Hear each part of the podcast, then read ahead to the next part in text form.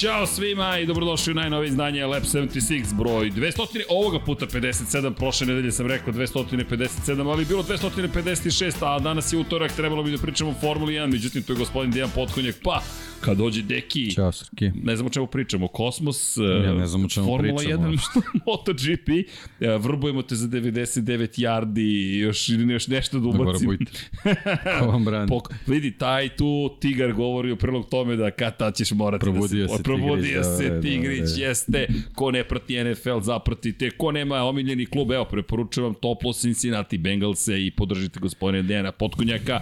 I večeras jeste utorak, večeras jeste večer za Formula 1, međutim, gospodin pod kapicom što živi u Waterpolo bazenu, gospodin Pavle Živković, večeras je zauzeta Liga šampiona u Waterpolu, te smo odlučili da napravimo veliku pajnu rokadu takozvanu, to je Deki osmislio veća rokada ne postoji od te. Ne postoji. Apsolutno, tako da ukoliko ste ovde zbog Formule 1, ne zamerite, pričat ćemo Moto Grand Prix, možda vas zainteresuje ta tema. Nije loše uopšte svetsko prvenstvo u motociklizmu, prototipi, kažu pandan Formula 1 na dva točka. Ljubav svakako postoji kod nas dvojice i za jedno i za drugo i za treće, treće, jel te, NFL, ali to je neka druga priča.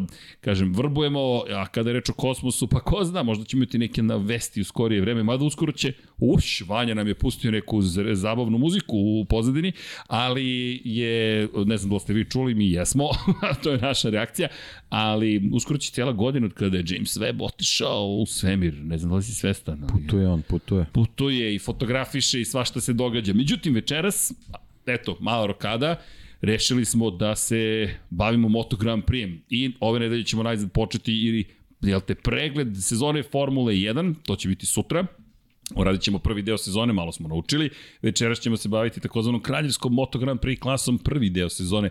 Mada, deki, pre nego što krenemo, trebalo bi da ustanovimo šta je prvi deo sezone. Jel delimo po pola, po broju trka, ili dođemo do velike nagrade Holandije Asena Pa da, mislim da je to nekako bilo ključno. Tako Mm. da ajde da bude da tako. zagolica maštu Da, da, za da. sledeću nedelju. Dobro, ajde da to onda tako posmatramo. Sve ćemo mi sprečiti, nemojte ništa da brinete, ali pre nego što krenemo, par reklamnih poruka. Prva je mazite se i pazite se, to gledamo u ovu kameru, tako vanja? Mazite se i pazite se i vodite i vozite računa jedni drugima i volite se. Ajde da dodamo i to. Možda to nećemo stalno dodati, to nekako podrazumemo, ali volite se, stižu praznici to je malo podsjetnik ponekada ajmo da budemo još bolji nego što smo bili. Uh, neko me zove, ali morat ću da odgovorim sa sastanak, zovem te, volim te. U svakom slučaju, dakle, kada je reč o, o druženjima i o praznicima, nije zgore podsjetiti se. Ljubav je najvažnija, mi smo ovde zato što volimo Moto Grand Prix, Formula 1, Kosmos, NFL, ko zna šta još, čućete, saznaćete, udrite like, ukoliko vam se dopada već ovo što ste do sada čuli, a subscribe ukoliko želite da saznate šta sve to planiramo. Kakav, jel te moment da pozovemo ljudi da postanu deo naše ekipe, patreon.com kroz Infinity Lighthouse, Tadadam, hvala svim Patreonima za sve što nam omogućavate i dalje postojimo, zahvaljujući između ostalog i vama. Bićemo mi uporni čak i ukoliko ne bude Patreon ili članova na YouTube-u, ali uz vas stvari se neke pozitivne dešavaju. Objavljuju se knjige, idemo na neke manifestacije, bili smo na sajmu knjiga, uspeli smo da organizujemo izložbe, zahvaljujući vama, tako svašta nešto se događa. Inače, ko je želeo fotografiju Formule 1 Andrej Saković i Miloša Cvetkovića, sve su na web sajtu, stižu i posteri, stići će i izložba Valentina Rosija, koleginici iz prodaje tu, tu je gospodin Vanja Milićević, čovjek koji je zadužen za realizaciju, ne sledeće nedelje neće biti tu da idu na odmor. Shock to the system, treba to preživeti, ali potrudit ćemo se nekako. I, ali dobro, Paja nam se sutra stiže, tako da... Napravljeni su neki pehari, čini mi se. Ja da, iznad, iznad tvoje glave, čekaj. Stani deki, savršen moment, ovo a, u šlagvort. E, morat ćeš sad nešto da pričaš. nešto da pričam. nešto, pričaj nešto. Da, lepo, super. Sad si završio celu najavu i sad ja trebam nešto da pričam. Tako je, ja sam ti to, čekaj. Ali dobro. Ovo je MotoGP. Vanja, šta da pričamo? O futbolu? Ja. da, dok Argentinci slave. Čekaj. Opa. Čekaj, e, bravo. Čekaj, a, jel opa. može tako? Čekaj, čekaj, može i gde, gde god ti kažeš. Može, Čekaj. može, evo. evo. Može, to je E, zlatni. evo ga. Stižu srebrni. Ne, nego ne ovako. brinite, bit će i zlatni za Evo, Hajduke i. Uskoke. Tako da znate, ne zaboravljamo obećanja. Ajmo da raspodelimo po stolu, boc, boc, boc. Podsjetnik za sve koji su učestvovali u fantaziju. I- Čekaj, ovaj da namistimo. A gde nam je bronzovi Ovako. Uzeti. Ja, neko je uzeo svoj pehar, bravo. Je li to to? Bronzan je uzet... A ne, nije, bronzan je uzet za... Ne, srebrni je uzet za Formulu 1. Dobro. Čekaj, čekaj, ovo su dva srebrna. Ovo je sve MotoGP. Aha, aha, dobro, dobro. Da. I treba još jedan zlatni, to je... Zla... Ne, čekaj, šta je ovo? Ovo je, A, ovo da. je srebrni. Ne, ovo je bronzani. Ima još jedan. Aha. Ali srebrni Formula 1 je uzet. Ok, okitili smo se sa... To je Stefan uzeo, tako? To, to, aha, dobro, dobro. Čekaj da stavimo ovde. Može. Evo, ovo, ovo je pehar koji smo mi dobili, baš je malo mnogo, mnogo pehara. Ali, evo, nije loše. Deki lepo si se setio. Ljudi. Da. ko nije uzeo svoj pehar za triumf, to je za prve tri pozicije u fantaziju, pa molim vas, pehari su spremni, kao što smo i obećali. Sada je na vama da se pojavite u studiju na kraju univerzuma u Beogradu, Jelte, Svetogorska 46. Svratite, čekaju vas pehari. Bilo bi lepo da se fotografišemo, da se zna ko ste. I možda ne morate, čujte, to je samo vaš izbor. To što mi volimo da se fotografišemo, deki posebno, to je nešto sasvim drugo. Ali, da, vidiš, la, radost, treba podeliti radost, tako da ljudi nemojte zaboraviti. Inače, pošto je utorak, možda neko zaboravi da podigne svoj trofej i za Formulu 1. Tu su gore iznad deke, tačno uz Lego McLarena koji ćemo, ja se nadam, sklapati u narednih par meseci, jer tako smo se, ja, se, ja mislim, dogovorili, ako se dobro sećam. A ako se dobro ne sećam, opet ćemo izmisliti razlog da mi to sve uradimo. Elem, Moto Grand Prix, međutim, pre nego što krenem, imam još jednu stvar da vam kažem. Ljudi, um, ovo je onako jedna od onih malo težih tema, ali dve godine je od kad nam nema našeg Nemanje i to smo obeležili pre par nedelja, dana, i moram da kažem nešto, pošto u poslednje vreme se događaju tako neke stvari u privatnom životu, ne bih da ga previše mešam, ali nažalost sve češće sam u tako nekim situacijama da pričamo o ljudima koji više nisu sa nama i neki ljude je tek sada sustiglo posle dve godine spoznaje da nekog nema. Šta hoću da vam kažem? Zna to da udari, negde kasnije tamo, i da citirat ću moju baku, možda će zvučati grubo, koja je govorila srđane, onih koji nema, oni mogu da čekaju. Onih koji ima, oni ne mogu da čekaju. Zašto? Zato što to može da utiče na ljude koji su sa nama i pogodi ih neka prošlost, ne možemo da je promenimo i zaborave oni koji su tu, živi oko nas. Mi ih ponekad zaboravimo, misleći onima koji nisu sa nama i šta smo mogli, morali, želeli da učinimo, kažemo i tako dalje. Ja bih samo da nas sve podsjetim, ovi što su živi su uvek mnogo važniji. Možda zvuči grubo ili teatralno, ali samo hoću da kažem koliko god te neke situacije nas pogađale, moramo da vodimo računa o onima koji su uz nas. Pa eto, samo poziv ljudi, koliko god je teško, nađe se snaga u nama i u krajnjem slučaju tu mi je ekipa Infinity Lighthouse, Lab 76 i sve ostalo što radimo da prosto pričamo i o tim stvarima.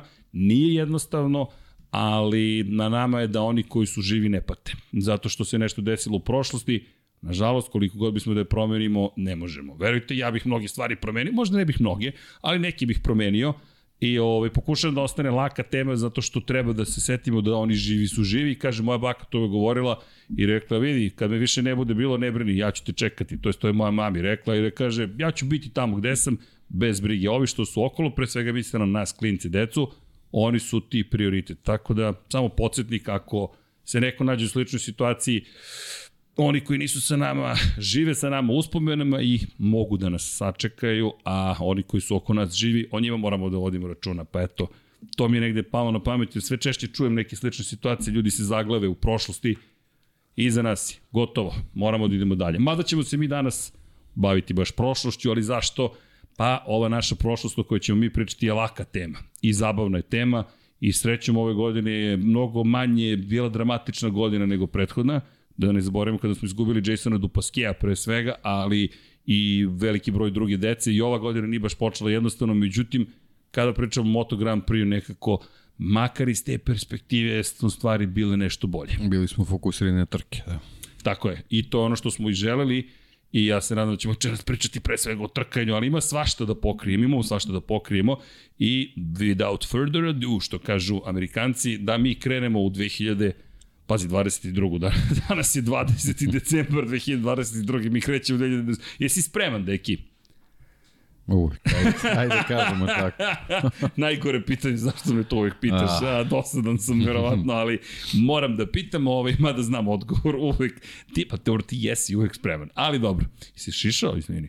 Pa mora sam da se sredim. Ovo je bio posebna priprema, da, da se vidim nešto si mi malo drugačiji. Ali da, ej, ljudi, ajmo i da krenemo i da se malo družimo večeras, prva polovina godine. Inače, ako se pitate šta će biti sa moto dvojkama i trojkama, ne brinite, nećemo zaboraviti ni njih.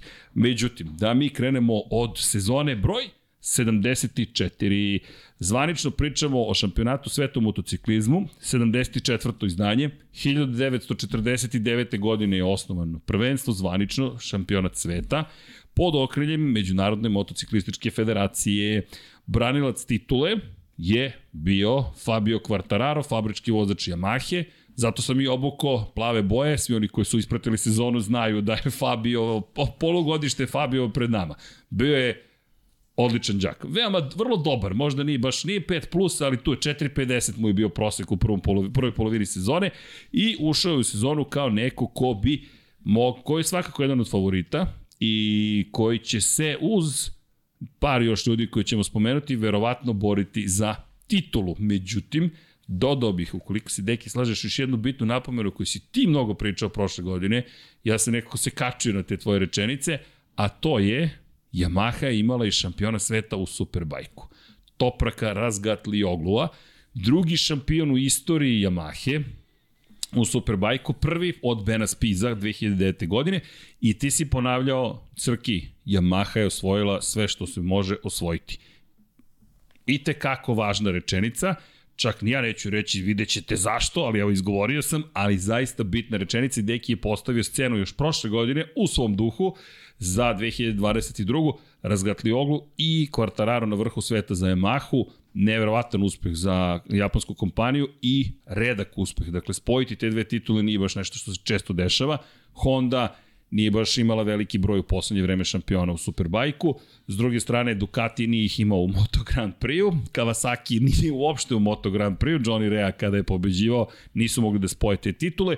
Suzuki kada je uspevao sa jel te, Gintolijem, Silvanom Gintolijem u Superbajku nije uspevao sa druge strane da osvoji titulu zapravo sa, jel te, čovekom koji je doneo titulu Džanom Mirom i iz te perspektive to je bila nekako scena, prva od nekoliko scena koje smo imali u kontekstu 2022. godine. Međutim, ima tu još jedna bitna stvar. Kako smo završili 2021. godinu, takođe mislim da je važno, s obzirom na činjenicu da je završnica godine donela nekoliko stvari. Podbroj 1, Ovo je prva sezona od 1995. godine u kojoj se nije takmičio stanoviti Valentino Rossi. Devetostruki šampion sveta, čovek koji je osvojio sedam titula u kraljevskoj kategoriji, jednu u 250 komika i jednu titulu u 125. Jedan od trojice ljudi bio je drugi u istoriji koji je objedinio titulu 125, 250 i 500. Poslednji šampion kategorije 500 kubika dvotakne kraljevske klase, prvi Moto Grand Prix kategorije. Legenda, živa, apsolutna. Njegova završnica sezone je bila u Valenciji prošle godine i to je bila velika nagrada Valentina Rosija. De facto, tako su zatvorili 2021. i pitali se šta sad? Šta će biti s nama? Šta će biti s kućom? i u duhu maratonaca slušaj razbojniče, ukoliko mi još jednom kuću spomeneš i tako dalje, ali činjenica da to bilo baš veliko pitanje. Šta sada? Gde sada ide Moto Grand Prix i dobit ćete odgovore tokom ovog podcasta, ova dva podcasta ili možda ne, ili ćete morati da sačekate zajedno sa nama i 2023. četvrtu, ali pored toga što je Valentino Rossi otišao, imali smo priliku da vidimo zanimljivo u poslednjih šest trka sezone, četiri pobede i to prve u karijeri Francesca Banjaje. Pored toga smo imali priliku da vidimo dve pobede Marka Markeza za redom u tih šest trka. Dakle, samo dva čoveka su pobeđivali u poslednjih šest trka prošlogodišnje sezone, Francesco Banjaja, Mark Marquez. Stižemo u novu sezonu, predsezonska testiranja, pa uvek varljiva. Ne znam da li se slažeš sa mnom. Kako i ti posmatraš predsezonsko testiranje? Ili zaista gledaš kao nešto što ti daje mnogo informacija? Pa, prošlost je pokazala da posebno u motociklizmu uh, ne bismo trebali baš pretarano da se oslonimo na, na predsezonska testiranja. Oni, nam daju možda neku najavu šta može da nas očekuju u sezoni, ali očigledno da je Moto Grand Prix osim te neke bazične pripreme veoma, veoma važna i tako neka konfiguracija staze na kojoj se to sve dešava, tako da nije uopšte jednostavno na osnovu predsezonskih testiranja zaključiti koji u kakvoj formi, a to se pokazalo i, i, i na početku ove sezone. Ja sam malo dok dok sam se posjećao šta se sve dešavalo u 2022. na, na letu na neke tekstove koji su ovaj, opisivali predsezonsa testiranja ovaj, i onako bilo je prilično simpatično, pa evo ako želiš možda bih mogao u ovom trenutku to da podelim. Molim te, da... molim te, jer to i jeste Slično čisto, smo se pripremali, čisto da vidimo ja kakvi su, izjave. kakvi su zaključci. E sad, kojim redosledom hoćeš što se tiče ovaj, brendova, da li ovaj, kako je ovde navedeno? Ajmo kako je navedeno. Kako je navedeno? Zašto? Zato što to daje sliku toga kako da. izgledala da. ta najava. Evo, prvo, prvo i najvažnije sa sezonskih pretestiranja je da je Honda popravila svoj motocikl. Da je apsolutno sređen, da su se svi brinuli kako će Honda da, da funkcioniše bez Marka Markeza i predsezonska testiranja su pokazala da to može da se desi i da je taj motocikl potpuno spreman za sezonu. Uh, ok, ok, zapamtimo ovu rečenicu, mislim da je važna u kontekstu toga da da bacimo pogled na to kako će stvari izgledati kada budemo završavali ovaj podcast, ali E, znaš šta je meni zanimljivo? E, kada pogledaš testiranje, gde smo testirali prošle godine? To je u okviru priprema za 2022.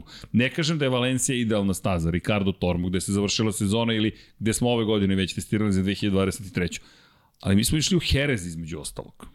Jerez je tek čudna staza za testiranje Moto Grand Prix motocikala. Brzine jedva da dosežu 300 km na čas. Kratka je, vrlo je važno u sezoni svakako, ali ne spada baš u grupu staza gde možeš da testiraš sve što si pa da, žela. mi bismo to možda mogli da podelimo u Valencija, ti u stvari neka, neko upoznavanje sa motociklom, onda imaš Jerez koji u stvari bio neki shakedown, u stvari da vidiš da li ti sve uopšte funkcioniše, Jasno. da li možeš da ga upališ i da li, da li motocikl skreće i onda si praktično imao samo, samo jedno pravo testiranje što pokazalo se kad je sezona jako duga, apsolutno nije dovoljno za, za pripremu, posebno ako, ako loše uzić, uđeš u sezonu i na nekim stazama koji nisu konfiguracije sličnih kao staze na kojima si testirao, možda uđeš u ozbiljan, u ozbiljan problem kada shvatiš da na motociklu možda baš sve i ne funkcioniše kako treba u, u, u nekom trkačkom režimu ili, ili kvalifikacijom, kako god. A ono što je meni makar bilo zanimljivo u tom, u tom momentu jeste u Herezu, Takaki Nakagami je došao do izražaja na Hondi, Lučiće Kinelo Racinga i apropo cele priče o Hondi, pogledaš i kao, a Honda, tu se nešto pozitivno, navodno, desilo, ne znam, Pole Spargaro nije briljirao, ali nije to bilo loše, i imaš Marka Markeza standardno, za koga možeš uvijek da kažeš, pa dobro, Mark Marquez je neko ko hajde, ima toliko dobre rezultate, ima u završnici sezone, računamo na njega. Šta god učinio, da li se pojavio, ne pojavio, ti računaš da će on biti spreman za sezonu, makar je to bilo neki moj pogled. I ti ja smo po, često pričali pitanje u kakvom će stanju biti, ali opet, dve pobede u šest trka, činjenica, jedna je izvojevana na njegovoj omiljenoj stazi, dakle u Teksasu, to jest u Ostinu, druga je izvojevana posle žestoke bitke sa Franceskom Banjaju koji je mogao čak i do pete pobede u tih šest trka, ali opet on je bio On je čovjek prosto bio tu.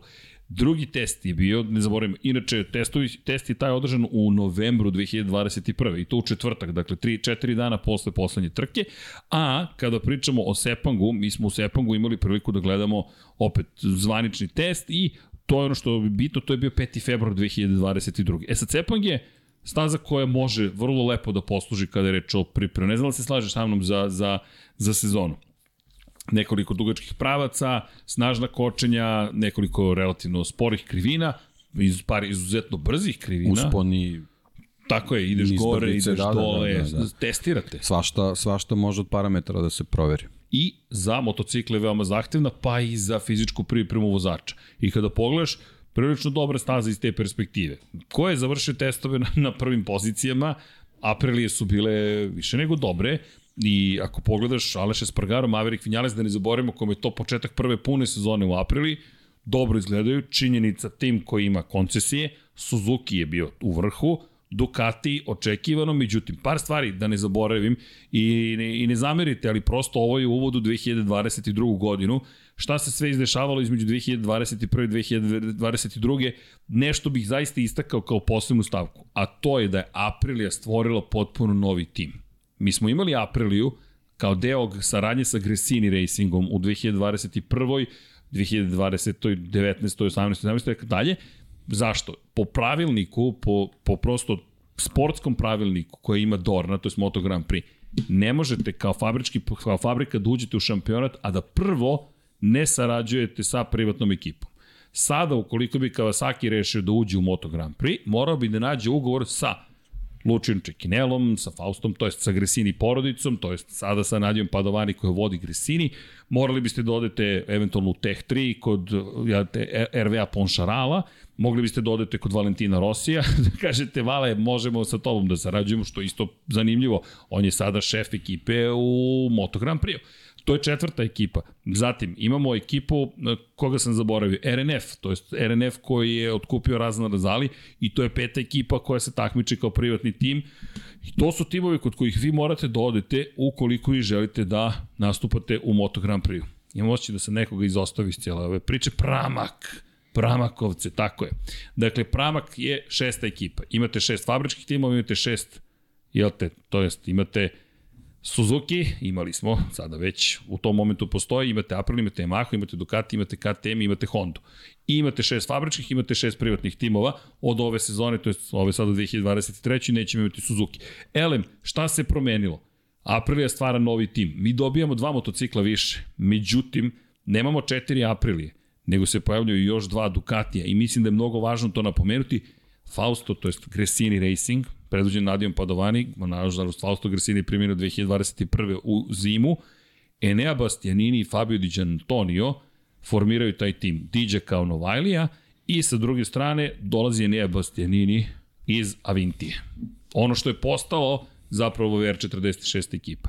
To su najveće promene. Honda je zadržala saradnju sa Lučin Čekinelom, KTM je nastavio sa Tech 3 ekipom, RNF, April, RNF Yamaha je zapravo Petronas Yamaha je postala RNF Yamaha i standardno Pramak je nastavio svojim putem, VR46 je nasledio Avintiju, ostao Ducati, dobijamo međutim dva nova Ducatija. Od toga dva su GP22 u rukama Jacka Millera i Francesca Banjaje, dva GP22 su u rukama Pramakovaca, Joana Zarka i Jorge Martina i jedan peti je u rukama Luki Marinije u VR46 ekipi.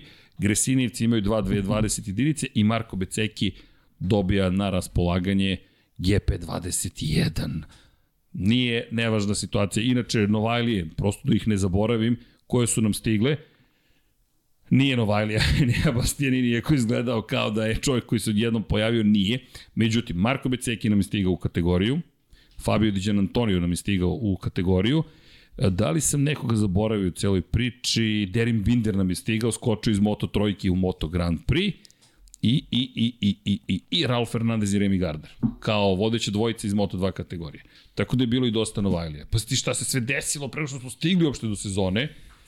I otešli smo u Sepang i kao što smo rekli, da li uopšte možemo da tumačimo nešto na osnovu ovoga što smo videli?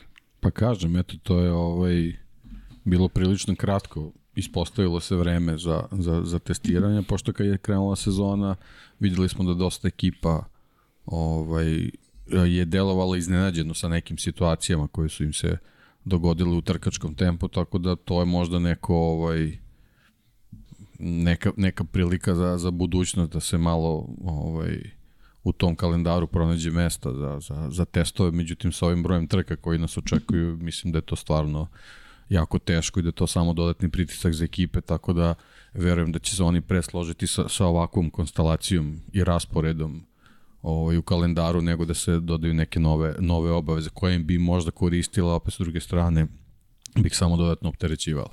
I još jedna stvar, ove godine smo drugi test zapravo imali na Mandaliki. Da. Na stazi Mandalika i to je bio veliki problem.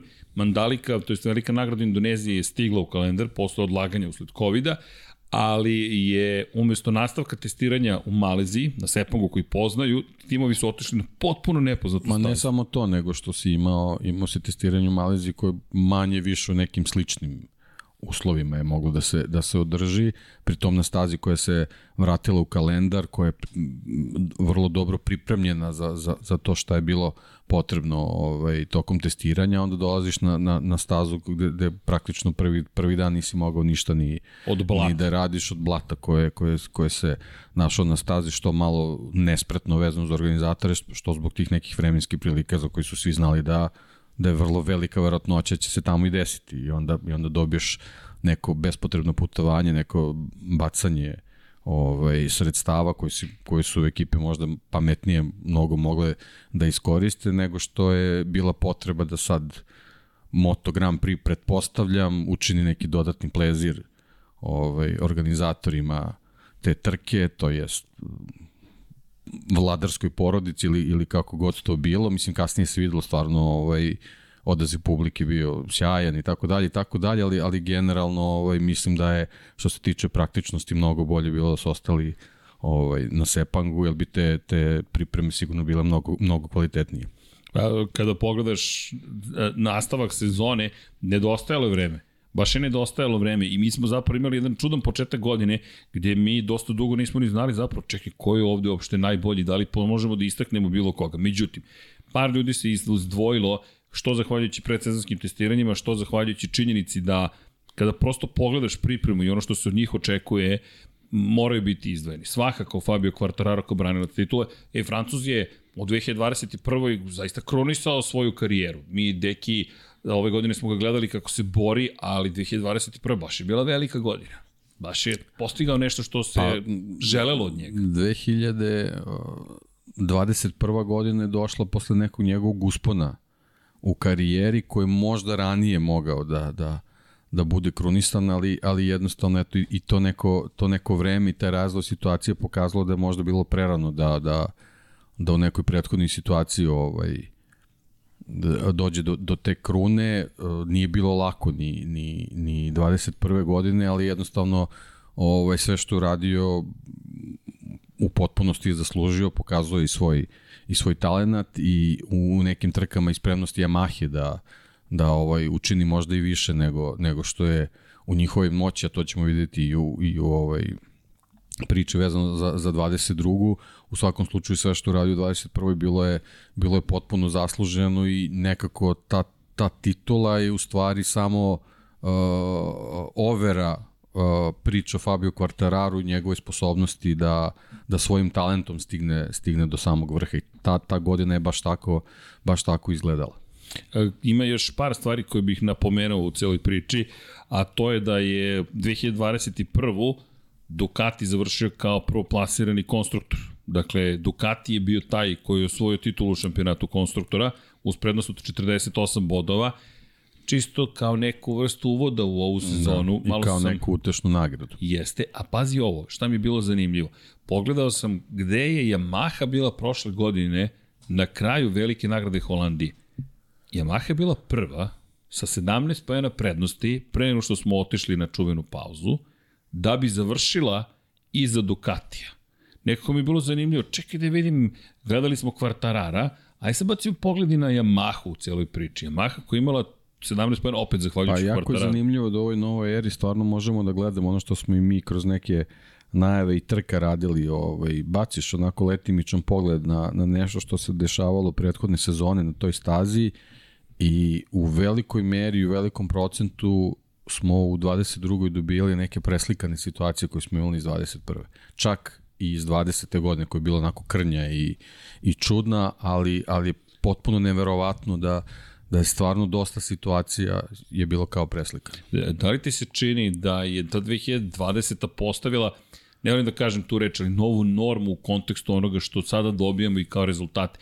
Očigledno kalendar je srećom mnogo bliži Pa, prošlosti. 2020. baš eto i zbog tog broja kalendarskog, ovaj, možda bismo mogli da računamo kao nultu godinu u nekoj novoj eri. Tako Moto Grand Prix. Da, baš tako deluje. Inače, da napomenem, u šampionatu timova Ducati Lenovo tim je osvojio titulu 2021. godine i Ducati je od tri moguće titule osvojio dve. jedna, ona što je nedostajala je bila, jel te, Francesca Banjaje, to je Fabio Quartarara i kada pogledaš kraj 2021. samo 26 bodova je delilo Quartarara na kraju sezone od Francesca Banjaje. I zato smo i rekli ko ove godine mora biti kandidat za titulu. Francesco Banjaje je bio kandidat broj 2, GP21 prošlogodišnji Ducati zaista izgledao besprekorno, izgledao briljantno, pogotovo u njegovim rukama u završnici što te poprve pobede protiv Marka Markeza u Aragonu prošle godine i nekako to postavilo scenu koja nas je čekala u 2022. Bez obzira na to što smo što je Ducati pred početak sezone rekao nemamo jedinstvenu konfiguraciju motora, to jest imamo verziju motora A, verziju motora B, pa sad birajte, malo je to onako... Pa, u, u jednu ruku to je delovalo onako samouvereno, kao ne znamo šta ćemo od snage, pa smo, pa smo napravili da, da, da birate, a opet sa druge strane, uh, što se ispostavilo kao, kao i tačno, uh, je zvučalo kao nešto gde, gde neko ko ima ogromne resurse nije načisto šta u stvari šta treba da, da, da bude krajnji proizvod, pa kao ajde bolje onda da, da izađemo sa dve verzije pa da pratimo šta će se, šta će se dešavati. To je upravo i ono što ih je, što ih je možda u 21. koštalo šampionske titule, jer nekako je prošlo, prošlo nekoliko uvodnih trka dok su oni sa sobom bili načisto šta, kako, ko je tu glavni, da li je Zarko, da li je, da li je Martin, da li da se fokusiramo samo na Banjaju i onda nekako ode sezona. Bukvalno ode sezona. Bukvalno ode sezona i onda, onda, je, onda je taj finiš ovaj, uh, prvi, da kažemo prvi majestralni finiš sezone Banjaje protekao kako je, kako je protekao, gde su te neke greške koje su se pojavile u stvari samo bili onako da kažemo skupa škola za nešto šta, šta treba da se ispravi u 2022. Ali, ali generalno ta, ta podela na, na, na, na varijante motocikala već je mirisala da možda ni oni nisu načisto s čim trebaju da uđu u sezonu. A povrh svega, Aprilia se pojavila u vrhu i kao ekipa koja je na poziciji 2, dakle u Indoneziji. I zanimljivo, apropo tvoje izjave zbog koje smo krenuli, Honda je sve sredila. Samo da podsjetimo, Honda imala najradikalniju promjenu od svih motocikala, kada mala analiza šest proizvođača. Honda govori da je sve super, sve top. Dakle, Gami je bio brz na kraju 2022. Početak 2020. oprostite, 2021. Početak 2022. obećava. Na Sepangu nisu uopšte toliko loši. Sam Mark Marquez je takođe u vrhu. Mark Marquez je bio osmi na Hondi i Pola Espargaro nije bio daleko. I pomisliš, okej. Okay, pa evo mogu da ti pročitam da. E, Espargara u izjavu posle, Moli, posle svih testova. A na Mandaliki je bio prvi. Samo po, da napomenem. Znači, posle, to, to. posle svih testova stvari su se potpunosti preokrenule, konačno mogu da primenim svoj stil vožnje na ovaj motocikl, moja zadnja, zadnja kočnica koja mi je toliko nedostajala konačno funkcioniše. Mogu da vozim kako želim, na način kako sam vozio čitavu moju karijeru. A, najvažnija stvar je da, da smo tamo gde smo najviše a, zaostajali za drugima, konačno možemo da, da, da pratimo tempo, kao što je, na primer, kao što su, na primjer, visoke temperature koje nismo mogli da, da kontrolišemo, a sada smo veoma konkurentni.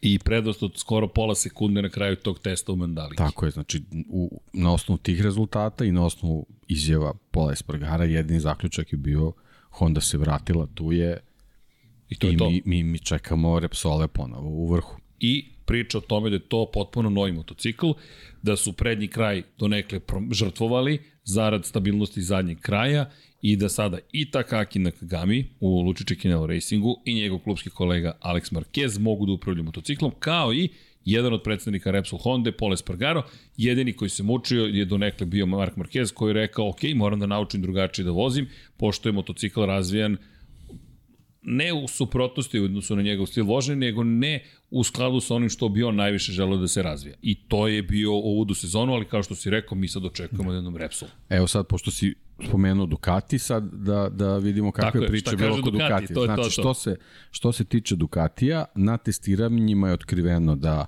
strah ostalih ekipa zbog uh, kvalif, uh, kvalifikacijonog tempa Ducatija je potpuno opravdan. A druga stvar je da Ducati nije želeo na zimskim testiranjima da otkrije uh, svoje karte zato što su pre svega radili na elektronici. Dobro. Eto, to je, To to, je u izjave. principu zaključak vezan, vezan za Ducati. Sve karte su sakrivene, tako da možemo mnogo toga da očekujemo od Ducati u Kataru. ali Ducati je uvek u vrhu. Ili Jack Miller, ili Joan Zarko, ili čak Enea Bastianini, koji u tom momentu, samo da napomenemo, sa izuzetkom gospodina Potkonjaka i Karla Pernata, verovatno baš i nije u grupi favorita da nešto postigne, iako je šampion sveta 2020. bio u Moto2 klasi, iako je bio odličan, ali gde? Dva puta je bio odličan u Mizanu, kada je vozio za Vintiju i bio na pobedničkom postolju. Međutim, na ostalim stazama videli smo da još nima da se uči. Međutim, ti dobiješ šampionski moto, ne šampionski, šampionski u kontekstu konstruktora motocikl i timova u svoje ruke sa svim mapama, informacijama, pripremama koje su ti neophodne, a znamo da si ambiciozan. I ja sam bukvalno gledao ka tebi, deki, tipo je ne, ne, i znam i kad smo došli u Katar, ove godine smo imali sreće da budemo fizički Jelena, Đanki i ja na stazi, to je bilo zaista fen, i Dragan, naš snimatelj, to je, to je bilo nešto fenomenalno razmišljam i onda sam zbog tebe bukvalno smo sam idem ja u pramak, idem da im šta onaj mali ima da uradi, to jest mali, nije on mali, on je samo jedan baš pravi veliki vozač i Pa, znaš kako, o, videlo se da, da taj GP21 zaista ispostavilo se stvarno savršen motocikl, ali u tom trenutku uh, je bila pretpos- pretpostavka da GP22 kao, kao neka nadogradnja 20 jedinice evolucija. bukvalno od, od prvog izlaska na stazu mora da bude mnogo bolji. Međutim, ispostavilo se da, da nisu oni samo radili na toj elektronici, nego da su malo možda i zalutali šta je tu neophodno, a sa druge strane, svi momci na, na 20 jedinici, a naravno posebno je Neja Bastianini koji ima prednost iskustva čitave sezone, i, i tako dalje i tako dalje praktično zimska testiranja posebno u Maleziji koristio da, da se uvoza, da se upozna s motociklom i da bukvalno pronađe limite i da praktično najspremniji uđe u sezonu. Mislim, to, to se kasnije i videlo, ali, ali je generalno uh, ovaj, Vrlo brzo se videlo. Gresini, Gresini, što se tiče razvoja motocikla, zaista nije morao ništa spektakularno da radi, osim onoga što bi eventualno Ducati doneo kao fabrika i stavio Jasno. na njihove motocikle da, da istestira iz nekog razloga. Sve ostalo, što kažeš, mape su bile tu, sve, sve je bilo tu. Bukvalno na vozačima bilo samo da podese motocikl prema, prema svojim nekim afinitetima. I Čak to nije, je to. nije bio plan i da on dobija neke nove delove. Jean Zarko je, te, tako bio je. zadužen za testiranje i Jorge Martin da se možda čak i Pa bori dobro, ali generalno verovatno je uobičajeno da ipak uh, koristiš prethodnu evoluciju zbog neke komparacije. 20 jedinica pre svega zbog završnice sezone je bila dobar lakmus papir za neke stvari da ono što trebaš da isprobaš na 20 dvojice, nisi siguran da, da li je primenjivo, staviš na motocikl koji je je već dokazan i da vidiš u stvari gde ti parametri slede. Tako da verujem da su oni nešto to, to i probali, ali to, to generalno nijednoj 20 jedinici na, na tim zimskim testovima nije, nije praktično smetalo, zato što su vozači praktično samo trenirali da bi, da bi se što više uvozali i što više kilometara dobili. I ono što je, me verujem da je njima pomoglo odeš na Mandaliku i skupiš još podatke Tako i za Mandaliku. Jedinu stazu Tako koju je. nisi posetio, s tim što je u tom momentu na planu bio i Kimi Ring. 21 trka je trebalo da bude vožena, velika nagrada Finske. Danas znamo da je neće biti, da je nije bilo i da je neće ni biti. Uopšte. Carmelo Espeleta inače potvrdio. Finska izbrisana. Zaboravite da Finska uopšte postoji kao koncept i, i kao nešto da ćemo, kao mesto gde ćemo ići da se trkamo. Ali, spomenuli smo Honda, spomenuli smo Ducati, Šta su bile reči Suzuki? Ili imaš možda reči E, i Suzuki? to. Čekaj, to mi je zanimljivo. Zašto? Alex Rins je bio četvrti na Mandaliki. Suzuki, kada sam ga prvi put video, ja sam bio zaljubljen istog sa rekao, rekao sam ljudi, ovo, će dos, ovo čudo će da osvoji titulu. Tako mi je izgledalo i pričali smo o snazi i brzini. Iako, da podsjetimo, šest proizvođača, već smo ih spominjali, samo dva imaju zapravo redno postavljene, ako je ovo smer kretanja motocikla, cilindre, četvorka redno postavljena, kod Yamaha imate onaj fantastični sistem paljanja, jel te, gde imate, ako pogledate, poprečni presek, krst praktično kada je reč o kolenima kolenastog vratila, specifičan način na koji je izbalansiran taj motocikl još iz vremena Valentina Rossi i Masaa Furusave, ali koga zanima, evo malo da izreklamiramo knjigu, možete da kupite knjigu uz svoje Valentino Rossi i sve njegove trke, shop.infinitylighthouse.com, ali da se vratimo na temu, jedini još pored njih koji imaju redno motocikl, to je redno postavljen motor je Suzuki. I oni su našli snagu. Da, oni su našli snagu, Uh, bilo je nekih poteškoća koji nisu generalno vezani za, za, za stazu. Uh, inženjer koji je zadužen za, za podatke dobije COVID. Oni nisu mogli zbog toga dva dana praktično da, da, da pristupe nekim informacijama koje on mogao, on je praktično njima samo online mogao da dotura neke stvari, što naravno nije isto nego kao kad je, kad je čovjek na stazi i kad motocikl kad se vrati u garažu, kad možeš da prikupiš nove podatke, porediš ih sa starim, radiš, mnogo, radiš mnogo brže zato što je to tvoj posao nego neko ko te menja i tako dalje i tako dalje. Onda je usledilo trovanje hranom Joana Mira. Mislim, baš je bilo nekih ovaj, kao da je naslučivalo da, nekih ne, neverovatnih, sprema. neverovatnih poteškoća koji se samo nadovezuju na sve ono što im, što im se dešavalo ovaj, 21. Međutim, oni su takve rezultate postigli da se ovaj, a, već kroz taj tempo video, a to su i vozači izjavljivali, Uh, već, već je sve izgledalo da je Suzuki u stvari najspremniji za, za novu sezonu i da jedva čekaju trku u Kataru da vide ovaj, da li je to zaista tako, pre svega zbog onih, onih poražavajućih situacija na, na startnom pravcu iz 2021. Iz 21. I to se videlo u trci 22. Da, da, da je to promenjeno, posebno ta, ta situacija sa spuštanjem zadnjeg kraja na, na izlasku sistem na... koji nisu ni imali. koji nisu imali, koji je delovao zaista da, da najsavršenije uh, funkcioniše, tako da u principu je zaključak sa, sa, sa predsezonskih testiranja da je Suzuki najspremniji za novu sezonu i delovao je najspremniji. Tako je, bilo, tako je makar završio sezonu. Ali dobili su i novog šefa ekipe, bili Livija Supa. Livija Supa legendarni šef ekipe koji je vodio svojevremeno Repsol Honda u eri kada su se vratili na vrh, on je doveo, on je zapravo vodio Ducati pre svega i kao Ducatijev šef ekipe je prešao u Repsol, Repsol koji je preko njega došao do Casey Stonera zapravo i onda su i Casey doveli. Inače, si video možda na društvenim mrežama Casey-evu izjavu za Ostrovo Filip? E, ja, ja se izvinjam što je to digresija, ali da citiram Gorana i Ivana, da, sa kojima se dopisujem, to su drugari koji dosta voze motocikle i kaže Ivan, ja ne znam pola od ovoga što on priča zapravo. Samo kratak opis. U krivini koja se zove Stoner krivina, u krivini broj 3 u na ostrovu Filip, gde idete 256 km na čas u krivini, skrećete u levo Tamo desno je litica, dakle pingvini vas čekaju bukvalno podno litice na ostrovu Filip. Naravno, nije to toliko blizu, ali što kaže Casey, ako bi tu da nastavio, ti ideš ka litici. I vetar te tu uvek nosi. I uvek sam se plašio prednji kraj, šta će mi se desiti s prednjim krajem. I Casey koji sad opisuje onaj moment kada proklizava na Ducatiju, GP mislim da je osmica ili devetka, ne znam, nija iz, iz 2007. 8. 9 i najlepše proklizavanje ikada, gde on skreće u levo, ali motocikl zapravo gleda u zadnji kraju desno i Casey koji kaže, da, znaš šta sam radio? Pustim blago gas, pre nego što, do, što mi klikne zapravo, što mi klipuje zapravo prednji točak i kad znam da je prednji točak uhvatio, ja onda dam pun gas. I onda punim gasom ja mogu da prođem kroz krivinu. I Ivan i Goran se dopisuje, ja ne znam šta priča ovaj čovek zapravo, a oni baš dosta ozbiljno voze motocikle. E, to samo zna case istorija, moram sam da gledam, oni razmišljam, ovaj čovek ne postoji. Ja sam se, ja sam se ovaj, plašio kako će ljudi da odreaguju tokom ove dve godine naših podcasta, gde ja mislim ne postoji epizoda gde nismo izgovorili Casey Stoner. A sad mi se, evo, posebno posle prošle godine čini da je neka svetska novo otkrivena legenda bukvalno, Moto Grand Prix. Bukvalno.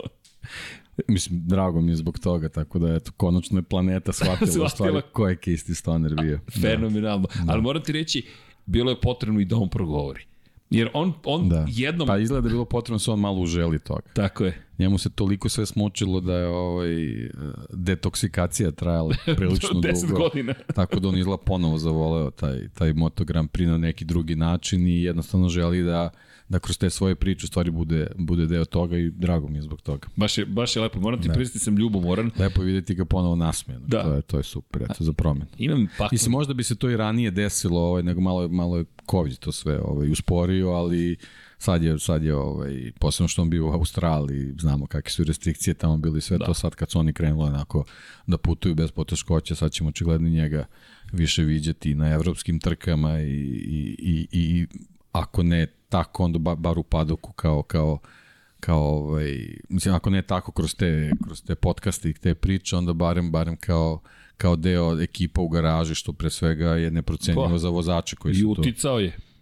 Apsolutno. Vidi, deki, tačno možeš da nađeš Absolut. i pre, o prošle godine kada se pojavio, odjednom su se poboljšali rezultati. Pa ja se sećam, sad ne mogu ovako na pamet koja je to godina bila, zimski testovi u Maleziji kad je testirao Ducati, posle tih zimskih testova Andrea Dovizioso je postao konkurent za titulu. I ne samo to, posle tih testova ko je bio najbrži vozač na testovima, Casey Stoner. Da. E, to je zaista... To je, to je onako poražavajuće malo za druge vozače. Da. Kao, ko je on? Pa, do, pro, izvini, on je penzioner. se pojavio, on je penzioner. da. I on zapravo ni, ni više ni ne vozi jer smo se svi da. smučili. On izgleda više ni, ni u formi, ali... da, ali to ali, mi, okay. ali da. bukvalno znam da smo svi ovako sedeli i kao, ok, ima smisla. Jer to je bila ona godina kad je Rossi došao s tom kapicom zimskom, to tad bilo? E, Vunena kaciga. Pa da, da. Da, da, kao, kad kao imao zimska kapica. Kao zimska kapica. Da, da, da, ja mislim da, da, da jeste. Da. Ja mislim da, da. jeste ali, ali dobro. Pa to je, svi su, svi su gledali zimsku kapicu, a ovo je vrteo najbrže krugove. Pa da, da, ali da. to je tako, tako liči na njih dvojcu, obojca, dakle, e, konkurentnost. Naravno da postoji. Nisam siguran da to ta godina, moguće, moguće da jeste. Da, ali da, dobro. Ne mogu sad da... da a, ali je zabavno u svakom da ukačim, slučaju. Da. da, Ellen Casey, da, morao sam da spomenem Casey, Casey koji, da, došao je zahvaljujući Liviju Supu, da se vratim na tamo gde smo počeli u Hondu, osvojili titulu zajedno i Liviju Supu koji sad preuzima Suzuki, koji nažalost već tada dobio prve informacije da Suzuki će verovatno da napusti Moto Grand Prix, već tad počelo da se priča, ali nekako sad iz retrospektive kažeš, aha, okej, okay, to je moguće, dobro. Šta pa da ne, dobro, znaš, ako je bila ta priča, to je delovala da će da bude na dugom štapu, ne, ne verujem da su oni pomislili da će testova. posle nekoliko nedelja praktično da, da im se desi to. Zaista nije taj, tako taj, izgledalo. Taj šamar, da. Da, a inače, apropo Dovicioza koji je postao konkurentan i Dovi je prošle godine došao u aprilu i koja je posle njega postala konkurentna, čisto se ostvarimo i na aprilu. Da, to je, eto, to je onako, ako smo sad u toj nekoj fazi priče, meni onako bilo razočaranje informacija da Dovi neće nastaviti sa Aprilijom, nego da će da, da, sedne na Yamahu. Da sedne na Yamahu. To mi je onako bilo... Žao mi je bilo zato što mi je delalo stvarno da, da, da, da bi možda, možda uspeo da klikne sa, sa, sa Aprilijom i da, i da eto, možda oživi svoju karijeru koja eto, znamo da, da se Završilo u da, Mizanu, sad da. da, ne, ne, da ne širim ne, ne širimo priču oko njega kad budemo radili retrospektiva, ali eto, generalno bilo je dosta mučenja i onda u jednom trenutku i on je shvatio da, da, da, da taj povratak na taj način nema smisla nikako. A znaš šta je ironija? Dovi je bio deveti na predsezonskim testiranjima na Mandaliki. Je bio deveti. Pa dobro, ali to je još jedan dokaz da, da ta testiranja, ne znači. mi apsolutno nemamo uvid šta oni rade zašto? šta rade i u kojim konfiguracijama su ti motocikli. Jedno što što se videlo, videlo se ovaj uh, videli su se ti nenormalni startovi Jorgea Martina. Da, da, ne, Ducati kao, kao iskata, ali on posebno i, i stvarno sam, ja sam, ja sam tipovao na njega pre svega uh, što se tiče uh, uh, tih startova pod uslovom da odveze dobre kvalifikacije. Nažalost, tokom sezone nije se to svaki put dešavalo. On je, on je pokazao da je one lap wonder da je stvarno vozač koji tokom kvalifikacije može da izveze ovaj uh, odlične krugove, Re, ali rekordne krugove. rekordne krugove, ali ali sve to što je mogu i Ducati da mu pružio nekako nije tokom sezone kasnije pa na kasnije godine, složio, da, da, tako da eto to je odvelo u nekom smeru uključujući to da ne postane ni fabrički vozač i, i tako dalje. I da će dalje. verovatno napustiti A tu Ducati. je u, u, u tim snimcima Se sećaš društvenih yes, mreža? Da, da. Svi stoje ovako i čekaju Jorge Martina. U tim snimcima mi izgledalo kao, kao neka vremenska kapsula, on kad, kad se katapultira, taj, taj pramak promeni boju u fabrički Ducati, kao evo ga, to je novi vozač. Bukvalno je tako izgleda. To, Martin McFly. Taj, Idemo taj, taj. po bukvalno po Martin McFly. Martin Martin McFly. Martin McFly. fly, Martin Fly. ne, ne, zaista impresivno je delo. Jeste, izgleda Nijednog fenomenal. trenutka se ne diže prednji kraj, apsolutno ništa. Svaki, svaki start je bio savršen. I on fokusiran, spreman, posle ove teške povrede prošle godine u debitanskoj sezoni, baš izgledalo dobro i uz stabilnog Zarka koji je delovao kao, ok, ja sam kao tu. Zarko. Zarko, bukvalno kao Zarko, baš onako hladnokrvno. Ali, Aprilije, imaš možda izjavu Aprilije? E, to je jako zanimljivo. Nema je. Zaboravili su na Aprilije. Stvarno? Da. Wow. U nekoliko analiza Niko se ne bavi Aprilije. Ne, nema, nema pod naslov gde piše Aprilije. pa i to ti nešto govori. Nešto, da, nešto. I to ti ovaj, nešto govori. Neverovatno da, da, da su ovaj, dobro, ali realno, da li je Iko Daleša da. očekivao da će biti kandidat za titulu ili da će Vinjales zapravo ostati stabilan cijele godine? Da neće da, biti da, pa moguće da, znaš, da je bila možda i situacija da a, a, niko od Aprilije nije očekivao nešto mnogo. I onda kao, u principu kao s čim to da poredim, oni su u 21 onako sporadično, bili su, bili su dobri rezultati, bilo nekih spektakularnih vožnji Aleša Espargara i ono u fazonu, ok, ako se to duplira, bit će super. Jel mogu da te pitam? Izvoli. Kažeš spektakularne vožnje. Šta su bile spektakularne vožnje za Apriliju? Jedno treće mesto, jedno četvrto mesto. Jeste, jeste. Ali taj Silverstone je bio... A mi smo bili oduševljeni da, što da, da, je došao tako dotle. je. Samo Zato, I zato kažem, onda šta sad ti posle toga očekuješ u očekuješ? 22. Pa ništa, nek Tri budu, čet, nek postoje. budu četiri, Četiri, spektakularne o! vožnje kao super. I onda moguće da zbog toga njih niko nije ni spominjao. Bukvalno. Jer ti kad pogledaš, znaš, zašto bi spomenuo Apriliju, Aleš Espargaro je bio osmi prošle godine u šampionatu. Ukupno 120 poena. Okej. Ja bih rekao samo okej. Uz tu dodatnu situaciju svi očekujemo od Dovicioza da donese nešto, nešto novo, da stari vozač donese nešto novo, a onda uh, uh, uh, saznaš da Mave Vinjales uh, ostaju u toj priči, a znamo kako je prošlo sve sa, sa Yamahom i onda Šta će mislim biti, da je ta zadrška bila i kod kolega i onako bolje da ne pišemo ništa. Moguće da je tako bilo, I da. pazi, Aprilia je prošle godine bila šesta u šampionatu konstruktora. E, ironija je, Aleš Espargaro je osvojio 121 poen, za- 120 poena za Apriliju. Aprilia je imala 121 poen u šampionatu konstruktora i bila ubedljivo poslednja. Čak je Honda bila četvrta. Honda je bila četvrta, KTM je bio peti, Aprilia je bila šesta. I ovo je, ljudi, o, o, ovo je priprema za 2022. Iz ovoga će izroniti sve ono što će se desiti u narednih 10-11 trka, a verujte, desilo se svašta se desilo, ali Aprilija, ko spominje Apriliju? Dakle, niko. Apsolutno ne postoji izjava. Fan, fenom, fantastično. Međutim, imamo šampiona sveta, imamo Yamahu, Valentina Rosija smo kritikovali dosta. Izvini, Vale. Da, ne, hvala, Vale. Izvini, Vale, majica treba da se napravi. Franco Morbidelli je dobio priliku u fabričkoj ekipi Yamahe. Neslavno je otpraćen Valentino Rossi iz Petronasa, iz privatnog tima, niti je Dorna u, u, u, udostojila, niti si udostojila da uradi onako, onako kako treba posao. Petronas je usledine lične svađe između Razlana Razalija i nove direktorke marketinga koju je on otpustio iz Petronasa, došao do toga da ostaje bez podrške Petronasa, ali Franco Morbidelli operisan, zdrav, spreman, ulazi prvi put u karijeri u sezonu kao fabrički vozač.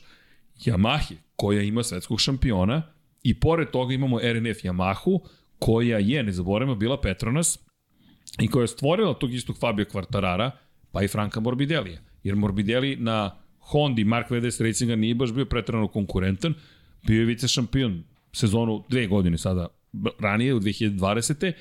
i pobedio tog istog Quartarara. Dakle, očekuješ Franko, to je to. Andrea Doviciozo stiže u RNF Yamahu, dobija fabričku M jedinicu za ovu godinu i stiže pomalo neočekivan izbor u vidu Derina Bindera u Yamahu, ali ok, skače prvi put posle Jacka Millera 2014. godine, to je 2015. stigao u Moto Grand Prix Jack Miller, neko skače zapravo dve kategorije do Moto Grand Prix. I kažeš, ok, Yamaha, E sad, sad ajmo sad. pazi, pazi ovo. Od te četvorice vozača koje si spomenuo, prema očekivanjima na početku sezone, Derin Binder je uradio najviše. ok. ok. Šta se očekivalo Fabio Quartarara? To odbrani Da titul. odbrani titul. Šta se očekivalo od, od Andreja Dovicioza? Pa da bude među pet, sigurno. Šta se očekivalo od Franka Morbidelija oporavljenog Se na bori fabričku? za titulu. Tako je. I šta se očekivalo od Derina Bindera? Ništa. Apsolutno do veliko ništa.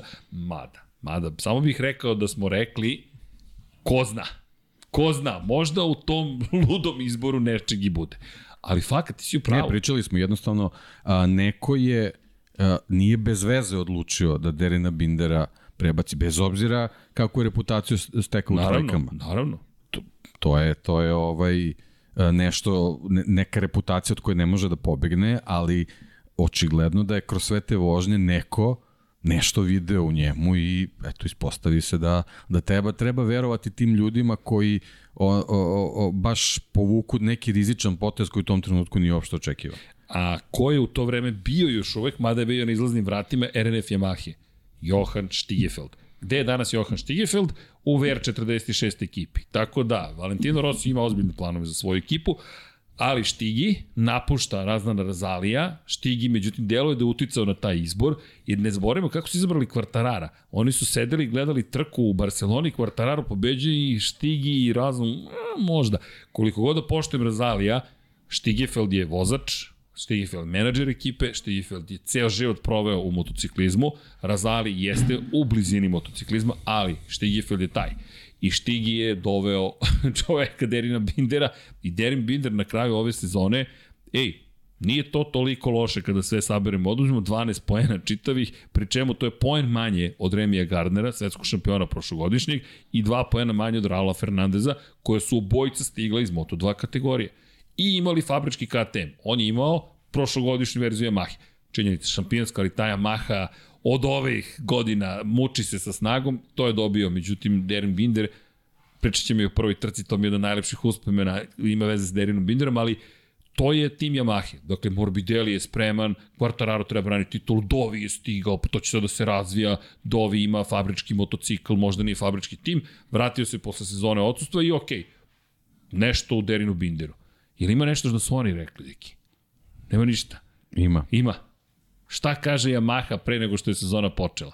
Zato što 2020. godine su pričali da su ojačali motor, što mi to poznato zvuči. Pa 2021. smo pričali o tome da bi trebalo da bude bolje, nije se desilo. Da li se 2022. nešto desilo, makar po priči da. u tom momentu. Dve reči su bile samo. Da. Nije dobro. Not good. Da. Not good. Ok, oni su, oni su dosta bili precizni u onome da. što ih je dočekalo. A Fabio kaže, da budem iskren, uh, nemam ideju gde možemo da se popravimo. ok, to, to ne zvuči dobro. Kad počnete da osjećate prednji kraj, on počinje da pleše svuda. Zadnji deo se okreće preko granice, osjećate da laktom, da, da laktom dodirujete asfalt na svakom mestu i zaista je uh, teško da se pronađe nešto više od toga. Što da. znači da, da u, u trenutku kad recimo Enea Bastianini iz kruga u krug napreduje na staroj, starom Ducatiju, uh, aktuelni svetski šampion pokušava da, da svoj stil vožnje prilagodi motociklu koji u tom trenutku uopšte nije konkurentan. Što znači zaostaješ već miljama iza konkurencije.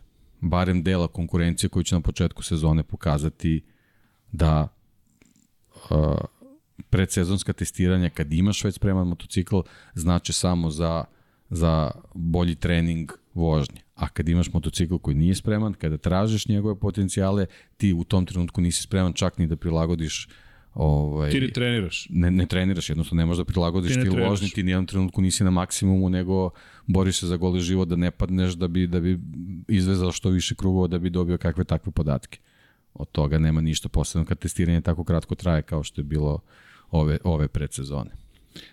Ali Yamaha makar svesna da, da stvari nisu baš jednostavne. Znači u sve ove neke, da kažemo, greške u zaključcima vezano za, za, za predsezonu koje smo ovaj, naveli, što se tiče Yamahe, već tad je sve bilo jasno. Tako da ono što je Fabio Quartararo u tom prvom polugodištu uradio je stvarno za, za divljenje, očigledno. Fabio i, i ima i, i ta izjava ima veze sa kasnim onim što se dešavalo kada je reč o njegovoj psihologiji, psihologiji pristupa zapravo trkanju u prvom delu, pogotovo u prvom sezonu, delu sezone. Imamo Hondu koja je optimistična, imamo Aprilia koji niko ne spominje, imamo Suzuki koji je, je najbolji. Naj, najbolji, bukvalno je najbolji. Imamo Yamahu koja je svesna da not, not good, imamo Ducati koji je moćan i dalje. Spreman. Tako je. Pa ima... kažu da ima, ima brzinu, ali su svi svesni da oni kriju svoje adute i da ono što je očigledno da se radi na toj elektronici koja će se pokazati kao, kao i neka slaba tačka u nekim trenucima dok taj motocikl nije, nije profunkcionisao onako kako treba. Znači pričamo o 22-ici. E, jasno. Koja, koja, o koja, kako god gledaš, ima dovoljno potencijala da ne moraš da brineš. Makar je to nega ono što čitamo između redova. Da, da, unapredit ćemo je, ali bez brige već ćemo biti, već ćemo biti konkurenti za pobede. I ostaje nam šesti proizvođač, misteriozni da. KTM. Da. Ne znam šta da kažem za KTM, čak ni u predsezoni KTM kada pogledaš, kažeš, ok, tu je, nije tu, ne znamo šta da očekujemo od KTM-a. Nekako oni uvek izgledaju teško za tumačenje. Pa, Binder posmatrači, su, posmatrači su zaključili da je napredak jako spor, ali da će stići. To je, to je njihov zaključak sa testiranja. Možemo da se složimo da je napredak bio jako spor, Jeste. a da li je stigao, pa to je sad onako diskutabilno i neka stvar za, za analizu. Da li su ti rezultati koji su došli, da li oni mogu da se smatruju napredkom? E, ono što je nešto što je meni makar zanimljivo u cijeloj priči, KTM je, mislim da je to važno, ostao bez koncesija i nije se baš našao u toj situaciji gde se vratio na to, kada pričamo o koncesijama, samo da se razumemo, i timovi koji nemaju plasmane na pobednička postolja ili pobede, imaju mogućnost da koriste više motora sa unutrašnjim sagorevanjem tokom sezone. Imaju pravo na veći broj testiranja, imaju pravo da zapravo dovedu svoje fabričke vozače na testiranje, što je Aprilia koristila tokom sezone. Ostali nemaju ta prava i KTM kada je ostao bez tih privilegija, uslovno rečeno, je uprko svim uspesima iz prethodnih godina došao u situaciju da odjednom ne može da prati tempo razvoja koji imaju oni koji su zaista najbolji. I od šest proizvođača samo su KTM i Aprilia zapravo imali prava na koncesije. Yamaha je pobeđivala, imala šampiona, Honda je pobeđivala, imala šampiona 2019. godine, pa i 18. i ranije. Imali smo Ducati koji je pobeđivao, jednostavno ne možeš ništa da tražiš, i imali smo Suzuki koji je pobeđivao. I to je to. Suzuki isto ostao bez koncesije, ali nije da je odjednom stao sa razvojem. Nije nastavio čak i sa samo dva motocikla. A KTM ipak ima manju istoriju i manje iskustva u odnosu na Suzuki ili bilo koga drugog, pa je nekako to se osetilo. Međutim, oni su takođe menjali ekipu. Zanimljivo da je Mike Leitner ostao bez posla na kraju prethodne sezone. Videli smo da je Francesco Guidotti otišao iz Pramaka da postane menadžer ekipe KTM-a. To su sve stvari koje su sada već uobičajene. To se sve dešavalo u okviru priprema za 2022. Kako god, Pa nekako se desila ta bujica, verovatno zbog onih, onih polusezona koje smo imali zbog, zbog covid i onda taj ulazak u, u 22. u stvari to se sve nekako uh, akumuliralo i, i, i kao, kao neki talas je, je zadesio ovaj, organizaciju Formule 1, jako puno promene je bilo i onda možda tu možemo da pronađemo deo opravdanja zašto timovi nisu bili najspremniji onako kako su očekivalo da uđu u eto tu, tu punu sezonu koju smo toliko čekali. Može recimo da bude to jedan od razloga.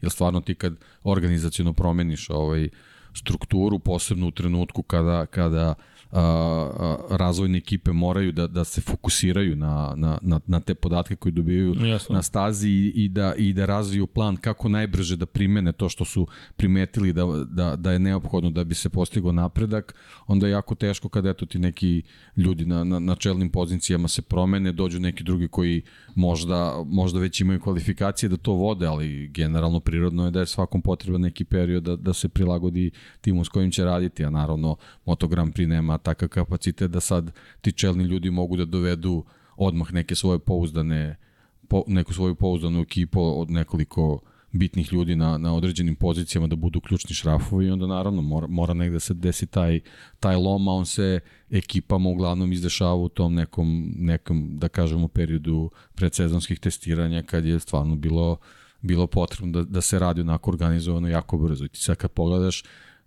redko koja ekipa nije imala tu neku promenu u tom periodu. Da, i deo pokušaja da se stigne do uspeha nije bio sveden samo na tehničko-tehnološki moment, koji je bio izrazit. Ako pogledamo, dobili smo još veće motocikle sa većim krilima, većim aerodinamičkim površinama Imali smo sada spuštanje zadnjeg kraja u vožnji, spuštanje prednjeg kraja na startu. Imali smo čak i testove zapravo gde su pokušavali da uvedu spuštanje i prednjeg kraja tokom vožnje. Dakle, svašta se radilo da. po tom pitanju, a onda gledaš vozače, pa gledaš šefove ekipa, ne šefove ekipe, da. šefove i glavne inženjere. Glavni inženjeri, I da. onda dođeš do šefove pa eto, ekipe. i tu sad, sad možemo da dođemo do, to, do tog nekog zaključka iz te perspektive, da je mislim, ogromna tragedija se desila Gresiniju, ali oni nisu imali potrebu zbog motocikala koji su dobili, oni praktično nisu imali potrebu da, da ništa razvijaju to, u toj predsezoni. Tako da njima, njima se desio ogroman gubitak, ali on nije toliko uticao na te motocikle koje su dobili. Svi ostali, sve turbulencije koje su im, su im se desile direktno su uticale na upoznavanje, na razvoj sa motociklima koje, koji, koji su im dodeljeni u, u, u predsezoni. I kada pogledaš, svi su manje više morali da odigraju ozbiljan šah, da postave stvari. Sa agresinijem čak mislim da je bilo sreće po pitanju šaha ili odlična podrška zapravo Ducati. Zašto? Dobili su Điribuolu. Dobili su Alberta Điribolu koji je radio sa Doviciozom u, u vice šampionskim sezonama i ti sad dobiješ čak i njega kao gotov proizvod. Nemaš ti sada še inženjera glavnog kao u VR46 koga ti gradiš. Ne, ne, ne. Ti dobiješ gotovog čoveka. Điribola, kao što je Francesco Banjaja dobio Kristina Gabarini. I onda sad vidiš u kakvoj situaciji bila Yamaha, koja je uh, nekako imala mirno more u odnosu na sve ekipe, pritom stižeš sa titulama u Moto Grand Prix u Superbajku, trebaš samo malo taj motocikl da osnažiš, nikakav potres nema, stiže ti drugi vozač koji je sezonu pre bio i vice šampion, spreman da, da se on uključi u priču, znači bukvalno sve, sve imaš na tacni da, da napraviš taj napredak kakav treba u odnosu na ekipe gde se dešavaju ti potresi i onda stiže informacija da u principu ništa ne valja. Ne da ne valja, nego je baš dramatično. Ne, jer pogotovo prvi test, to je prva, prva trka, Losail, Katar. Ideš u noć, ideš na veliku nagradu Katara, ti otvaraš sezonu, znamo da tamo nema mnogo gledalaca, ali je veličanstven kadar. Za mene, moram ti pristiti, prvi put u životu sam gledao Moto Grand Prix na licu mesta pod svetima reflektora, to samo možete u Kataru da doživite i još lepše izgleda nego na televiziji, zaista. Dakle, inače uvek, naravno, ako možete otiđite na trku, ali ta, ta, ta nekako prelepa boja, pogotovo, pogotovo Gresinijevog motocikla, Aldo Drudi je apsolutni mađioničar. Dakle, to je savršeni umetnik za primenjenu umetnost zvanu kako dizajnirati bilo šta što će biti mehanički. I kacige, i odela, i motocikli. Kad je izabrao onu mat boju, razmišljao sam šta, zašto, ali ne, ne želim da zvučim, uh, želim da zvučim pozitivno. Italijanska kultura, takozvanih lepih umetnosti, zaista se može videti to nasledđe. Kad italijani to izdizajniraju, ti se gledaš, šta, zašto? Da, ali vidiš te stvari nekad nisu samo lepe, nego su i primenjene. Tako je. To jest primenljive. Tako je. I da. uradio je fenomenalan posao. Verujte, Gresini je štrčao, ali nije samo štrčao zahvaljujući bojama, ali čak i to je bilo urađeno kako treba. Elem, odo smo mi u Losail i sad, ti imaš stazu koja je potpuno drugačija. Ti imaš stazu koja se vozi gde pokušavaš da nađeš vreme idealno za vožnju. Malo voziš po danu, malo voziš po noći, vlažnost vazduha raste, temperatura pada, pola treninga praktično nemaš sad nastavljati sa agonije toga da ti zapravo sa novim motociklima šta ćeš? A oni koji su malo stariji imaju sve što im treba od podataka, fakat je tako, uključujući i EP21, pa i M jedinicu u rukama Derina Bindera, ali ne bih to podvodio kao neku veliku prednost, on je baš veliki Novajlija i baš imao ogroman skok sa Moto3 Pa dobro, to se videlo u 20 jedinicama. Vid, a, videlo se kod Novajlija. Tako je. Videlo znači, se. To, to što imaju te podatke, to sve apsolutno ne znači ništa do, do trenutka dok oni ne steknu malo iskustva u trkama. Za razliku od Enea Bastianinija koji za sebe imao čitavu sezonu. I to na Ducatiju koji je bio teži za vožnju, on je imao GP19 Jedan od težih Tako motocikala za upravljanje, jer je sa 20-icom nastala nova, zapravo era je počela Moto Grand Prix za Ducati, gde su napravili motocikl koji je upravljiviji daleko. A 19-ica je da, bila... Da, on je praktično vozio napušten napeta. motocikl. Bukvalno napušten da. motocikl. I da. bio prilično dobar. Elem, da ne idemo trening po trening, ali samo... Nema potrebe. Nema da, potrebe, da, da, da. zaista. Kvalifikacije. Samo kratko. Zvanični startni poredak za prvu trku. Jorge Martin, Očekivano. GP22, očekivano. Da. Enea Bastianini, Mm, nije baš bilo očekivano. Ne, u Zagrebi. ali ovako, pa da smo ga, da ja kažem ti, ti si mi bio inspiracija. E, pitanje je bilo, Enea, koliko puta ćeš da pobediš ove godine? E, e, e, e, e, srđan. Zini da ti kažem. E, srđan. e, srđan, ja, koliko, znam iz prve da ćeš pobediti jednom. On je na poziciji startnoj 2, Mark Marquez na Hondi. I ti gledaš kao, čekaj, evo ga opet Mark Marquez, koji inače izjavljuje nešto što i meni danas u glavi odzvanja, srećom sada je to prošlost, kaže u Kataru, samo živim za dan kada ću odvesti trku bez bola. Bez bola! Deki, on ne priča o tome da vozi konkurentnu trku, on samo želi da ga ne boli više ruka dok vozi. I ne ruka, celo telo, mi smo tek polovinom godine saznali da njemu ova ruka ovde bila prepolovljena i pomerena na pogrešnu stranu za 30 stepeni, da je on tako prosto nekako sa čudno deformisanom rukom pobedio u prethodnoj godini tri puta, uključujući dva puta u tih poslednjih šest trka. Kako god, treća pozicija. Jack Miller na fabričkom Ducatiju četvrti, Aleš Espargaro naprili peti, ali i dalje nekako gledamo Katar, početak sezone, specifično je, vidjet ćemo, to su kvalifikacije, Pole Espargaro, pa Brad Binder, John Mir, Francesco Banjaja, nema nekih velikih iznenađenja, osim što nema Fabija Kvartarara. Tek u četvrtom startnom redu, Alex Rins, Fabio Quartararo, Franco Morbidelli. Ok, Morbidelli potvrđuje, to je uz Fabio Quartararo ok, najbolje dve Yamahe, jeste 11. 12. pozicija, ali su tu. I sad ide ostatak sveta, da sad ne čitam sve, ali tu su. I sad, pogledaš trku, Ducati deluje poprilično spremno u celoj ovoj priči. 2 GPA 22, Banjaja, ok, deveti, nije idealno, ali deluje da će to biti uzbudljiva trka. I ono što smo znali da će ove godine zapravo situacija biti takva u, u Moto Grand Prix da će biti gotovo nemoguće predvideti ko će pobediti, ko će uopšte biti na kojoj startnoj poziciji. Oći u Q2. Baš pa dobro, 20, 21. nam je to već najavila. Jeste. Da je to taj neki novi Moto Grand Prix koji nas očekuje i to je sad nešto što tek, tek sledi od sledeće sezone, posebno s ovim, ovim brojem trka, to je trk, kako bih nazvao. To nisu, nisu Grand Prix trke, trke. Sprintevi. Sprintevi ovaj, subotom, tako da ovaj, kad, kad budemo ovaj, svarili tu 23. sezonu, u stvari onda ćemo videti ovaj, šta je to šta tu može da donese ta nova era, ali, ali jedan od zaključaka iz, iz ove sezona koje smo prošli je to da, da dobijemo trke da je jako teško prognozirati pobednika i ne možemo imati sezonu gde možemo da pričamo o nekom izrazitom favoritu u odnosu na bilo koga drugog. Apsolutno nema nikoga ko može da kaže, ej, ovo će biti moja godina. Nema, nije to godina, ovo je Markezova godina, ovo je Rosijeva godina, ovo je godina Casey Stonera, Jorge Lorenza, ne znam nija. Ne, jednostavno mi sada pričamo o tome da su karte na stolu, sve otvoreno, međutim već prva trka, poredak je impresivan. Enea Bastianini zaista za pamćenje. Ona scena, pobedio je, ispred Breda Bindera i Pola Espargara, sve ima svoju priču.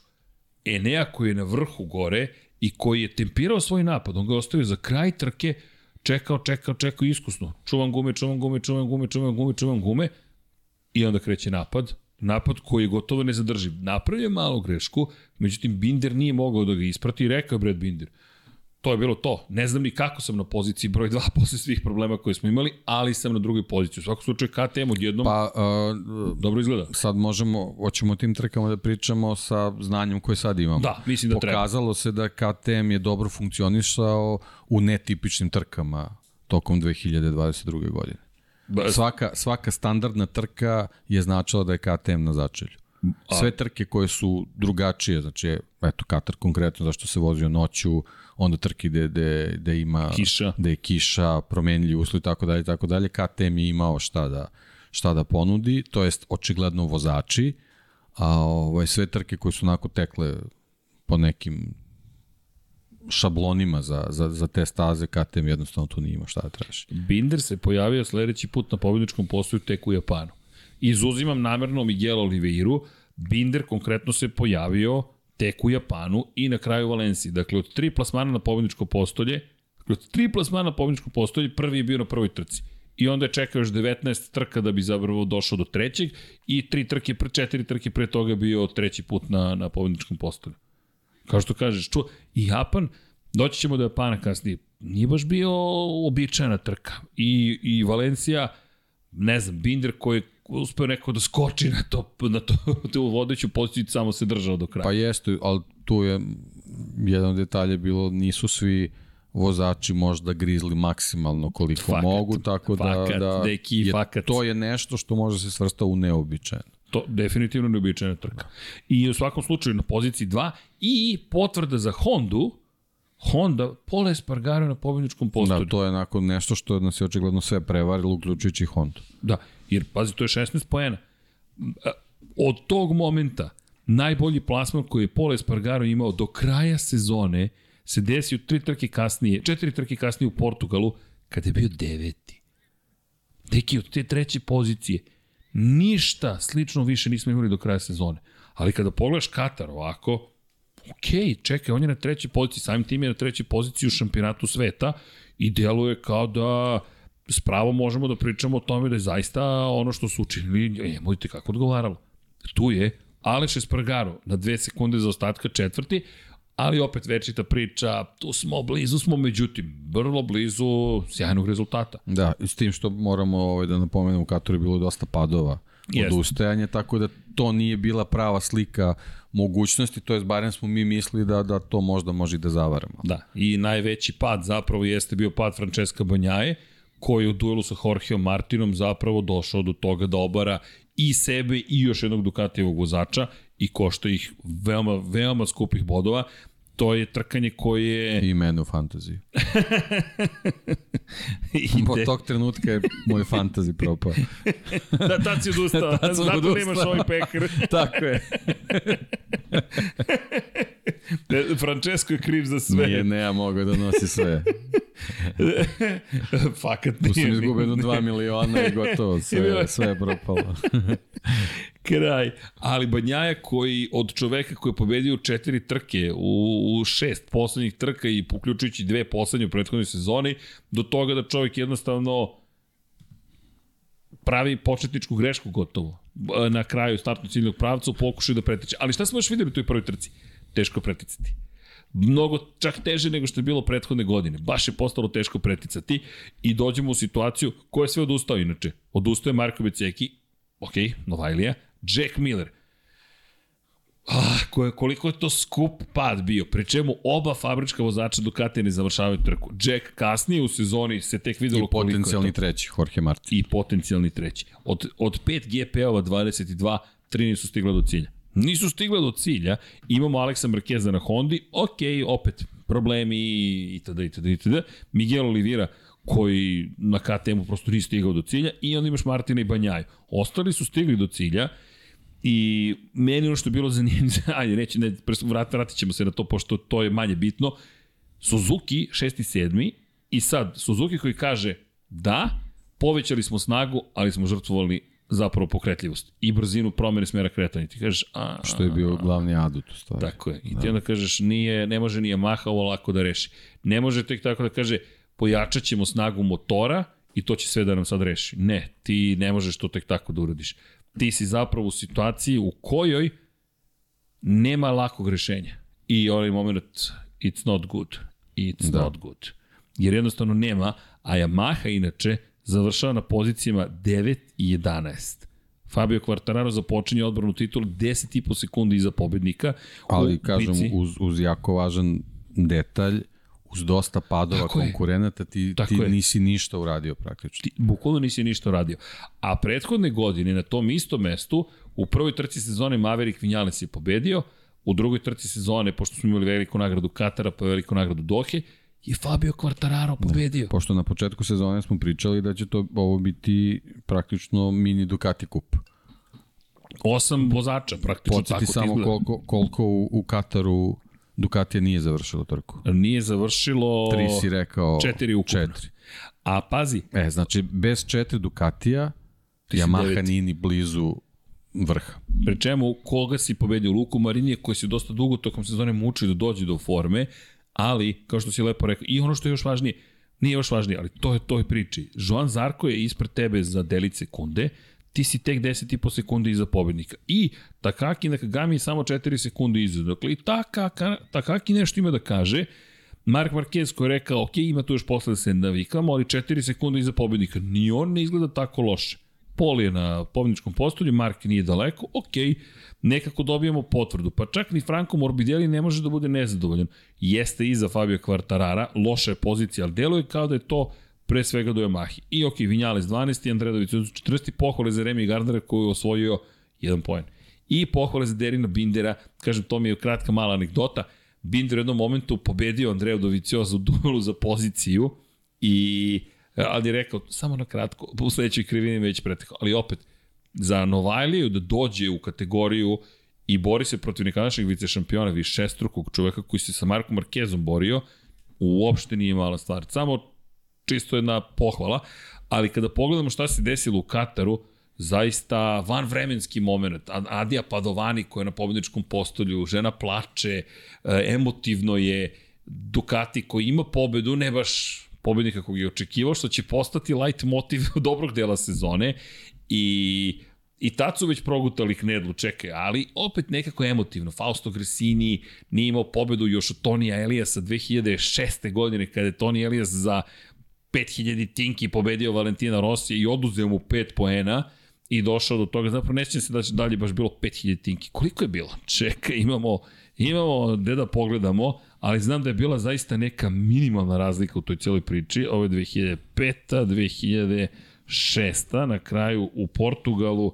Koliko je Rossi završio iza Tonija Elijasa? Čekaj da vidimo. Zaista je jače od mene. Mora. 2000 tinke. 2000 tinke. E, 16 godina je prošlo od kada je poslednji put neko iz Gracini ekipe uspeo da zabeleži triumf. I ti sad imaš Eneo Bastininu, kog si ti tipovao? I kog smo pitali koliko puta ćeš da pobediš? E, to je pobeda. Broj 1. Ali okej, okay, kažeš to je Katar. Ajmo sad da vidimo dalje šta se dešavalo.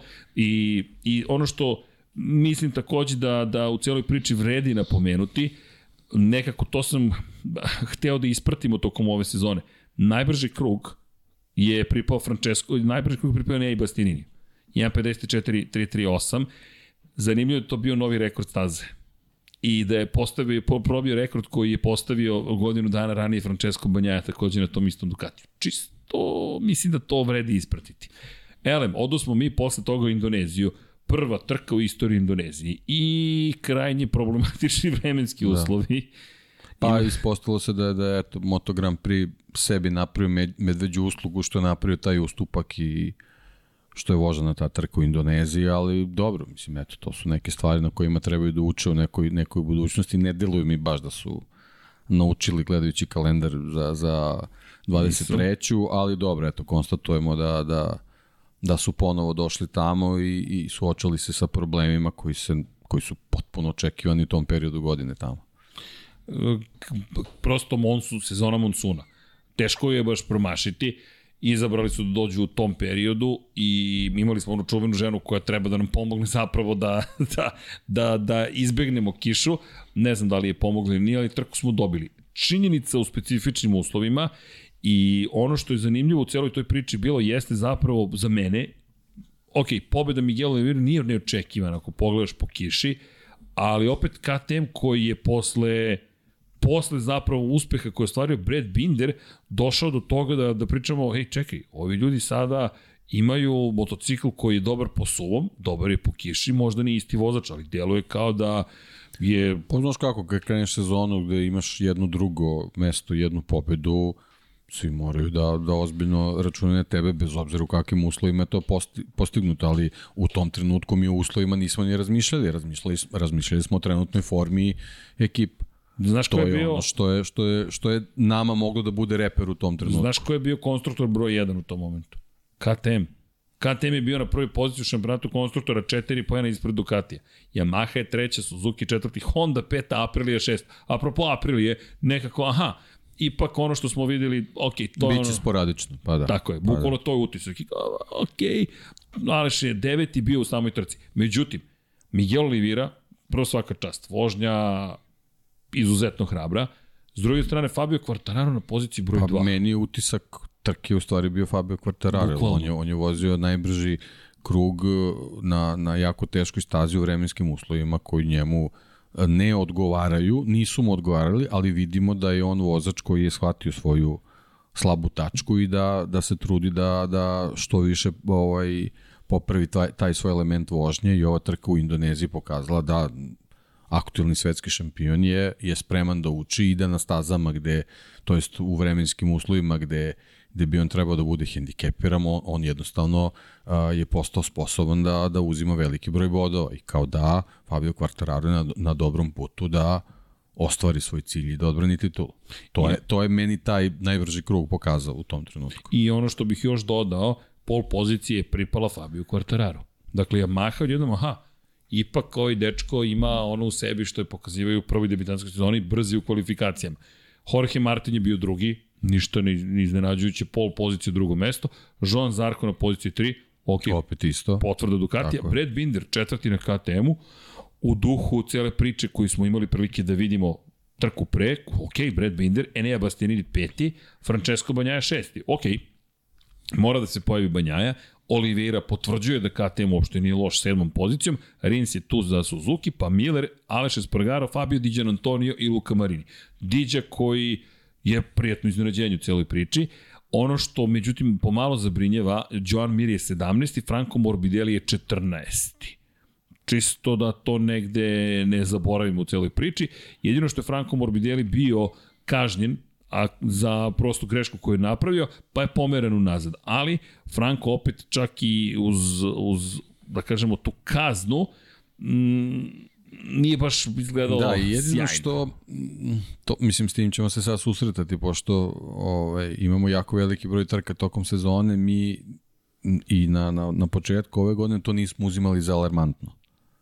Dobro. Tek je druga godina, znaš da smo pričali, tek trebamo da dođemo u jasno, Evropu. jasno, jasno, jasno. To je ono kao, kao nekad što je bilo u Formuli 1. Tek kad se dođe u Evropu, u stvari vidjet ćemo Kada prave u forme.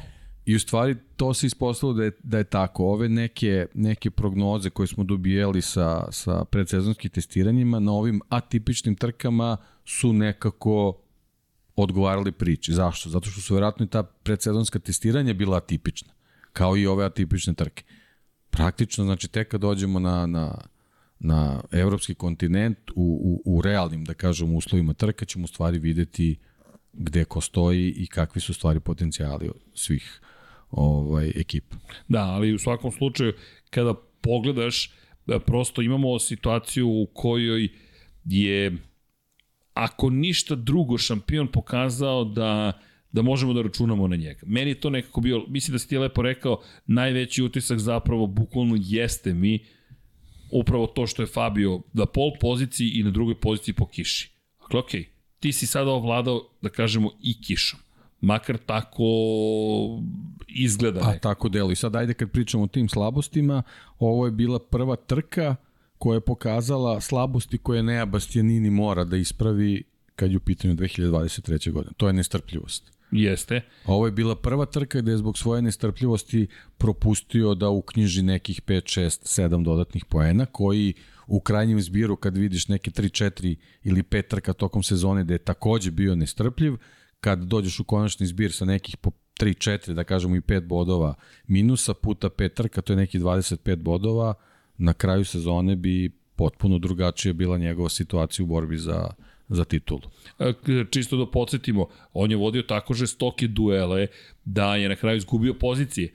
I kada pogledaš, on je imao priliku Mislim da je da... promašio jedno kočenje, jedno mesto, Jeste. čini mi se i naravno staza to jest pored staze je bilo tako da je jako teško bilo vratiti se izgubio mnogo mesta, čini mi se. Ne prašta Ako baš se dobro sećam, da, da, da. Bukvalno ne prašta. I, I ono što smo imali priliku da vidimo jeste zapravo A inače, kao i u Kataru, pokazao da u finišu sezon, e, u finišu trke ovaj, ima, znači, ima taj kvalitet da da postaje brži kako, kako se trka bli, bliži kraju što smo videli u 21. godini. Pa, zapravo kad pogledaš Bastianini čak i u završnici kada imaš, kada su imali taj duel, Binder, Espargaro, Derin Binder, pohvala inače za Derina Bindera, koji toj trci već u duelu sa rođenim bratom za osmo mesto, Derin je bio deseti po kiši, fenomenalno, i mi tu možemo da vidimo zapravo koliko znači kiše. Paul Espargaro je bio inače 12.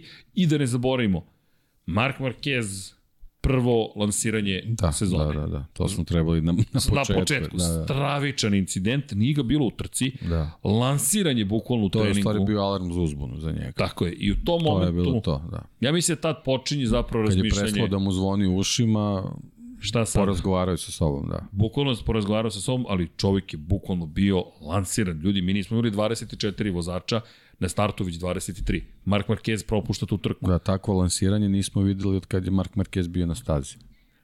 Da, redko ko Nažalost, tako može tako da bude je. lansiran i o, Tako mora je. da patentira to lansiranje. Ono je bilo... Da, da. To je, to je Baš ta, ružno njegova, ta njegova podsesna borba s motociklom do poslednjeg trenutka, da u trenutku kada, kada gubi kontakt, njegovo lansiranje izgleda spektakularniji od bilo čijeg drugog. I, I fenomenalno je bilo, fenomenalno, inače, ko nije pročitao, ja vam toplo preporučujem da pogledate zapravo Mm, incident, incident, tekst da pročitate Meta Oaksleya u motorsportu o tome šta radi Brad Binder kada koči. Zašto koči toliko agresivno, zašto mu se podiže zadnji kraj, kako se blokira zapravo prednji točak Moto Grand Prix motocikla. Čisto da se razumemo, i Binder je objasnio da, da, da taj moment blokiranja prednjeg točka nije klasično blokiranje gde će se samo sklopiti prednji kraj čudno je, blokira, ali imaš mogućnosti dalje da ostaneš na točkovima. Elem, to je to traženje granice. Inače, Binder je ono rekao što što ne, ne spomenjamo dovoljno. Kaže, kontrola proklizavanja nama nije upaljena na maksimum, nego na minimum. Mi moramo da je koristimo, ali najmanje što je moguće, jer kontrola proklizavanja će samo da vam ugasi gas. E, vama to ne treba. Vama treba kontrola nad motociklom. Elem, Marquez je pokušavao, Nije uspeo, na kraju je lansiran i propustio tu trku. Uopšte Jel tebi upaljena kontrola igricu kad voziš? N, uh, jeste. Pa. A, deki. okay. Prvo moto trojke. Prvo moto trojke, obaramo TC na keci i igramo se. ali, ali u tipično njegovom duhu Marquez je išao na sve ili ništa i nije uopšte promenio pristup, samo je rekao idem na sve i ništa, ali nije završio tu trku, nije ni započeo tu trku. Elem, da se vratimo na i na startni poredak, dakle Binder, Oliveira 7, Espargaro, Gianantonio Marini, to su vodećih 12. Ne bih spominjao oni koji nisu bili među vodećih 12, Izvinjavam se, ali ono što zabrinjava u celoj priči, Joan Mir je prvi put uh, stare boljke Suzuki-a van vodećih vozača i djeluje kao da Suzuki baš i nije sve rešio što smo mislili da rešio. Rins nekako osma pozicija bećeva, ali gledaš razmišljaš, ok, još uvek Suzuki ima probleme s tim jednim brzim krugom. Kako god, trka koja je zaista obeležena spektakularno vožnjom Olivire po kiši i, lepo si rekao, meni najspektakularnija vožnja ultra agresivnog Fabio Quartarara.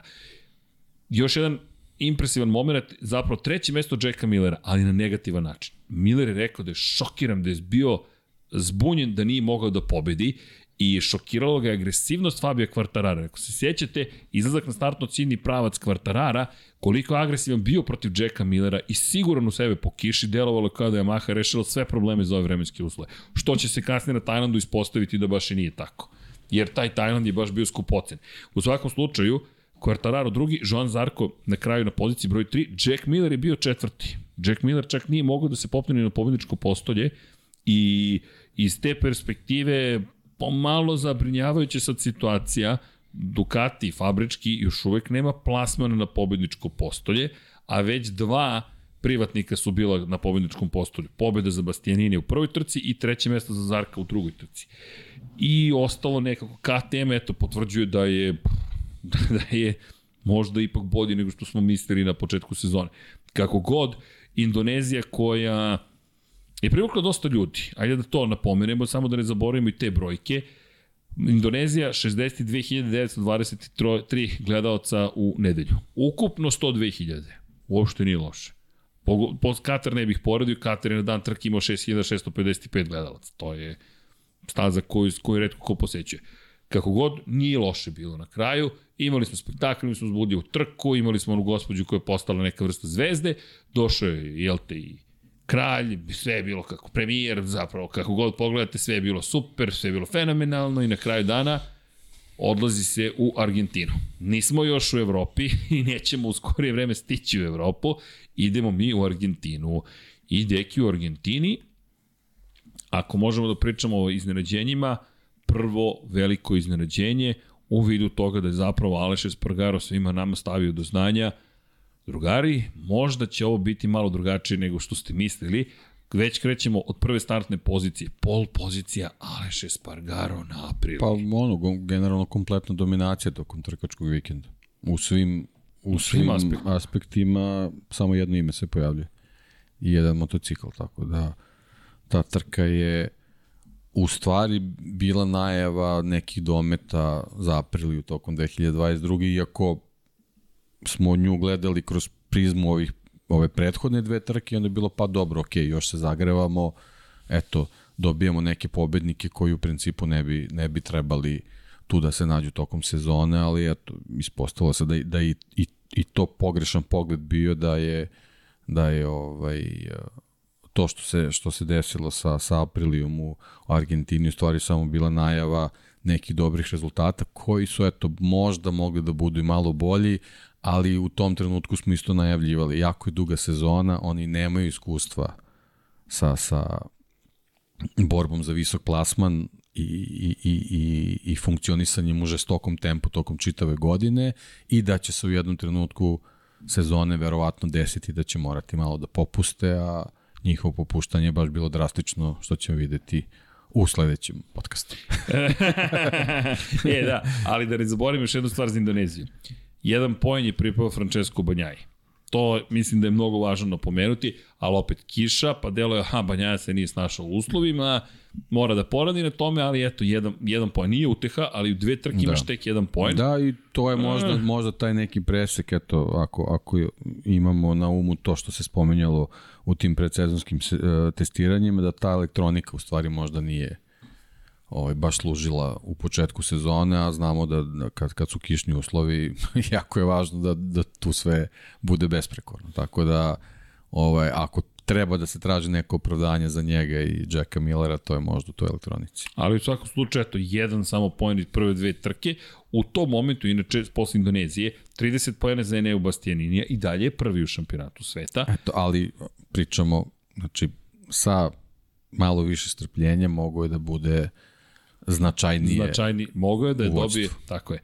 I ima još jedna bitna stvar, Brad Binder, osmom pozicijom je 28 poena, samo dva manje od Bastianinija, Fabio Quartararo sada drugim mestom je na 27, u 3 poena su tri vozača, Olivirac sa 25 bodova je samo 2 poena iza Quartarara i Zarko zaostaje jedan poen za Olivirom. Svi su manje više tu.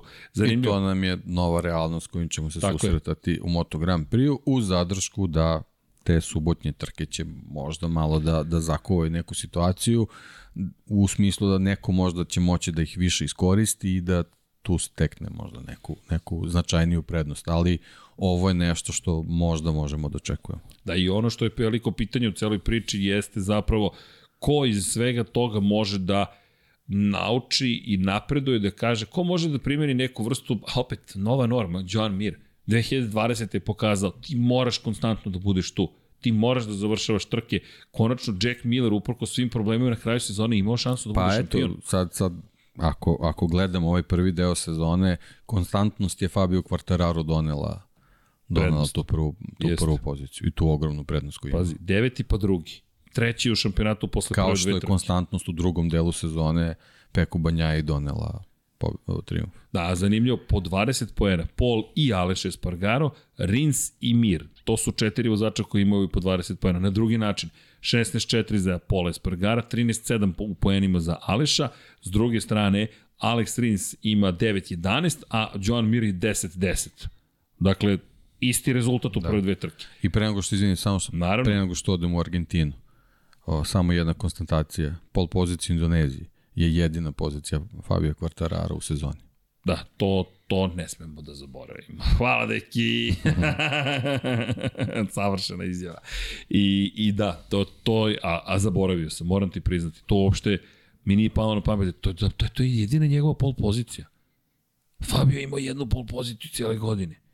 Wow, to je tek zanimljivo, ali, ali govori nešto i o Yamahi, od čoveka koji je imao redovno pol poziciji 2019. kao Novajlija, sa u to vreme ograničenom motoru po broju obrtaja i sa starom verzijom Yamahe, Fabio 1, 2, 3, 4, 5, 6 pol poziciju u debitanskoj sezoni. Pored njega te godine samo Mark Marquez i još Maverick Vinales. Niko nije osvajao pol poziciju. Eto, a u 21. godini, osim što je on osvojio samo jednu pol poziciju, na samo četiri trke su pol pozicije osvajali vozače koji nisu na Ducatiju. 21. ili 22. 22. 22. Zanimljivo. I to su bili Aleš pa, to je, to je ta najava iz predsezone. Svi su videli da, da je taj jedan krug kvalifikacioni u stvari nešto s čim drugi timovi jednostavno ne mogu, ne mogu da se nosi, da je to ta, ta snaga Ducati. Pri čemu je to dva puta bio Aleš Espargaro. Na aprili. Da. I jednom je bio Mark Marquez. I to je to. I to je to. To je bukvalno to wow, ko bi rekao da ćemo u Indoneziji zapravo videti jedinu pol poziciju za šampiona sveta. i naravno za Yamaha. Kad je to bilo? To je bilo u martu, deki. To je bio mart, jeste, to je mart bio. Čekaj da proverim, da ne bude da pričam na pamet, ali sam ubeđen da je to bio mart. To je deki Indonezija, Indonezija, samo da vidim datume, 20. mart ove godine. Wow. Danas je 20. Da, decembar. Tako je. Shvatio sam 9 meseci od onda. 9 meseci. Da danas ni dan pre 9 meseci Fabio Quartararo svoju jedinu pol poziciju ove sezone. Neverovatno ali istinito to. U svakom slučaju, to je druga trka sezone bila. Treća, velika nagrada Argentine. Posle pauze dugi idemo u Argentinu. I to da napomenemo, to je prva poseta Argentini. Posle covid -a. Dakle, mi stižemo zapravo Argentinu... I posle požara, je tako? Posle i požara, i covid i svega. Opšti haos je tamo bio. I to isto da, ne smemo da zaboravimo, bio je veliki požar na stazi. I ružan požar. U to vreme su bili samo dvostruki svetski šampioni u futbolu. o, čekaj, čekaj, Ajde da me pohvališ. Ajde, deki. Nemoj samog sebe Svaka da hvališ. Svaka čast Srki poznavaoče futbola. A, reci, sam rekao da Argentina osvaja titulu prekoliko dve nedelje tačno. Kad smo sedeli u galeriji. I, i ne znam, neko je spominjao to provokacije zbog brazilske mojice. Rekao, ne, ne, pojma, ne, ne, ne razmišljam o tome uopšte.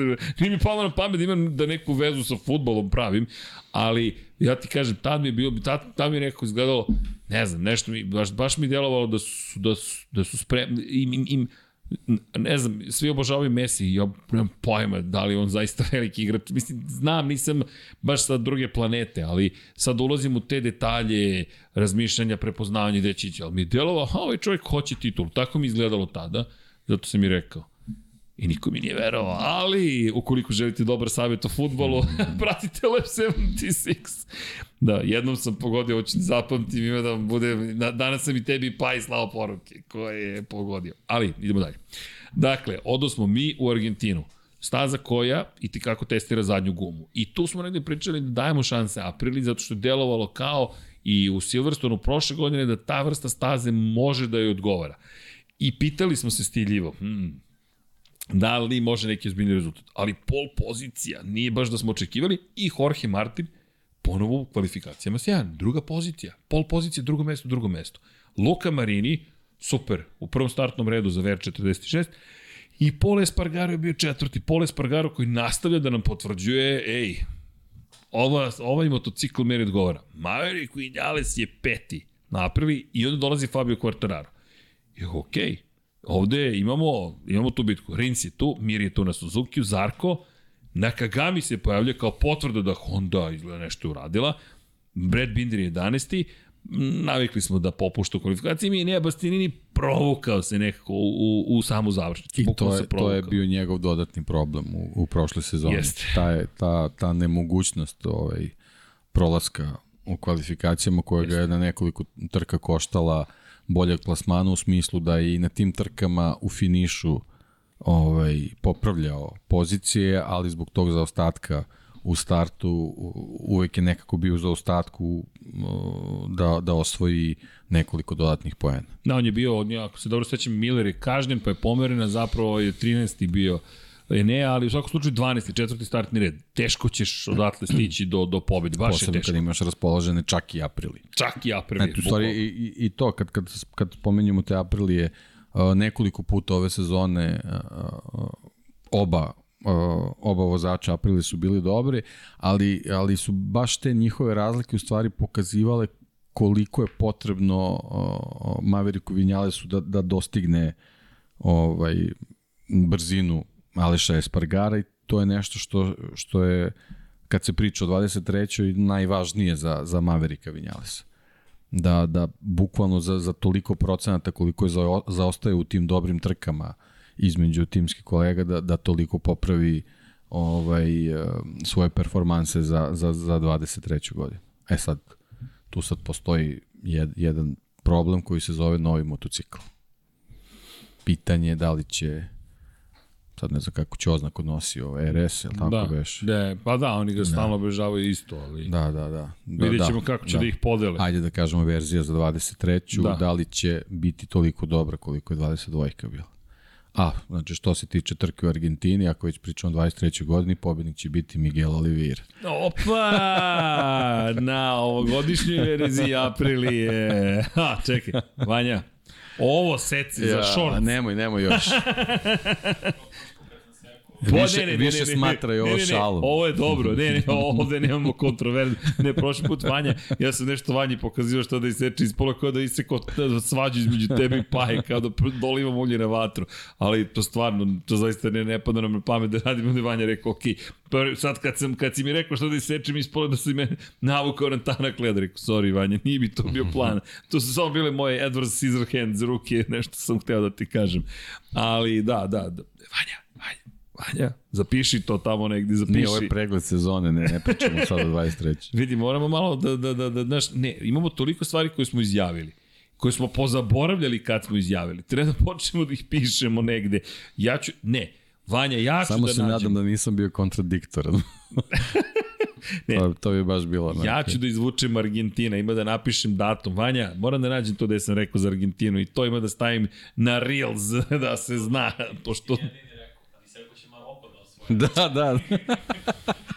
Kako ste me potopili, dakle, evo ih, evo, kada sa, Mar, i, Vanja koji je rekao, pa nisi rekao će Maroko da pobedi, pa si pogodio nešto mnogo pametno. Pa dobro bre ljudi, aman zaman, si možete malo da malo milosti. Ali dobro, ušao sam u tuđu teritoriju, dobro. Elem, da se vratimo u Argentinu. Jorge Martin je, inače, imali su sjajnu bitku između Aleša Espargara i Jorge Martina.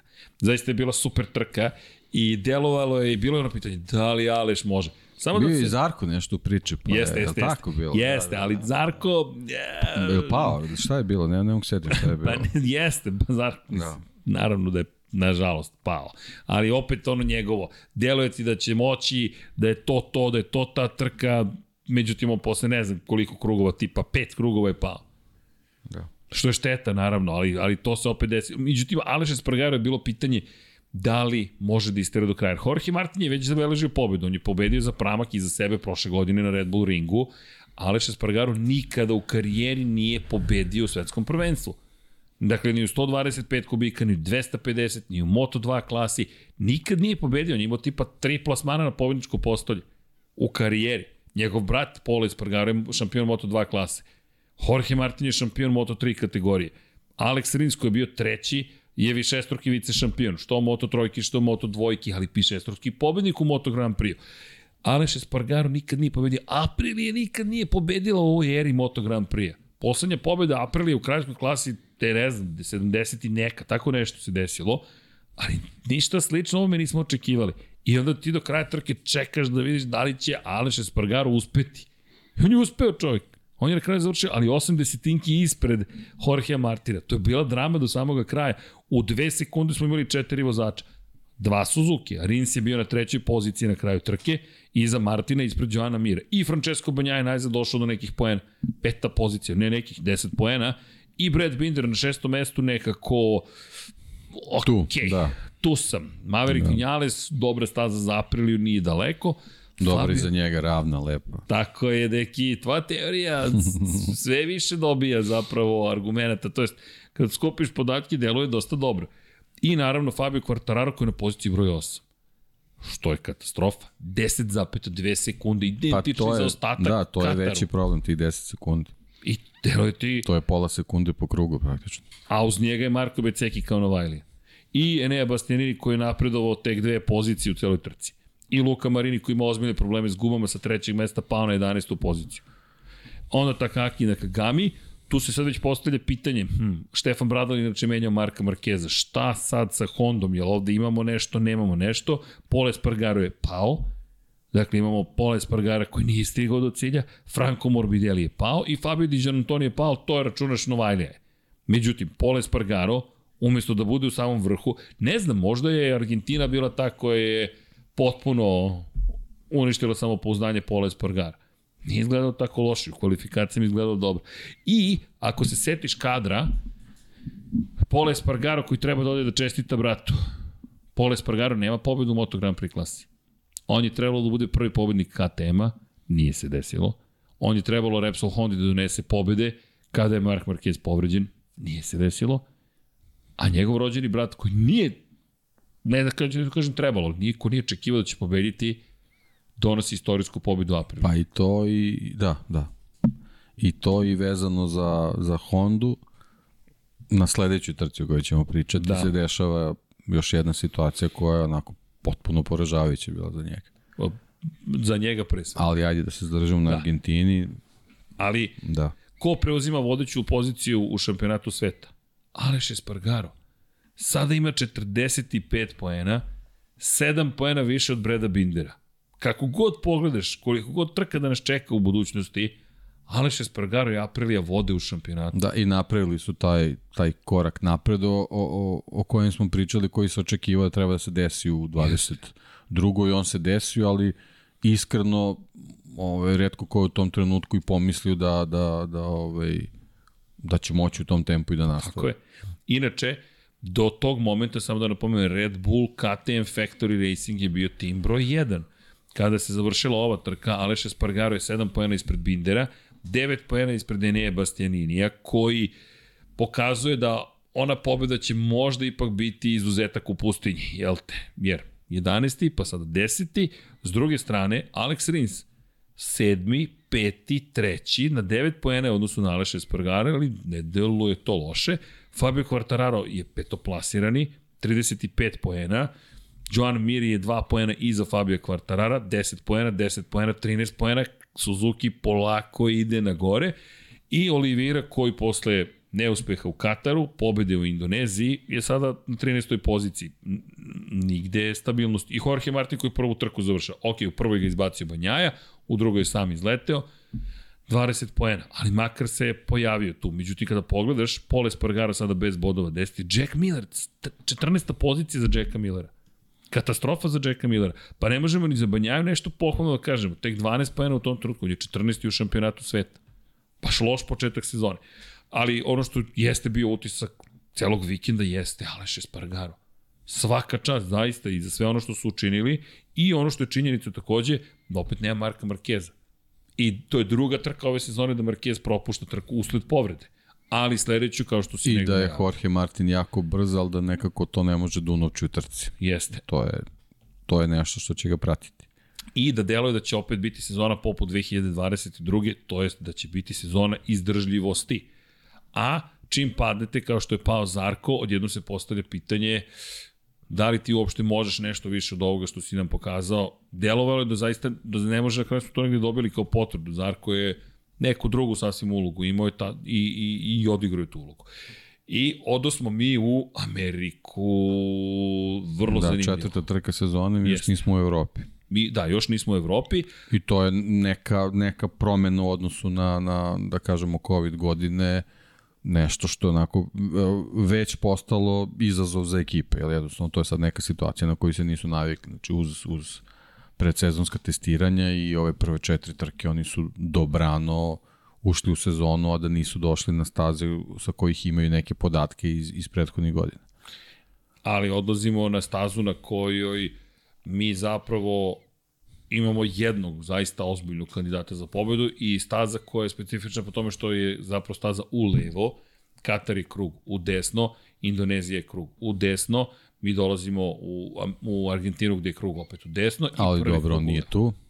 A on je tu, tako je, u te dve trke tu. I sad, vraća se Mark Marquez, svi se pitamo, može li čovek koji je samo jednom zapravo poražen na ovoj stazi kada pogledaš, i to Alex Rins ga je pobedio 2019. godine kada je Marquez pao, sve ostalo su bili samo njegovi uspesi. Pol pozicije, pol pozicije, pol pozicije, pobjede, pobjede, pobjede, pobjede, pobjede.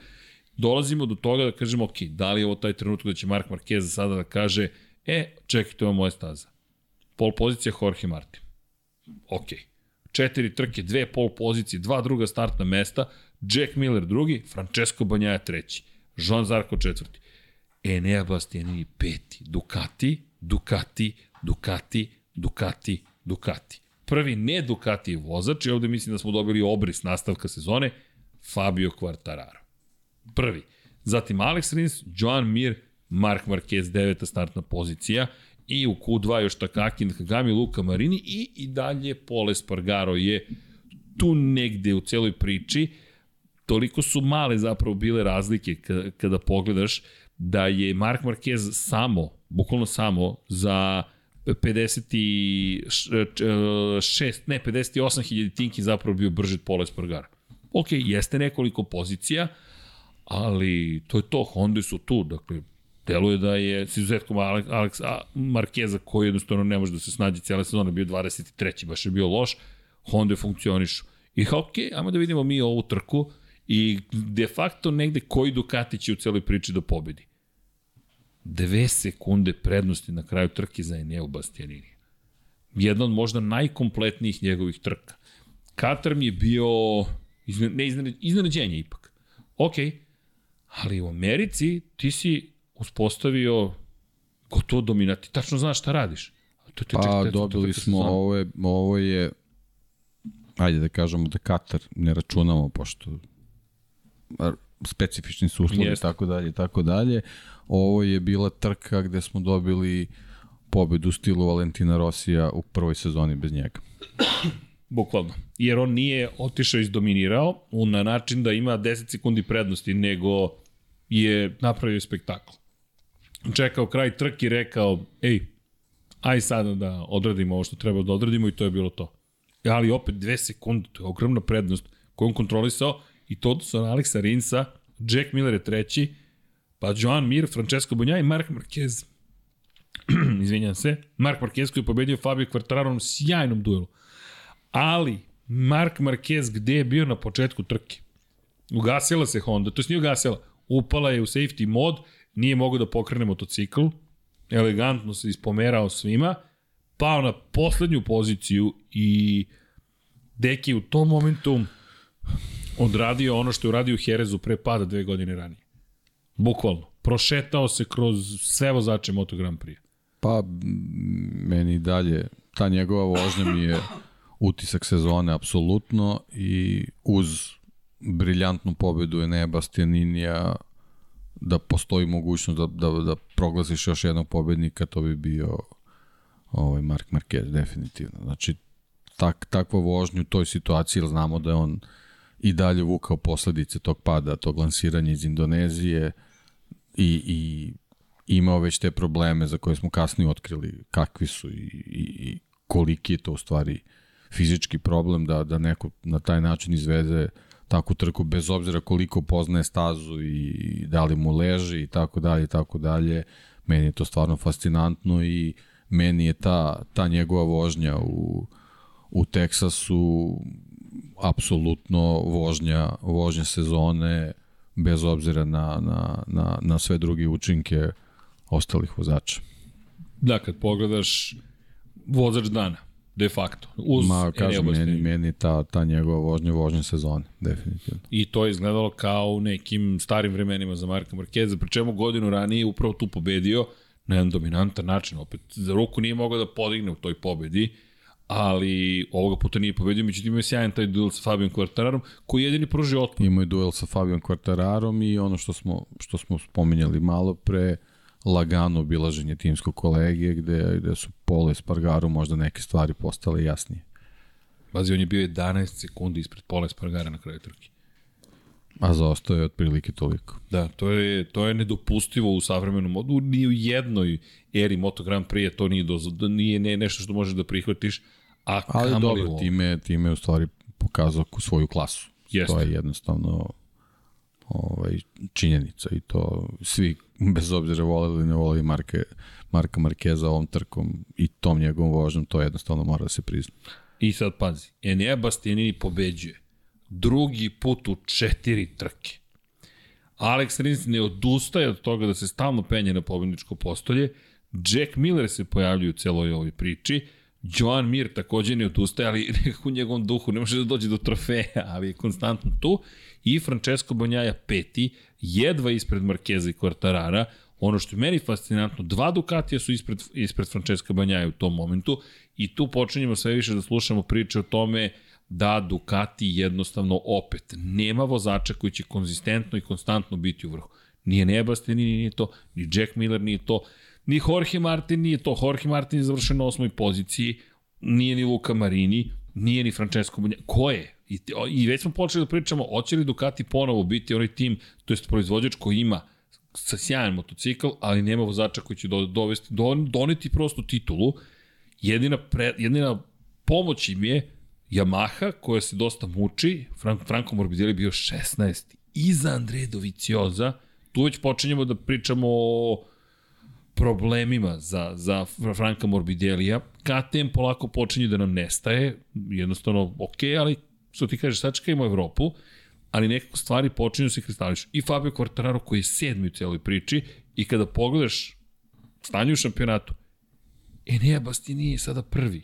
On se vraća na prvu poziciju. Dakle, on je vodio posle Katara, posle Indonezije i sada posle Amerike.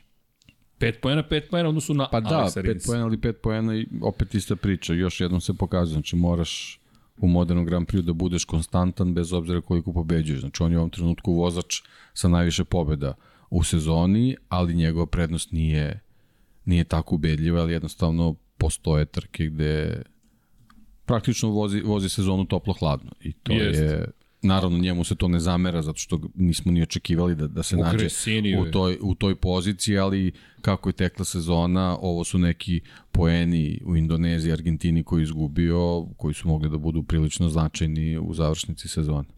iz perspektive plasmana, samo dva vozača su se dva puta popela na pobedničko postolje, Bastianini i Rins. Aleš Espargaro jednom pobedom, Joan Mir ni jednom, šesti, šesti, četvrti, četvrti, ali je tu u igri za titulu šampiona. Fabio Quartararo Pa da, ali kad jednom. pogledaš ta, ta neka izdanja uh, Mira i, i, i Rinsa, oni su kumulativno u mnogo boljoj formi nego Yamaha. Ali to je to, to je ono što želiš u ovakvoj Tako sezoni. je, tako Možda nisi pobedio, ali ti si konstantno Pa tu. to je neki recept iz, iz 20. Tako je. To je otprilike to i to miriše kao da može da da u nekoj situaciji i, i njih uključi ozbiljnije u, šampi, u borbu za šampionsku titulu. Inače, posle Indonezije, samo, posle Argentine, izvinjam se, samo da napomenem, Suzuki je preuzeo vodeću poziciju u šampionatu timova. Da, upravo to. Suzuki je bio to. vodeći u šampionatu timova posle Argentine. Ducati je preuzeo vodeću ulogu, Da. u šampionatu konstruktora, što se samo pojačalo da. posle Amerike. Ali eto vidiš sad, sad sa, sa tim saznanjima koje imamo u ovom trenutku, neki u bordu Suzuki-a je u trenutku dok su bili vodeći tim u, u šampionatu konstruktora razmišljao o tome da Da ugasi toga program. više neće biti. Neverovatno. Pazi, 32 poena prednosti je tu tim Suzuki X-Star imao Bez pobede. po, bez, bez pobede, u, bez pol pozicije, bez najbližeg kruga, bez bilo čega. i bio je treći u šampionatu konstruktora. Ducati sa, sa, se izdvaja. sa, dva, sa, jednim, sa dva podijuma, tako? Sa dva. Sa dva Sa dva. podijuma, da. Ali, evo, Ducati koji ima pobedu, treće mesto, drugo mesto pobedu, sa tri različita vozača, KTM koji ima dva različita vozača, ima 27 pojena manje od Ne, Ducatija. u stvari u tom trenutku sa jednim podijumom. Uh, ne, posle, posle Argentine jedan, ali posle Amerike. E, pa to, to. Ne, ne, o, sad već se izvini, prebacio Da, da, na da, da, Ameriku. da, da. Suzuki je treći u šampionatu konstruktora, ali dva poena samo iza KTM. Aprilia je četvrta, Yamaha je peta, Honda je na šestom mestu, ali od Katara ovo je prvi ozbiljniji rezultat, jer Honda je pre toga dva puta bila na 12. Da. poziciju. I sada dolazimo u situaciju da Suzuki uopšte nije daleko od drugog mesta u šampionatu da. konstruktora, teško ćeš sa Ducatijem, osam ih ima i stalno su tu. Stalno je neki Ali- tu i to, to se videlo tokom sezone. Jednostavno, mala je vjerojatnoća da svih osam Ducatija ne, ne funkcioniše. Kad ostalima ne funkcioniše, tu se pojavi Diđe. A slušaj poredak timova. Suzuki, KTM, fabrički tim, Aprilia, Gresini je četvrti, Pramak je peti, Monster Energy Yamaha je šesta, sedmi Ducati Lenovo tim. Tek je sedmi u ovom trenutku, skoro duplo manje poena, 54. Mislim da je najružnijim snovima nisu očekivali takav početak sezone. potpun šok, oni brane te dve titule. Jedna ok, ova druga ni blizu. Repsol Honda ima samo 10 pojena manje, Ver 46, onda ide pa Lučić i Kinelo Racing, pa RNF Yamaha, pa Tech 3 KTM Racing koji ima onaj po jedan poen Remy Gardner iz prve trke sezone. Eto, to, to je ono, ono, mislim da smo tad već i pričali, ovaj, to je meni, meni zasmetalo, mislim da u tim, dobro, nije to toliko bitno u Moto Grand Prix, ali već ako postoje ti šampionati, kad se pravi šampionat konstruktora, jednostavno mora, moraju da se podele bodovi i da, da Slažem se. za ekipe koji imaju starije generacije motocikala, ti motocikli ne ulaze u konkurenciju za bodove, nego da samo, samo aktuelne evolucije donose poene. Bilo bi u Jer nema, nema, onda nema, nema logike taj šampionat onda, po meni. Pa to je šampionat Ne, moraju da se odvoje, kao što su se i u Formuli 1 odvajali. Ej, odvajaš šta ti, ko, zapravo timovi, i ako koristiš, da, okej, okay, drugačije je bilo, ali, ali sla, mislim da, da, da, da to mi je potpuno logično, jer zapravo ne pokazuje šta je Ducati uradio u toj sezoni. Zanimljivo, to je, hm, konstruktor, jeste, ali mislim da ste pravo da bi trebalo po motociklu. Meni bi se više dopalo, jer to je jasnija slika ko je šta uradio. Ali okej. Okay. Ali nije tako. Ali ako pogledamo, GP21 ima dve pobede, GP22 ima jedno treće mesto do drugog mesta.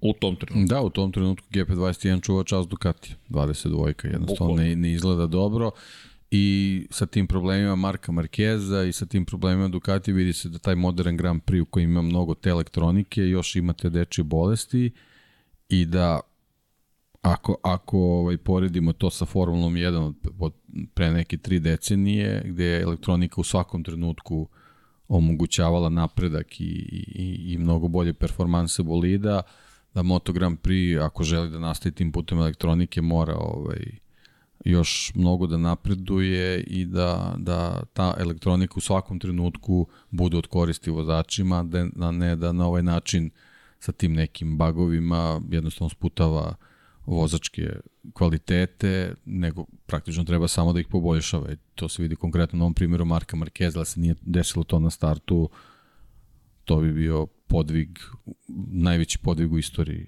Moto Grand Prix.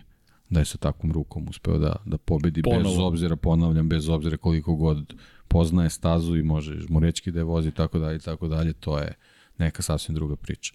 Tako da eto to to je isto jako važna stvar ovaj da da da se ta elektronika što više usavrši bez obzira da li neko to voli ili ne voli, ali već ako je tu, je tu? ona jednostavno mora da mora da funkcioniše kako treba, ne da se dešavaju eto, verovatno problemi koje smo imali u Ducati u početku sezone, nismo saznali do kraja detalje zašto su tako loši bili, onda se desilo to u Hondi na kraju završnice sezoni, svi oni pehovi koje Aprilije imala. To sam upravo htio ti kažeš. Tako je, tako, je, tako da, da verujem da se tokom sezone svaka ekipa su, susrela sa tim nekim ovaj problemima oko te elektronike, a to jednostavno Moto Grand Prix ne treba.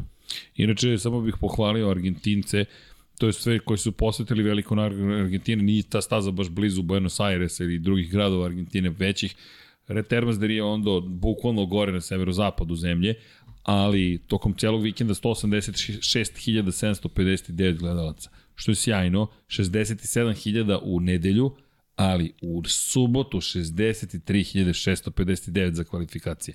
Svaka čast. Zaista svaka čast. I to je najimpresivnije.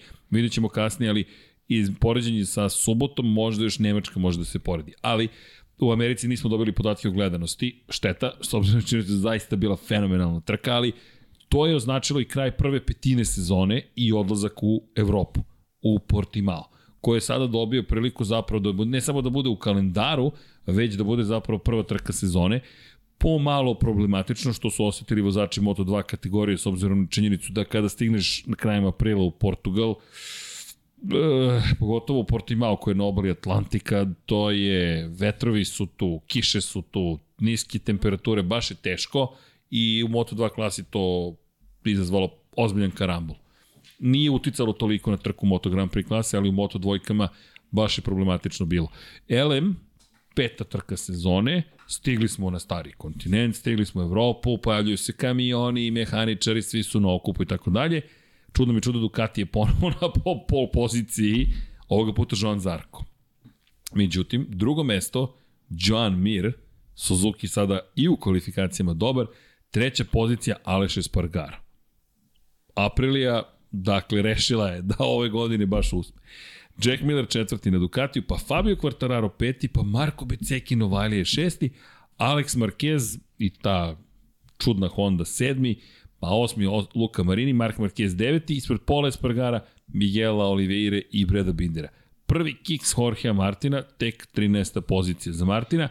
Činjenica, da, s tim što možda ima opravdanje. se sušila. Ne samo to, mali psihološki moment prethodne Na, sezone, jeste, težak pad, pravo. ozbiljna povreda. Mislim da je u, u tim upoznavajućim trenucima ovaj, tog trkačkog vikenda, mislim da je on imao možda malo i, i zadršku i potpuno razumljivo. E, kada pričamo inače ovaj, o, o onome što se događa, u tom samom vikendu, namerno smo spomenuli kišu, baš je uticala i na kvalifikaciju, uticala na trku, ali kažem mnogo više na moto dvojki. Bez obzira, lepo si rekao, onaj grozni pad u Portimao godinu ranije, posle kog je razmišljao čak i da ode u penziju prevremenu i da kaže To je bi Da, da dosta. napusti motociklizam. Da, da, dosta je bukvalno. Pa samim tim što je timski kolega osvojio pol poziciju, to je dokaz da, da, je, Da je, da je Pramak Pramak. bio, bio da. sigurno sp- spreman i da on kao neko ko je, ko je već pokazao da može da bude za, za taj delić sekunde brži, mislim da je jednostavno ta neka prepreka je postojala i, i opravdano potpuno. Da, inače u celoj toj priči da ne zaboravimo Fonzi Nijeto je preuzeo Pramak ove godine. Bio je tu, ali od ove godine postoji menadžer ekipe i još jedan od članova porodice čuveni Nijeto Angela Nijeta samo kao zamena za Gvidote koji je otišao u, u KTM i imao pobedu već u prve dve trke u karijeri u menadžera ekipe KTM. LM, najzad smo dobili svetskog šampiona, ples Fabio Quartarara od početka do kraja. 5,5 sekundi prednosti na kraju, baš izgledao kao onaj Fabio Quartararo i možda i najvažnija izjava u tom periodu rekao je prestao sam da kukam i da razmišljam o tome šta ne valja na motociklu, već sam rekao to je ono što i mi imamo, hajde da mi izvučemo maksimum iz ovoga što imamo. I baš izvukao maksimum, nije bio uhvatljiv. Zanimljivo je bilo i gledati duel veliki između Jacka Millera i Johna Mira, šteta što je Miller pogrešio, izbacio Mira, ali čak ni Ducati nije mogao da se da parira Suzuki-u, tako da nije Ducati kasnije to dodatno napredio, ali ni Ducatijevim vozačima nije tako jednostavno da na, na svakoj stazi preteknu. Jednostavno, vrtloženje vazduha usled nove aerodinamike utiče i na njih. Utiče i na njih i na pritiske u gumama. To je posebna tema koliko su se igrali s pritiscima. Da, da i to i taj, taj duel je u stvari pokazao gde su kvaliteti Joana Mira. Ovaj, a što se tiče Suzuki-a, to mislim samo nam ostaje žal sa, sa tim nekim potencijalima koje smo, koje smo videli. Ovaj, mislim, uveren sam da jednostavno bez obzira što su oni nastavili sa, sa programom da, do kraja godine, da ipak nisu, nisu sve razvijeli na način kako bi razvijeli da je, da je bila normalna situacija i, i, i žao mi je što nismo ovaj, pre svega zbog tog izdanja u, u Portugalu videli ovaj, i kasnije naravno one, one pobede u finišu sezone koje smo imali sa Rinsom, što nismo stvari videli koliko je taj motocikl možda mogao da bude dobar. Mi smo imali priliku da kada pričamo o Rinsu, prisustujemo ovde još jednoj odličnoj trci. Četvrti je bio. Dakle, Rins nije odjednom nestao. Pa da, znači sa, sa, sa tim eto, nesportivnim gestom Millera, da je Mir ostao u trci, imali bi još jedno, još jedno duplo dobro izdanje vozača Suzuki. Jeste. I iz te perspektive, prvi veliki peh na, na njihovu žalost vrlo brzo je došao kobni udarac za njihove ambicije, ali Alex Rins četvrti iza Aleša Espargara koji je na pobedničkom postolju, Aleš koji ne odustaje negde nije bio daleko od Zarka, ali nije ga baš ukrozio na kraju. Međutim, Zarko druga pozicija, Aleš Espargaro treći. Super za Francuza, inače dvostruka pobjeda Francuza i najava za ono što nas čeka u Le Mans. Le Mans koji se ispostavilo na kraju bio najposećeniji trkački vikend cele godine.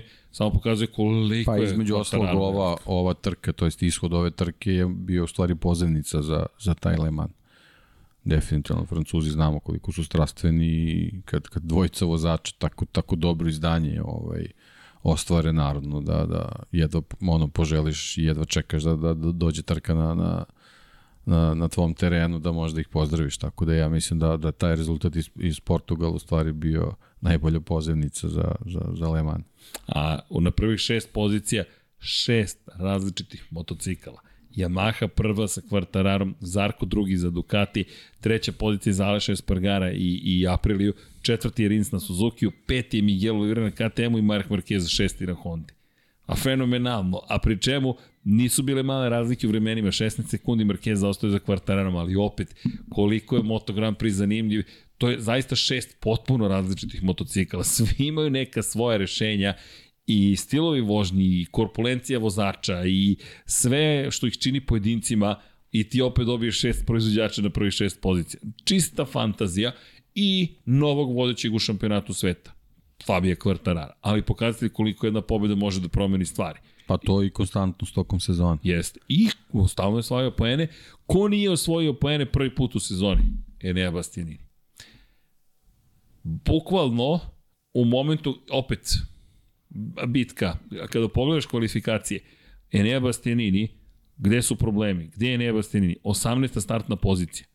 Ti moraš da se boriš sa začelja. Čim si ti 18. to su rizici. I to i znaš kako, već i u Moto dvojkama se nekako pokazalo da mu je Portimao onako možda slaba tačka, ovaj, ne možda kao Aragon ovaj, Fabio Quartararo, ali mislim da će, da će ovaj, u Portugalu, to jest na ovoj stazi Enea stalno imati problem. Ok, to je, zapamtimo, i ovo moramo da zapamtimo. Pazi, pamtimo, deki, mora se pamti.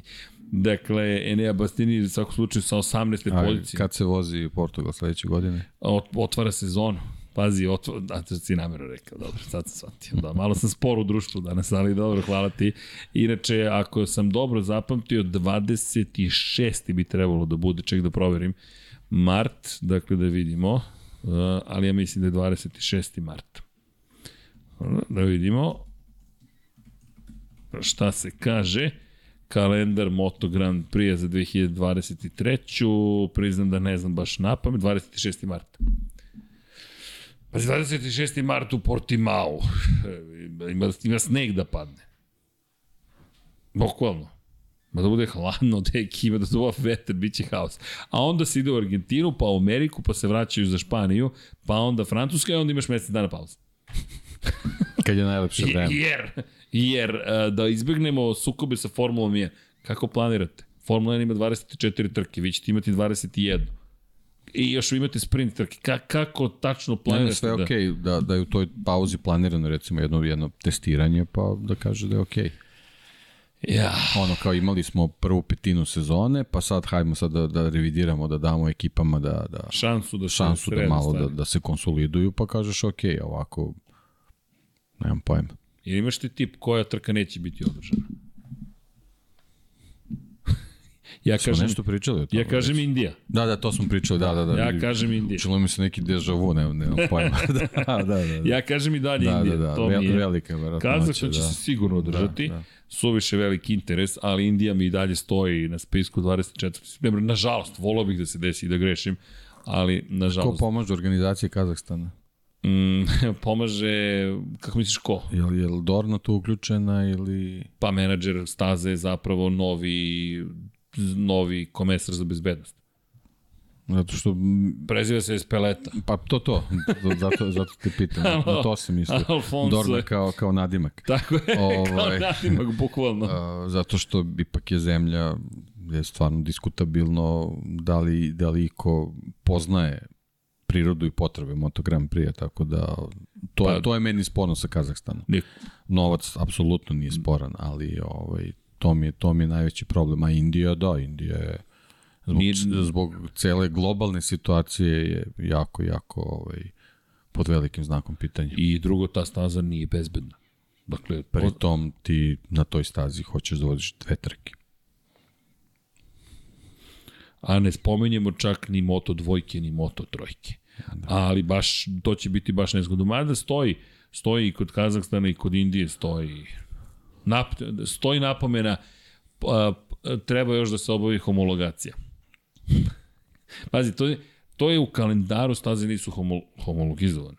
Dakle, homologacija nije završena, mi ih imamo u kalendaru kao zvanične trke. Kazahstan se će desiti, tu sam prilično siguran, ali Indija, to mi je baš onako ogroman znak pitanja. Kako god, Fabio Quartararo u Portugalu misli da je zaista pokrenuo šampionsku borbu. I pogotovo što je startovao sa petog mesta i uspeo da se izbori za tu vodeću poziciju, nadigra, već je tada postalo jasno, ćeš da pobediš Ducatije, start. Dakle, u kvalifikacijama očigledno više ne možeš ništa da učiniš, start. Mora da bude savršen. Taj ulazak u prvu krivinu i prvih par krugova ne sme da se zaglavi. I to podrazumeva rizik. Sve. Tako je. Jednostavno mora, mora da bude agresija, mora da rizikuje, to je sve ono ovaj, na primer, što je, što je kritikovan Joan Mir za, za svoj stil vožnje. I to je, to je, to je otprilike taj, taj neki uh, uh, vozača koji moraju da kvalitetnih vozača koji te nedostatke motocikala moraju da nadoknane na drugi način. Taj drugi način se zove agresivnost. I to je u I svakoj... To, je, to će jednostavno da, da nas prati. Pa da, to u svakom vidu automotosporta. Da. U Formuli 1, kada nemaš... Da, da, ali ovo je u Moto Grand Prix specifično zato što je takmičenje tako kako je i ta ta agresivnost stvarno podrazumeva prilično rizične manevre koji naravno ne, ne, ne ilaze svi na, na odobravanje, ali to je jednostavno nešto što oni ne mogu da, da izbegnu ako žele da, da, da se bore za šampionsku titulu. Ali Quartararo najzad tamo gde treba da bude. Međutim, isti broj poena kao Alex Rins. Isti broj poena, po 69 i za jednog i za drugog, 66 Aleš Espargaro, 3 poena od vodeće pozicije, ne odustaje Aleš Espargaro i Enea Bastianini tu sa 61, Joan Zarko 51 poen, negde tu vreba, pa Mir, Binder, Olivira, Miller i Banjaja, koja ima četvrtu trku završenu među osvačima poena, i dalje je peta pozicija najbolja, osmo mesto. Napominju ga s obzirom činjenicu da znamo da je bio šampion sveta na kraju sezone. Mark Marquez drugi put za redom šesti. Sad već, aha, da li taj povratak na stazu ima smisla, da, nema smisla. Mislim na prilično zahtevnoj stazi, tako Jeste. da... I dalje smo bili Da. nekako rezervisani, ali sad već vreme Ali nismo znali sve da teče. detalje. Tako je. Ali vreme čini svoje. Otešli smo u Španiju, Da, Jerez, četvrtina sezone gotova i sad u stvari praktično počinje evropski deo, pošto ovaj Portugal ćemo od danas pa nadalje računati kao Atlantski Grand Prix, posebno zbog perioda godine kad se održava. Sviđa mi se ovo. Velika nagrada Atlantik. da. Atlantide. ali, Da. ali Jerez nam donosi šta? Prvu pol poziciju Francesca. Donosi, donosi trke u Evropi i u stvari početak stvaranja Početak prave sezone, slike. da. Prave slike, da. Ali zanimljivo. Banjaja prvi, Fabio Quartararo drugi, Aleš Spargaro treći. Negde zapravo je odnos snaga koji je vladao tokom većeg dela sezone. Možda i Jerez nije tako loš za testiranje, možda tu dobijemo zapravo pravu informaciju. Ispred su bili Jacka Millera, Marka Markeza i Pa ne, zanimljivo je, zanimljivo je da eto, u toj nekoj novoj eri Moto Grand Prix dobijamo Jerez koji odgovara Ducatiju. Da, to, to je neverovatno. To je zapravo neverovatno. Da čak se i Casey Stoner mučio, evo opet, sa, sa trkama u Herezu. Ma sve i Ducati su se mučili. Bukvalno. I ti dođeš... Od, bukvalno od prošle godine mi dobijemo Jerez koji apsolutno prija Ducatiju. I to je Da. ta 2020. ta velika promena koja se desila.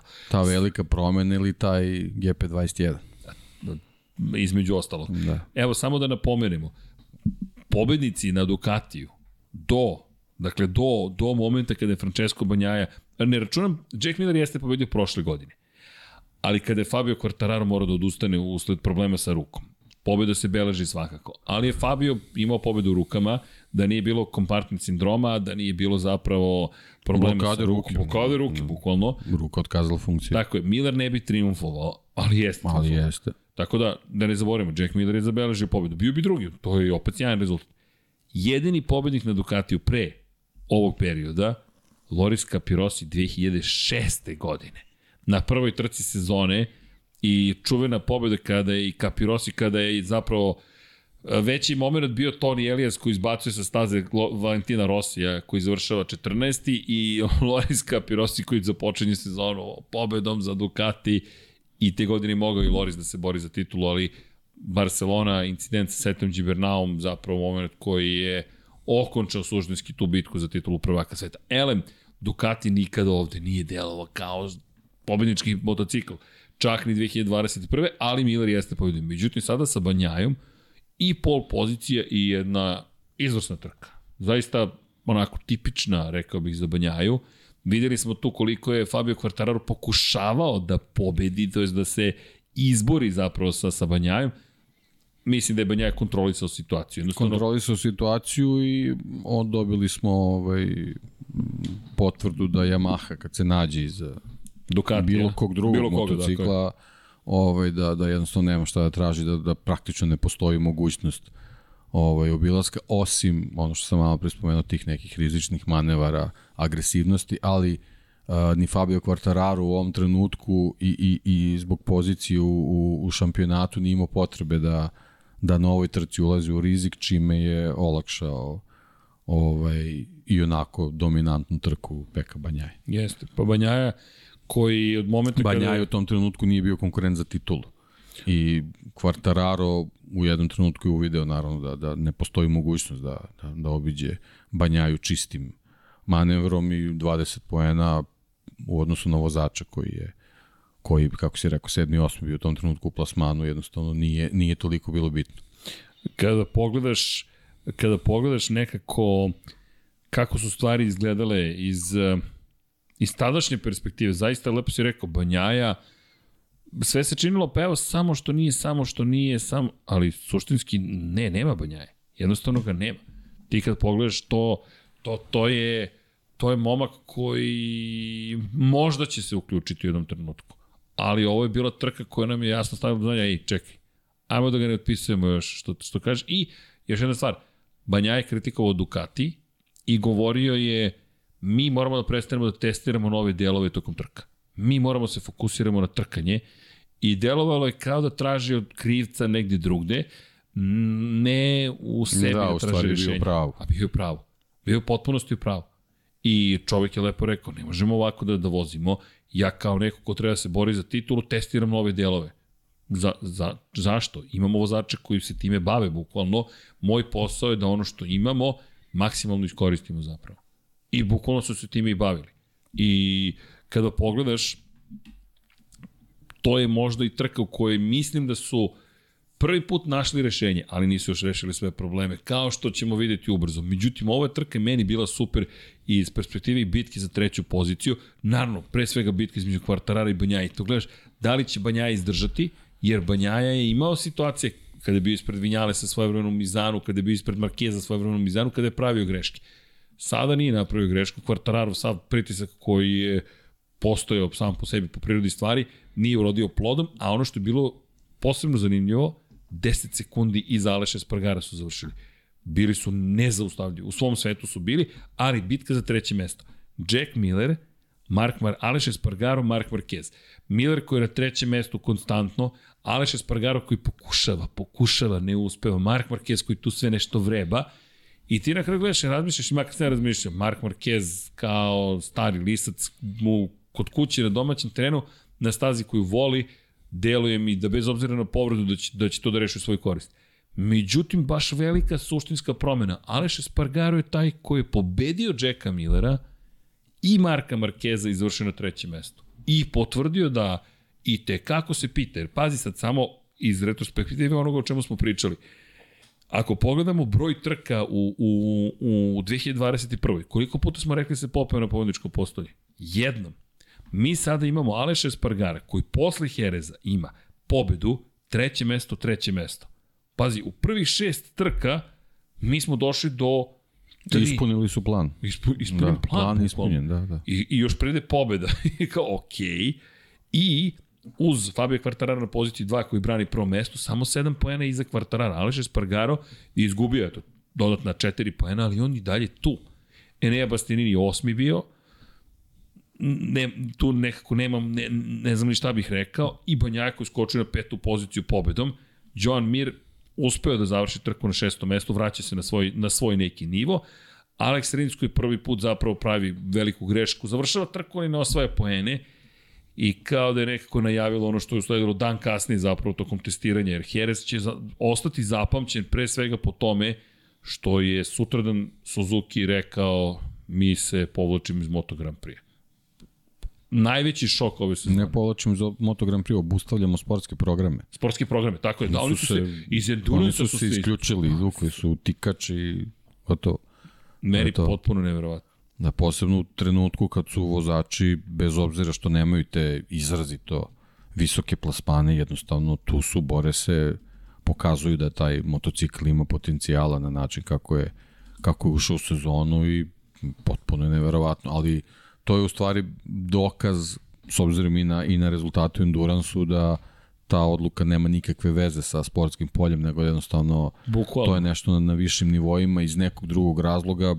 Vreme će pokazati, vjerojatno ćemo saznati, procureće sigurno neke priče zašto se to desilo, ali mislim da je to bio neki tektonski poremećaj u organizaciji Suzuki-a i oni su, poznajući te njihove filozofije kako to funkcioniše, jednostavno u trenutku kad je to ovaj, neko uvideo kao pravo rešenje za neku situaciju, za neku kriznu situaciju, oni su jednostavno rekli to je to i nema, nema nazad. Nema emocija, nema ničega, jednostavno to je ta odluka i gotovo. Ajde Moto Grand Prix nekako, ali da odustanu od programa Endurance. Da, to je to je indikativnije možda čak od Moto Grand Prix. Oni su Moto Grand Prix dolazili, odlazili, ništa to nije, ali, ali ova druga priča i naravno ona, ona kasnija priča da, da, da će uništiti te motocikle zbog tih nekih njihovih propisa i pravila, to je stvarno onako srce parajuće, ali jednostavno to onako nekako zaokružuje tu tužnu priču. Pa kao da je, kao da je moment kada kažeš, ok, to je to. Da, bukvalno. Da, kažeš samo, ok, završena priča. Jednostavno samo kažeš sebi završena priča. Jer je, ali baš je, što ti kažeš, baš je mnogo tužno. Ne znam, meni je to i, i, i, i više nego poražavajuće. Ne, kažem, mislim, to je, to je neka situacija sa Zukim na kojim smo navikli. Dolaze, odlaze, međutim, ovde je bio potpisan neki, neki ugovor o dugoročnoj saradnji, očekivali smo da budu tu, očekivali smo boljeg, e, pre svega Rinsa, Mira koji treba se vrati na, na, na, na neki na neki svoj nivo i pokaže taj kvalitet i onda se onda se dešava situacija da je to osim što smo što smo šokantno izgubili ekipu koja je svima bila simpatična u toj priči sa, sa, sa ta dva, dva svoje motocikla s kojima se bore sa ekipom koja je bila tu i Aleš Espargaro i, i Maverick Vinales i Andrea uh, Janone i čitava ta, ta ekipa koja, koja je koja je onako Silan Gintoli, ili tako? I, Jeste. I svi ti momci koji su tu stvarno su onako svojski trudili da, da taj Suzuki nekako u, u tom tom poslednjem stintu drže u vrhu i da, ne, da nekako napreduju i naravno kruna ta, ta mirova titula i, i, i, i sve šta se, šta, se, šta se dešavalo da bukvalno i oni preko noći budu, budu šokirani tim izjavama da dvojica vrhunskih vozača kakvi su Miri i Rins bukvalno u tom trenutku Nemaju posao. budu zatečeni jednostavno svi njihovi pregovori koji su tekli padaju u vodu i oni su jednostavno postaju vozači koji će morati da prihvate šta god budu dobili kao, kao ponudu, ali jednostavno nemaju izbore. To je, to je stvarno u tom trenutku onako delovalo baš katastrofično. To su najjeftiniji najskuplji vozači koje možda dobiješ. Tako je. Jer kao što si rekao, ti u tom momentu nećeš ponudu, ne, nisi u Moto Grand Prix. Jer kao što smo rekli, mi smo dobili dva dodatna motocikla u vidu ulaska Aprili kao fabričkog tima, u vidu prelaska Gresinija u redove Ducatija smo dobili dva Ducatija više zapravo, pošto smo izgubili dobili dve Aprili, izgubili dve Aprili, pa smo ostali na dve i dobili još dva Ducatija. Međutim, sada mi gubimo dva Suzuki-a, dva mesta manje. Dakle, nije samo, aha, mi ćemo sada da odemo negde drugde, neko dolazi na te pozicije. Ne, niko ne dolazi. Imamo umesto 24, 22 vozača.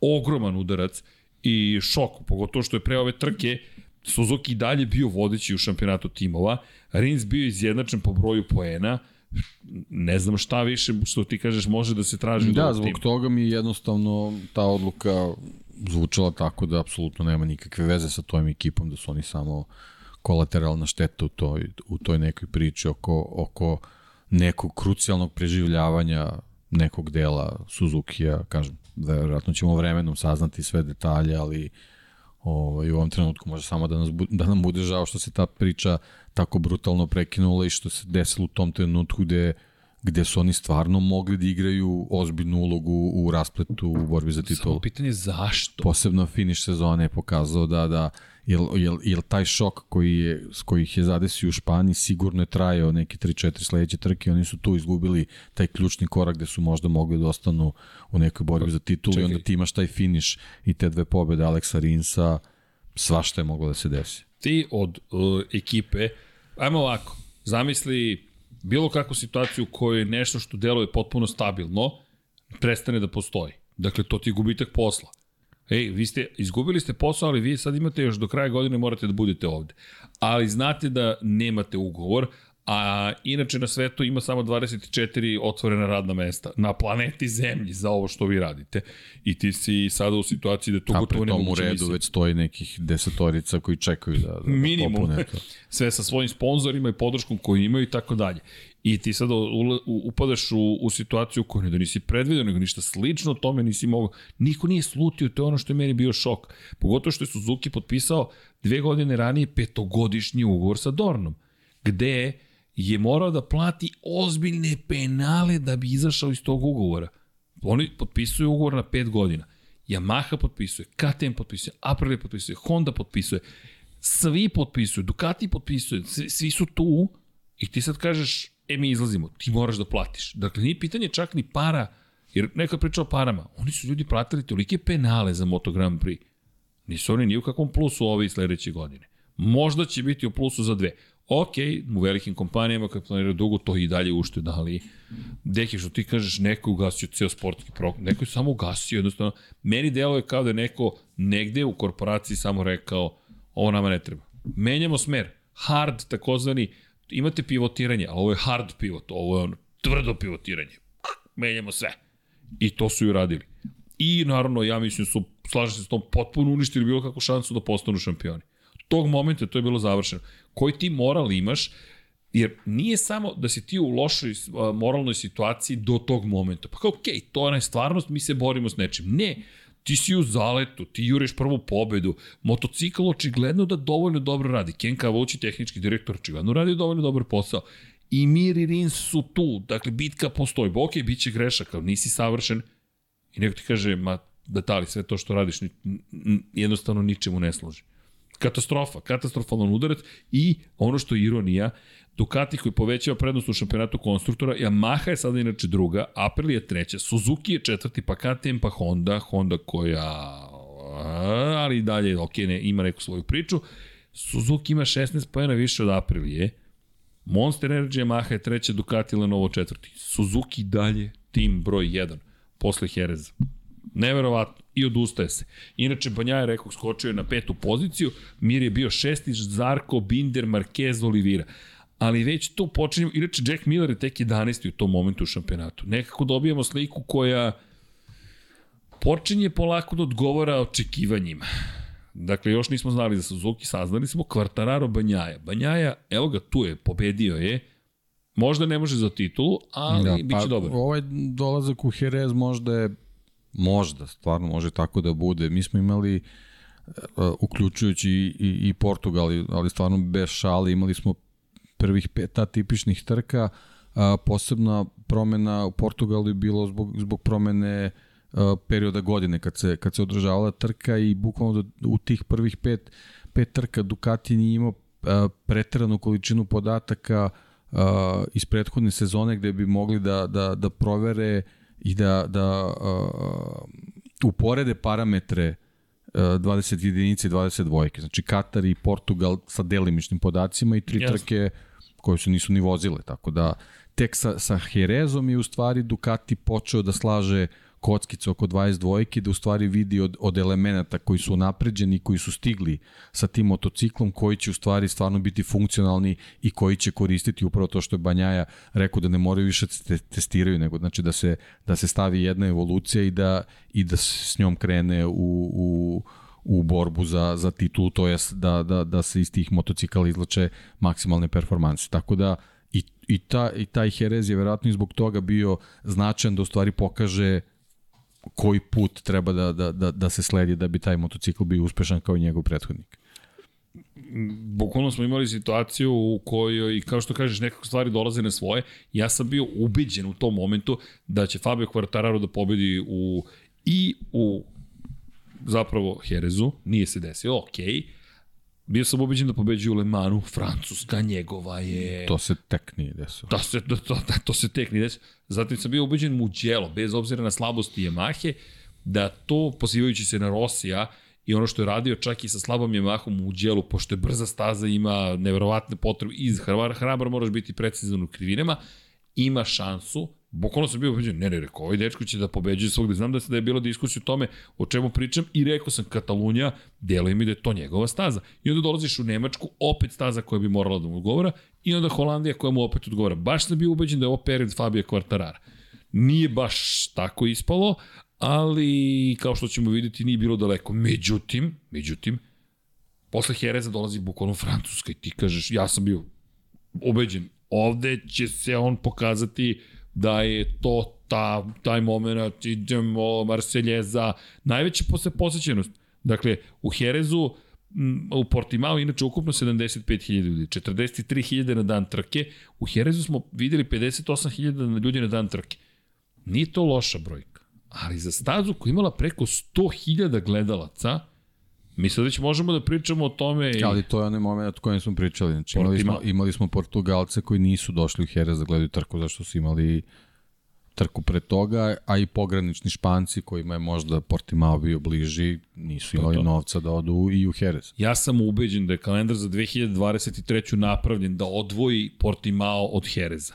Da imaš izgovor zašto idemo u Portimao, pa prvo trka sezone da organizatori trke u Portimao kažu, ej čekaj, mi vam prodajemo ulaznice za prvu trku sezone, dođite, ne samo Portugalci i Španci iz pograničnih područja, dođite svi da gledate početak odbrane titule za Francesca Banjaju, on no, slučaju, šta da, god. Da. Ali dođite Ili u Portimao. Oliveiru, Aprilija, Jeste, ludilo. Nova era, da. E, sprint prva trka u istoriji. I to, biće, i to, znaš, da, bravo, da, da sprint. Sprint. Zapamtit ću jednom da postoji, da. da, da, da, vidi silom prilika. Ali sve to ti je neka priča i onda e, idemo u Argentinu, idemo malo u Ameriku, pa ćemo da se vratimo nazad u Evropu. I do tada, pa jeste zaboravili već, ili ako su dobre trke, e, pa vratite se, vidite da je zabavno. I imaš mesec dana između Velike nagrade Španije i Velike nagrade Portugala. I dalje mislim da su potpuno pogrešno sklopili kalendar, ali okej. Okay, Dobro, ovo, vidjet ćemo, da. Vidjet ćemo, ajde, ajde, vidjet ćemo. Ovo, je, ovo, ovo se vidi da je, da je bila greška. Ovaj, Previše posebno što, što stvarno kilometarski Portugal, Španija i Francuska su jako mali trouga opravili i jednostavno koliko god te, te zemlje volele motociklizam i bili razvijeni i tako dalje i tako dalje baš je ovaj, loše jednostavno ne, ne postoji kapacitet da, da, da sve tri sva tri organizatora budu zadovoljni, posebno što su te staze onako prilično daleko od nekih drugih krajeva, a posle toga sledi trka u Italiji, gde naravno italijani isto, ako već meriš gde ćeš da odeš, naravno ćeš da odeš u Mugello, sigurno nećeš ići u Portimao ili, ili u Jerez. Tako da, ajde Le Mans još, ali Le, Le Mans... Je drugačiji. Da, nije, ne, nema on još taj kult, mislim da, da, da bi italijani poželeli sada da, da, da hrle u, u Le Mans. Ne još. Da. Ne još, možda, možda, ali za sada Da, da, da, ne. kažem, vidjet ćemo, vidjet ćemo kako se to slaže, ali jednostavno ovaj, ova, ova grupa trka, pa posle toga ti dolazi Barcelona, mislim, stvarno je teško očekivati da e, ali Barcelona... koliko god neko bio imućan da, da, da, da, da, ali to, to je neka Zato druga, neka druga, da, da, za septembar. Neka, neka druga, druga, neku drugu publiku da, to očekuješ, jasno, ali kažem koliko god su koliko god da su imućni ljubitelji motociklizma u toj regiji, mislim, stvarno je veliki broj trka za tipa dve plate. pa jeste, a Rosija nema. Tako to je prva tako sezona i dalje tako. bez Rosije. I Mark Ali moram, Marquez moramo da, da, da, da notiramo da su se tribini dalje prilično žutele.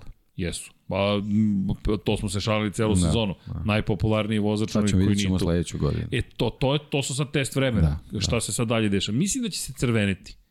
Da će se više crveniti. Ili ro, roziti. Pa to je sad, znaš, zanima me kako će izgledati zvanična oprema Enea Bastianinija u bojama Ducatija. Mi imamo, gde nam je, negde je ovde, kultna ova iz, iz, gre, iz Gresinije koju su jedva proizveli, dakle, dole je, da, dobro, tu tu je negde, ali da, imamo situaciju gde je Gresini jedva proizveo zapravo ro, robu za, za, za, za, za Eneo Bastini. Zatekli su se nespremni sasvim okej. Okay. Sve dešava se. Da. Uh, Elem, uh, kada pogledamo u svakom slučaju Le Mans, 110.000 ljudi na dan trke. Dakle, Asan je imao 104.000 ljudi na dan trki, to su jedine dve trke cele sezone preko 100.000 ljudi. Ali, stigo smo mi u Le Mans. S izuzetkom Fabio Quartarara i sa izuzetkom Francesca Banja, ja zaista čak ni uz ovu konzistentnost Aleša Espargara. Nisam video dvojcu igrača koji su igrača. NFL mi u glavi, okej. Okay. Zatrovan sam američkim futbolom, manja. Dakle, Bio sam, a?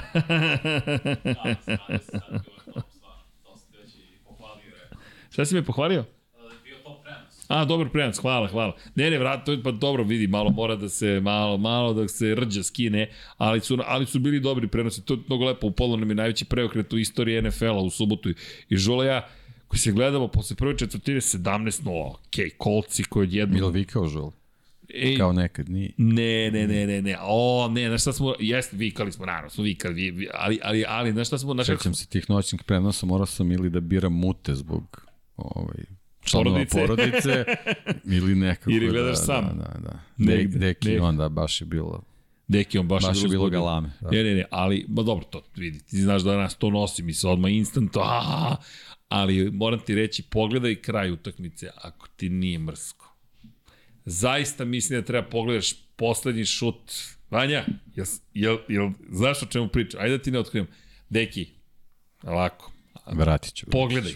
Imaš razloga, mislim da ćeš biti ponosan i na Žuleta i na mene. Elem, odo smo mi ljudi u Le Mans, odo smo mi u Minnesota zapravo sada, ali dolazi Le Mans, 27 krugova, čuvene Bugatti staze, u tom trenutku, dakle, na poziciji broj 1 u šampionatu Fabio Quartararo, je li tako? E, samo da vidim koji su poeni. 7 poena prednosti u odnosu na Aleša Espargara i Neo Bastianini. Ali, šta htio da reći? Banjaja i Quartararo neko se izdvaja. Rins i Mir skeptičan sam. Šokiran, Šokiran. da. Dakle, to je knockdown, bukvalno, u kojih ti bacaš. I niko se ne izdvaja. Ako pogledaš, Jorge Martin je tek 13. Jorge Martin je prestao da osvaja poene. Odjednom je Jorge Martin daleko zaboravljen, 61 poen zaostaje u šampionatu. Izgubljena je priča. Joan Zarko, teško mi baš da poravim. I KTM polako počinje da pokazuje da Pa to je, došli smo u Evropu i, To i to. otprilike te, te loši utisci, to jest pogrešni utisci sa ovaj, predsezonskih testiranja se, Sve više dolaze se do pokazuju, izražaja. dolaze do izražaja. Tako je. Jednostavno da, da ta testiranja u stvari nisu nam ništa pokazala. Tako je. Ej, čekajte, ljudi, odrite like. Odrite like kad ste već sa nama. Družimo se, mi ovo volimo, to znate, dakle, mi ćemo nijednog momentu završiti. Zamislili smo hteli cijelu sezonu. Ha, ha, samo uvod je trajao jedan sat. zamišljam. Bolje da ne. Elem, ali ovo je ne brini sedma trka e, sezone. Tako da, u, u, pazi, ovo je vrlo zanimljivo. U ovom momentu stvari izgledaju mnogo dobro za Fabio Quartarara, kada se bude završilo sve ovo. Pa Ali, mnogo dobro izgledaju nekako Bolje. očekivano, da Očekivano, kažem. ajde, ne Očekivano, mnogo dobro, očekivano. pravo Da. Ja sad ne znam kako je on pravio predikciju na početku godine, ali mislim da je, s obzirom da su svi imali predznanje oko, oko kvaliteta Ducatija, mislim da je on rekao kao tu desetak bodova prednosti To u je to. prvoj trećini, to je sasvim okej, okay, to će se pretvoriti u nekih 30 40, u stvari, bitno ti je da, da, da uđeš u završnicu sezona da imaš bar pobedu prednosti. Eto, to, Ali- je, to, je, to je pokazalo, to su pokazale neke sezonu dve pre toga da, da je to sasvim, sasvim okej za, za, za ono, situaciju da se, da se lakše diše i da možeš čak da praviš neke kalkulacije. Tako I- da mislim da je on u ovu trku ušao Opušten. onako prilično opušten e, i potpuno je verovatno zaboravio na te neke poteškoće koje ima se Yamaha. I ima bitna još jedna stvar. Koji je jedini vozač koji je imao višestruke pobede? To jest više od jedne pobede. Njegovi rivali, suštinski glavni rivali nisu ni blizu bili je, konzistentnosti. tako je. Samo je Nea Bastianini koji je opet iznenađenje, gde i ti ja se pitamo pa dobro, ok, možda će biti još neka pobeda do kraja sezona. Ne, ja sam već tu, tu sam on bio uveren da, da, da, da postoji velika mogućnost za, za još neku pobedu, ali ga nisam, nisam ga čak gledao ni na taj način kako se ispostavilo da jeste da, da će imati te velike uspone i padove, nego jednostavno ono, ne, ne postoji kalkulacija da on ostane U borbi do- za titulu. U borbi za titulu. Znači, 3-4 pobede, to je okej, okay, ali to je, to je 100 bodova, to nije nije neka cifra s kojom možeš da računaš ne znam šta. I otprilike se ispostavilo da, da, da je tako i bilo. Da, ali opet u Francuskoj mi dobijemo potpuni šok. Da. Par stvari. U kvalifikacijama Banjaja sjajan. Da. Sjajan. Pol pozicija.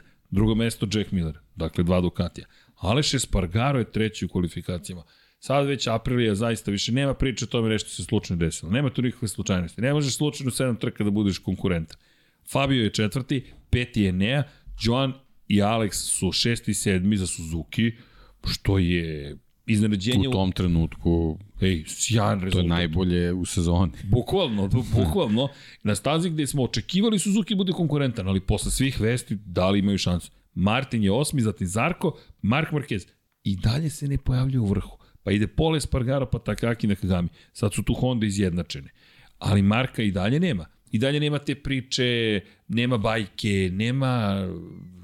Znamo da je povređen, ok, i dalje ne znamo koliko. Mi smo za rotaciju ruke saznali tokom sledećeg trkačkog vikenda kada su sazvali tu posebnu konferenciju za medije, ali Banjaja deluje kao da ok, polako se dolazi do onoga što smo rekli. Do, dobijaš taj imidž Ducatija koji, koji je očekivan. praktično. Tako je. I sad, trka. Sama trka u kojoj mi vidimo Francesca Banjaju koji je na poziciji broj 1.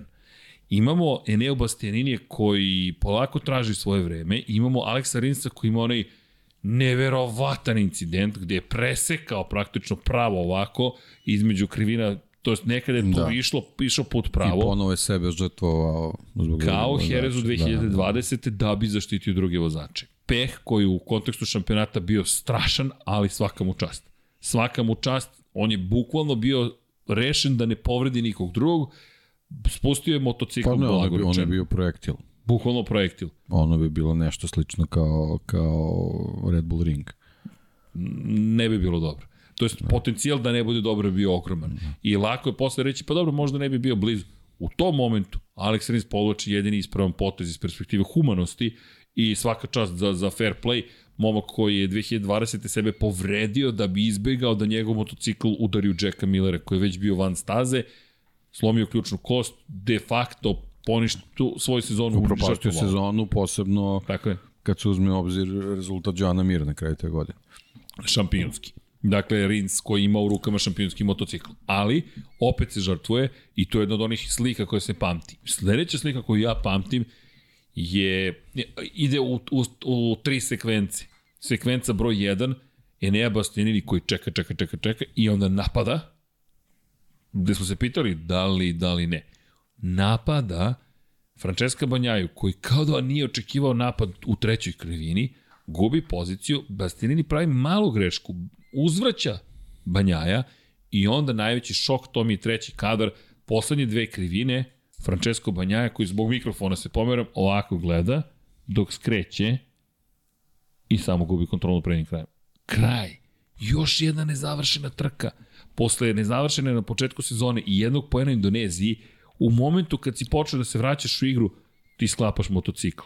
A treći I uči, put... I uči ogromnu lekciju. Tako je. Uči, zapravo, možda je to lekcija broj 2, imao je 3 ove godine. Prva je početak sezone, čak ne ni pad koliko od priče sa Ducati. Moramo da se fokusiramo. Druga je ovo i zapravo kada vodiš pa iza tebe razmišljanje o onima iza tebe i onda dolazi Nemačka gde je bio to ključni moment zapravo gde je kulminirala njegova edukacija. Ali on pada i daje Bastianiniju čist Da, i dobijamo, uz tu priču o Banjaji, dobijamo nešto što može da se kaže Rosijev stil, ali ja bih to nazvao Enein stil. Znači, ove, ove vrste pobede više nisu slučajne, on je vozač koji, koji ume da, da ovaj, uh, radi management pneumatika tokom, tokom trke i da i da oseti kad je, kad je trenutak da, da krenu tempo koji, koji mu donosi pobedu. I razmišlja. Razmišlja, to je ono što je mene oduševilo, ovaj dečko razmišlja. I ti vidiš nekoga ko baš koristi glavu i koristi taj GP21 do maksimuma, ali deki. Sedma trka sezone, tri pobede su Bastianinijeve. Mislim da smo pričali tada u podcastu, sećam se tih rečenica, 50% uspešnosti će uskoro imati. To je neverovatno. Niko nema više od jedne pobede, e ne, ih ima tri on je privatni vozač, to je vozač privatne ekipe i sad čekaj, legitimno pitanje, hoće ovaj dečko da osvoji titulu, šta je sad ovo? On se vraća na 8 poena za ostatka odnosu na kvartarara, 4 iza Aleša Espargar, Aleš koji treći, treći put za redom, Aleš koji ima fenomenalnu trku još jednu, čekaj sad, to, ovo sad... Da, i Kvartararo koji na svom svom, svom terenu svom terenu više ni ne zna komu je rival za, za titul.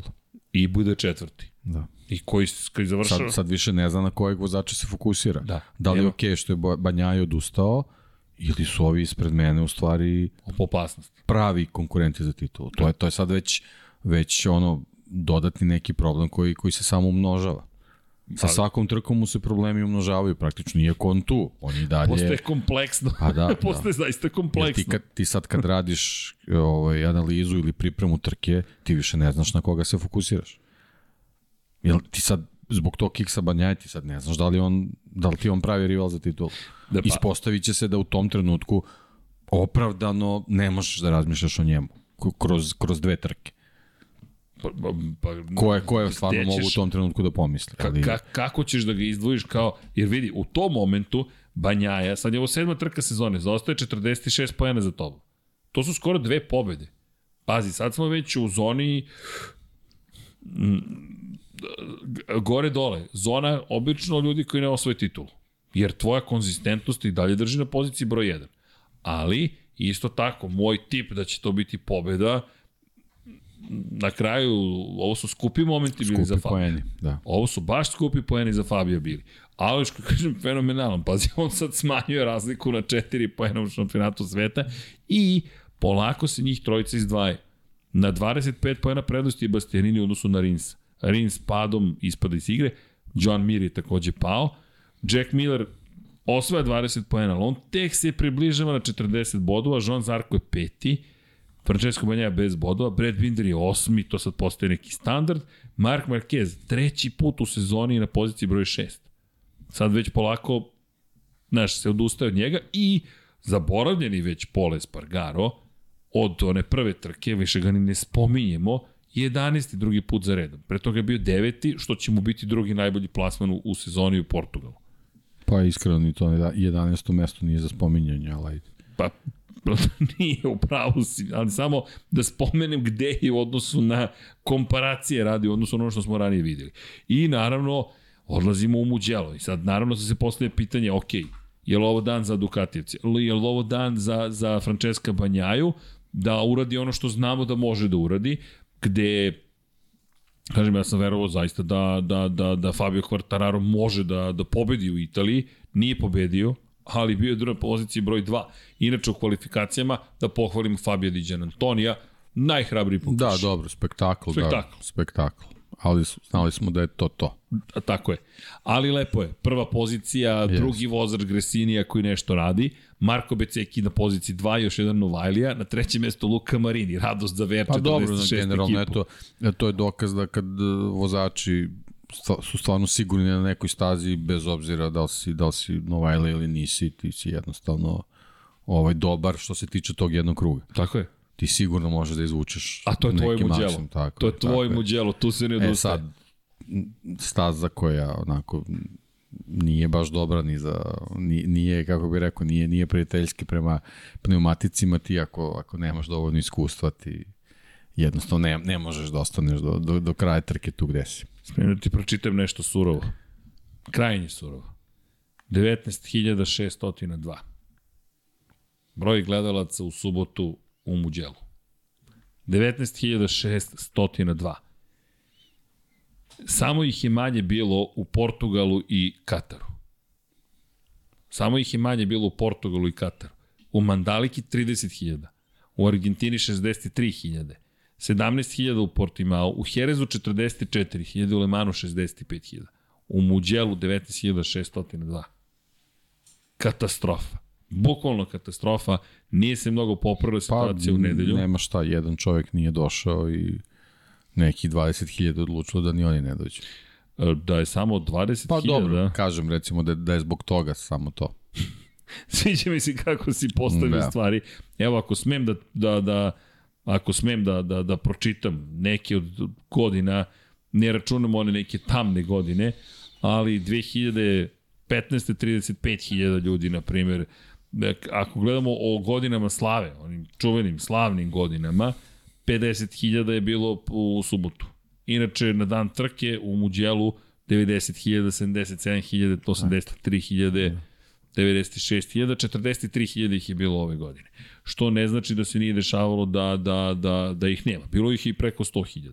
Ali Muđelo, uz svo dužno poštovanje prema Muđelo, ne mogu da kažem da je najvernija publika kroz istoriju, kroz istoriju motociklizma, ona je imala svog superheroja, Valentina Rosija i... Pa ne, to znači, to. Taj, taj trenutak u 2022. Nemaš svog superheroja i ne vidiš ko će iz Ducatija bilo šta da uredi. Zašto bi Zašto ti došao, bi došao na tu trku? Tako je. I da pohvalim Le Mans, sad evo, evo vam primjer iz 2016. godine Le Mans. 70.000 ljudi u subotu. 99.000 ljudi u nedelju. Francuzi vole automotosport i ti vrhunski događaji su ispraćeni. Ja se sjećam, mislim da je to bila 2006. Uh, Renault svetska serija kao glavni događaj dana.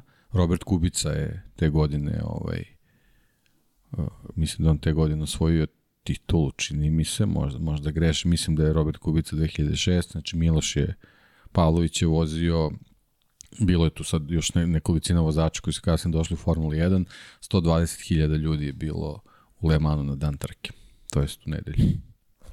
To je ljubav prema automotosportu. Ti, možda misliš ti, ti mladi momci u tom trenutku koji su, ovaj, koji su vozili kako to deluje kad, kad dađeš na, kad na startni grid, ljudi. imaš pun, punu tribinu kao da se vozi 24 sata Le Mans. A, izgleda fenomenalno, pa nema šta, samo kažeš hvala. samo kažeš bukvalno hvala i voziš najbolje što možeš. Ali prosto, poređenje radi, eto, tako neke stvari. Inače, Red Bull Ring je dosta posjećen, topla preporuka kad nema već Brna. Brno koji je bio najspektakularniji moment koji možete da doživite. Stop, zna, bili smo na trci, inače 2011. prenosili, zapravo nismo tad prenosili, nismo imali kamionu, smo bili na trci. 155.400 gledalaca na dan trke. 155.000 ljudi. Brno, majest, da, magično. Ovako odeš sa staze. A, bu, a odeš bukvalno, sve je urađeno kako treba. Šteta što, ogromna šteta što nema Brna, ali to je neka druga priča. LM... U... Da, za njega bi sigurno bilo mesto u ovom kalendaru sa ovoliko trka, ali to je to je sad već do organizatora, sad, nije do Dorne. Nije do Dorne. Ironija puta, zaista nije. Ovo nije do Dorne, ovo je da. do svađe ko će da reparira stazu. Jer u jednom trenutku su došli do stadijuma da nisu mogli da se dogovore na nivou republičke vlade, da tako, tako nazovem, i, jel te, države, i onda su došli regije, regije zapravo, ko će ovo da plati, e, nećemo mi, nećete ni vi, neće ni oni, neće ni ovi, neće ni oni, na kraju su došli do toga, neće niko da plati. Okay, nema vas u kalendaru Moto Grand Prix. Katastrofa. Potpuna katastrofa. LM u Muđelu pred 19.602 gledalca na poziciji broj 1 našao se ni manje ni više Fabio Di Gian Antonio. Diđi, kao što se rekao, znali smo da to neće biti to. Inače, prvih pet pozicija, pet Ducatija. Zarko je bio četvrti, peti je bio Banjaja, šesto mesto za Fabio Kvartarara, Aleš Espargaro sedmi i dalje je tu i za prvi i za Yamaha i pet Ducatija. Takaki Nakagami Pole Spargaro. Ok, Honda je odjednom ponovo tu. Enea 10. pa Mark, pa Jack. Tu stajemo. Kao što smo rekli, ajde da pohvalimo Mikele Apira, 13. pozicija, čisto probni vozač koji živi u Muđelu i Mizanu, otprilike na toj relaciji. Zapravo on živi u trouglu, uh, to bi kako da nazivamo, bolonjski trougao. Bolonja, Muđelo, Mizano i tu se otprilike vrti u krug, tu živi i testira neprekidno. Ali, kada je reč o samoj trci, vratimo se na samu trku. Ali ja pretpostavljam i to njegovo pojavljivanje je jako važno za neki dalje napredak jeste, Ducatija. Jeste. Tako da i to treba uzeti u obzir zbog neke situacije koje će dešavati u nastavku sezone, da se baš u tom trenutku tog, tog nekog povratka Ducatija i Michele Piro nađe u, u, u trkačkim uslovima da isproba nešto što već mora da isproba za kasnije. I ko nije završio trku? Pole Spargaro, John Mir, Alex Rins i Enea Bastianini. Da, šok, šok za Suzuki i dalje traje. Pole Spargaro, naravno, tražeći nešto što ne može da pronađe na, na, na Hondi. To, to se vidi se, vidi se i, i vidi se tad se videlo i, i govorom tela njegovog kad mm -hmm. je mhm. pao i da su tu ovaj, neke poteškoće ponovo ono imamo situaciju da, da ne vidimo padove vozača Suzuki oni ponovo nisu u prvom planu i tako dalje, ovo, eto je ne, ono, toplo, hladno nastavlja. Posle tu svoju priču, da. Na domaćem terenu. Da. Gde ti treba... Mnogo, mnogo bodova izgubljeno zbog nestrpljenja. Eto, ponavljam ono što Opet. sam rekao na početku. Da. A to je drugi pad u četiri da. trke. Da. Tako ne možeš da budeš šampion sveta. Tu, ja mislim da je u ovom periodu i pokazao da može da bude šampion sveta i ostao bez šanse za titulu. Bukvalno u ovom periodu, jer da je to... Da, iako je posle bio blizu, to je to je pokazalo da tako ne može. Tako da, da, da. to je, baš se videlo da ne može, a Francesco Banja je zabeležio još jednu pobedu. Sad imamo novog višestrukog pobednika. Fabio i dalje ima samo jednu pobedu, ali Fabio je manje od jedne sekunde na kraju trke u Muđelu u odnosu na Banjanju. Dakle, mi imamo reprizu manje više Hereza. Nije identično, ali Fabio je odlično. Da, ali, ali tu se vidi u stvari koje on napore ulaže da bi bio tu zbog plasmana ostalih vozača Yamahe. Uh, Derin Binder, najbolji sledeći Yamahin vozač na poziciji broj 16. Na poziciji 16, ispred Franka Morbidelija, koji je 17. i Andreja Dovicioza koji je 20. Ili ti potpuna katastrofa. Bukvalno, Fabio Quartararo zlatnu medalju da mu daju posle svake trke u Yamahi, Inače, Aleš Espargaro je bio treći u ovoj trci. Dakle, četvrti put za redom je Aleš Espargaro treći. Mi sad uveliko pričamo o tome, ok, Aleš ako ovako nastavi, ko zna dok li može, ali mu treba ono što se nije desilo više do kraja godine. Pobeda mu je bila potrebna. Pobeda! E, to je ono što nisu rešili. Zarko bio četvrti, pa Marko Beceki, sjajni Novajlija. Inače, negde u duhu onoga što je rekao, volim brze staze i kada dođemo na brzu stazu pratite Marka Beceke, pogotovo sada u 2023. uz iskustva koje je stekao, Marini šesti, vrlo lepo, u 4 sekunde odnosno na pobednika i Binder je takođe tu. I onda na Kagami, Olivira Marquez, deseti Marquez. Mnogo je bitan Mugello iz perspektive Marka Markeza. U četvrtak popodne, mislim da je bio četvrtak, nije bio petak, Mark Marquez saziva konferenciju za medije, na kojima nam saopštava da, na kojoj nam saopštava uz prisustvo svojih roditelja u publici, koji nisu na konferencijama za medije. Julio još i možete da sretne mamu, da sretnete, to je baš iznenađenje, koji govori, možda je ovo moja poslednja trka, idem na manevar, još, ne, ne manevar, idem na još jedan zahvat koji će biti zapravo sproveden u Americi, Sjedinim američkim državama, idem na operaciju za potencijalno rešenje mog problema za koji su mi rekli da operacija nije više moguća, a lekar koji planira da me operiše kaže da je to za njega rutinska operacija. I ok, opet, znanje, znanje, znanje, znanje, odlazi u Sjedinjene američke države i mi u tom trenutku nemamo predstavu da li će to biti uspešno ili ne, možemo sada već da nema potrebe za lažnom dramom, izuzetno uspešna operacija, ali u tom momentu vrlo tmurna atmosfera u Moto Grand Prix kiša pada u subotu, malo je gledalaca, Mark Marquez možda vozi poslednju trku, Valentino Rossi je dobio trofej na način na koji zaista ne priliči. Dorna ga je pozvala otprilike da pokuša da privuče publiku. Možeš da dođeš Valentino koji dolazi u Bermudama, čak nije ni brendiran čovjek za koga naš dragi prijatelj Igor Jankovski kaže da je to najbrendiranija osoba na planeti Zemlji. Pozdrav za Igora. I Rossi se pojavlja u majici od tipa euro i po otprilike i uzima trofej i imamo i taj snimak, to sam mogu ti pošaljem, izvini Vanja, to je zabavan snimak gde, gde jednostavno ovako daje svoj trofej učiju i evo, otprilike nije ni bitno šta sam to dobio danas, u sred svog muđela i sad u sve to Mark Marquez koji nam govori, ej, možda je poslednja trka. Baš je onako čudan moment bio, moram priznati. I pomislio sam u nedelju, bit će bolje, možda doći će ljudi, ni, ni, ljudi nisu došli. 43.000 gledalaca bolje, ali da citiram ženu iz lokalnog kafića, Mugello e Valentino Rossi. I ona koja, jer turizam je samo ovako, propao. Jer Mugello je takođe, to jest izvinjam se, trka je privlačila ljude u region Firence ali ne Firenze Firenze koja je na 20 km već u region oko Muđela. Skarperija, sve te inače krivine koje vidite, Kazanova, Saveli, to su se oca zapravo gradići koji pa, su nalaze kao i u Monci. To je to. I iz te perspektive mi dobijamo dakle, jedan vrlo težak, mučan vikend gotovo, uprko sjajnom trkanju, jer pitanje je, sveća se da su Marko Markezu i Diđan Antonio, Vinjales i svi prilazili da ga pozdrave, jer ko zna, možda je to to. Srećom nije to, ali u tom trenutku baš stvari ne izgledaju kako treba. Da, i zbog toga je onako veliko iščekivanje za 23. šta Banjaja i Bastianini mogu da urade povodom poziva publici da, da napune mu djelo. To će biti izazovi za njih dvojicu, a i otprilike neki test kakvi su im kapaciteti po tom pitanju. Da, to je, e, to je sad zanimljivo. Zapravo, to ovo je sada baš pravi test, ali ja mislim da će biti puniji. Mislim da će biti veseliji pre svega Mugello, jer nekako mi pa deluje... dobro, ima, ima dosta trka pre. Tako da... Taman, misliš da se zagraju da, stvari? Da, da vidimo da kako će pre svega da bude računica u šampionatu, pa da... Mislim da je jako važno da, da bar jedan od njih dvojice bude u vrhu. Onako, prva pozicija u šampionatu, da bi to bila, da to bude pozivnica za Mugello kao što je ove godine ovaj, kako su Zarko i, i Quartararo u, u Portugalu pozvali Francuze da napune Le. Ako smem, Vanja, da ti pošaljem nešto, moram da pošaljem, pošto u Muđelu se svašta dešavalo. E, poslaću ti na Slack dve fotografije i jedan video. E, čekaj, evo ga, u Lab 76 kanal ti šaljem.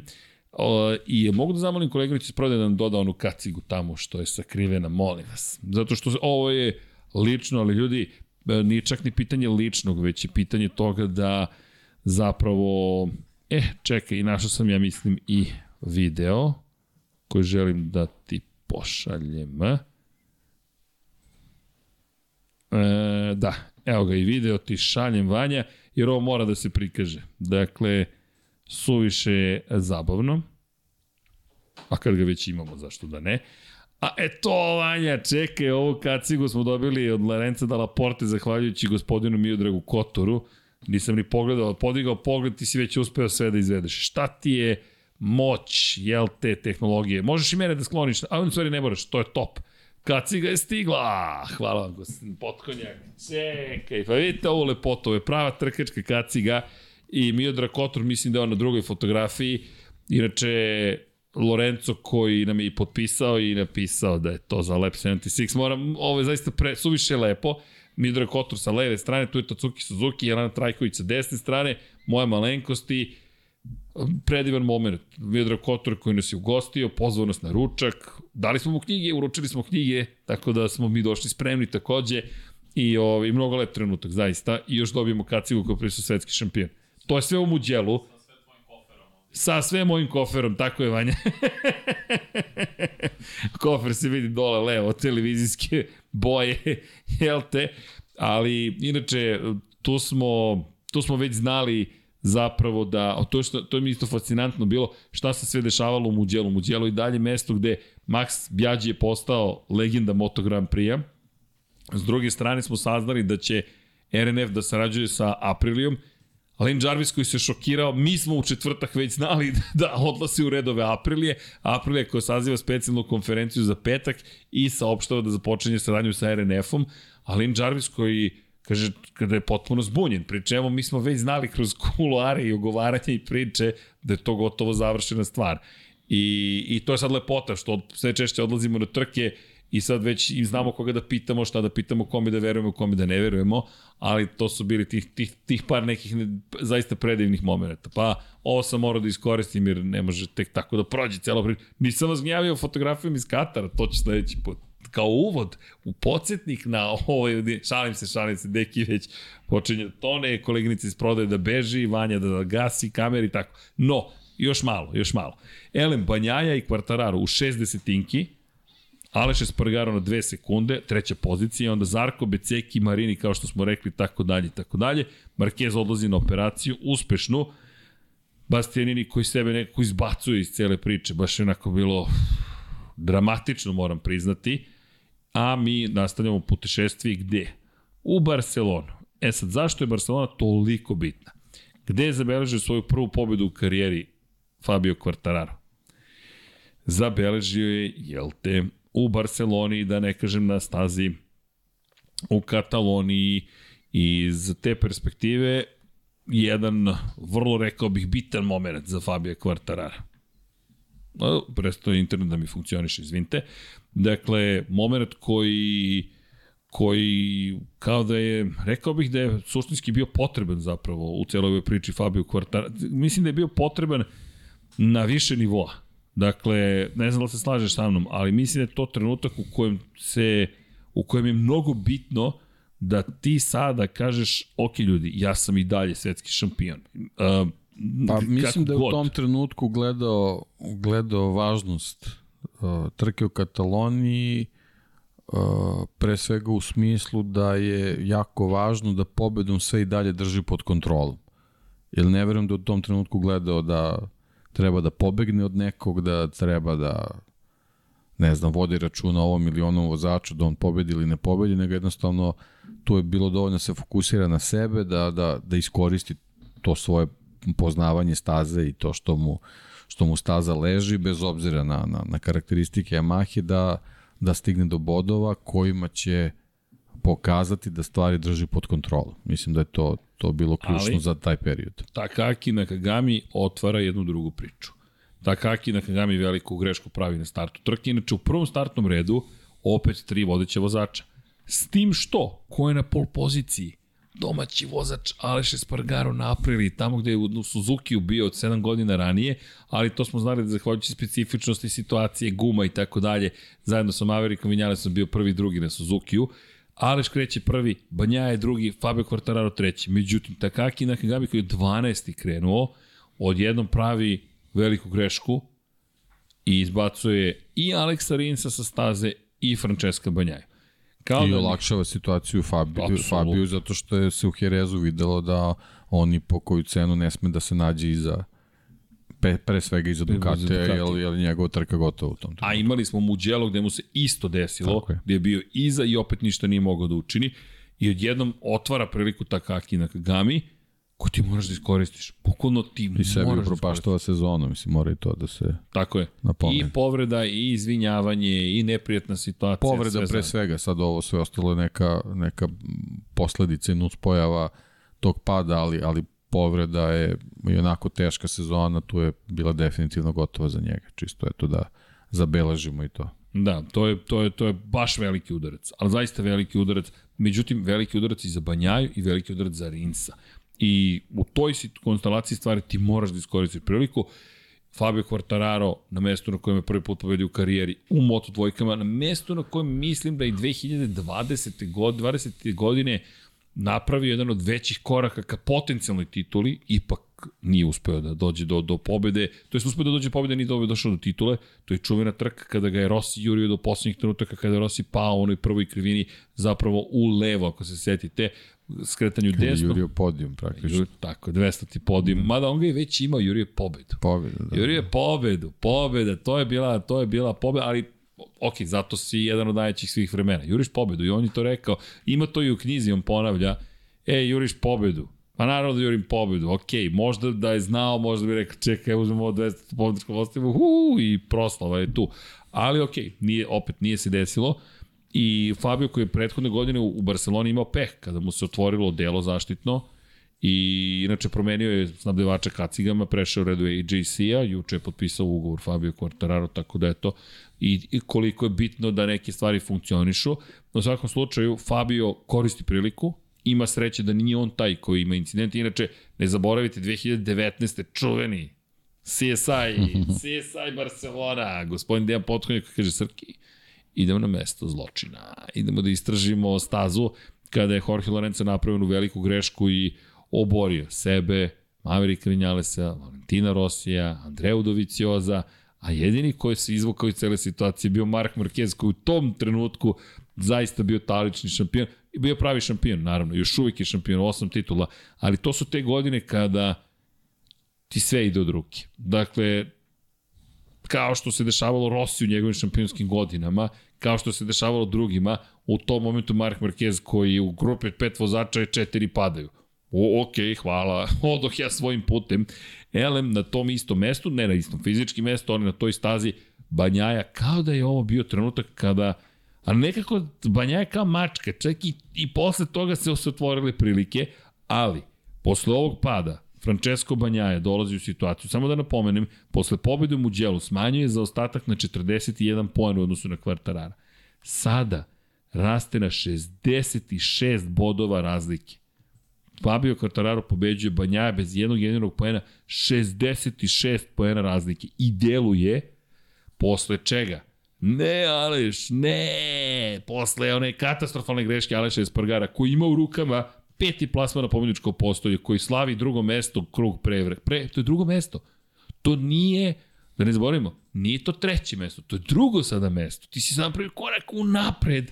Imaš 20 pojena u rukama, ti slaviš krug pre vremena. Ali moram, moram da priznam, ja sam u prvom trenutku gestikulacija mi je pokazala da je nešto nije u redu s motociklom. Zaista nisam pomislio da, da slavi. Ja, ja ti moram priznati kako je spustio glavu, prva reakcija mi je bila ha? uh, problem i onda kad je pogledao u nebo, pomislio sam, ne, ne, on slavi. I Džanki koji me gleda i isto slavi ili ja kažem ne znam, ali sam siguran da slavi na osnovu ove reakcije. Zato sam i počeo da vičem ne. I, i znaš ko mi je prošao kroz glavu? Julian Simon. Na istom mestu. pobedio sam, a pored njega je skadrila. Odošli ljudi. I Julian Simon koji je ovako, šta bi? Ok, spuštaj glavu. Ali problem je u semaforu, problem. Zato što kada prođete liniju cilja, koja je mnogo ranije, dakle vi prođete imate ogroman toranj u daljini, koji je odbrojao sada poslednji krug i on ispaci nula. Zato što on smatra da je to sada već si završio, ti si ušao u poslednji krug i nemaš krug do kraja, nego imaš 0,9 krugova do kraja i on ti prikaže nulu u daljini. I Julian Simon je pogledao gore, nula, ho, ho. Aleš Espargaro je pogledao gore, piše nula, ho, ho. Ostali su gledali gde je zastava, nije bilo zastave i devet velikih Zato pojena. u američkim sportovima postoji bela zastava. Eto, ako, ne, ako bi nešto trebali da uvedu, to je to. To, to uopšte nije loše, da, da. Bela zastava. Ovde bela zastava označava da možete da počnete menjati motocikl jer pada kiša. Zamisli da vam pokažu belo. O, ok, ja da menjamo motore. Ali da, činjenica to je velikih 9 pojena. Ja mislim da se od tog momenta suštinski nije oporavio. Samo moje mišljenje. Holandija opet nekako peh, ali to je bilo na bes. Ali... Pa verujem da, da je u nekim noćnim orama da je bilo to sigurno. Jer pazi, nikad nije uspeo u Kataloniji da dođe do tog uspeha. I on sad uspeva najzad, posle decenija, agonije, da nešto učini u Kataloniji. I on i njegov brat svaki put su padali u Kataloniji. Dakle, to je Pol, u Didem je Pol, evo ga, 15. u šampionatu, bez poena je završio trku. Agonija za braću Espargaro. Agonija, oni su granod, jer su bukvalno rođeni 7 km odatle i ti ostaneš bez plasmana na pomoćku postolja.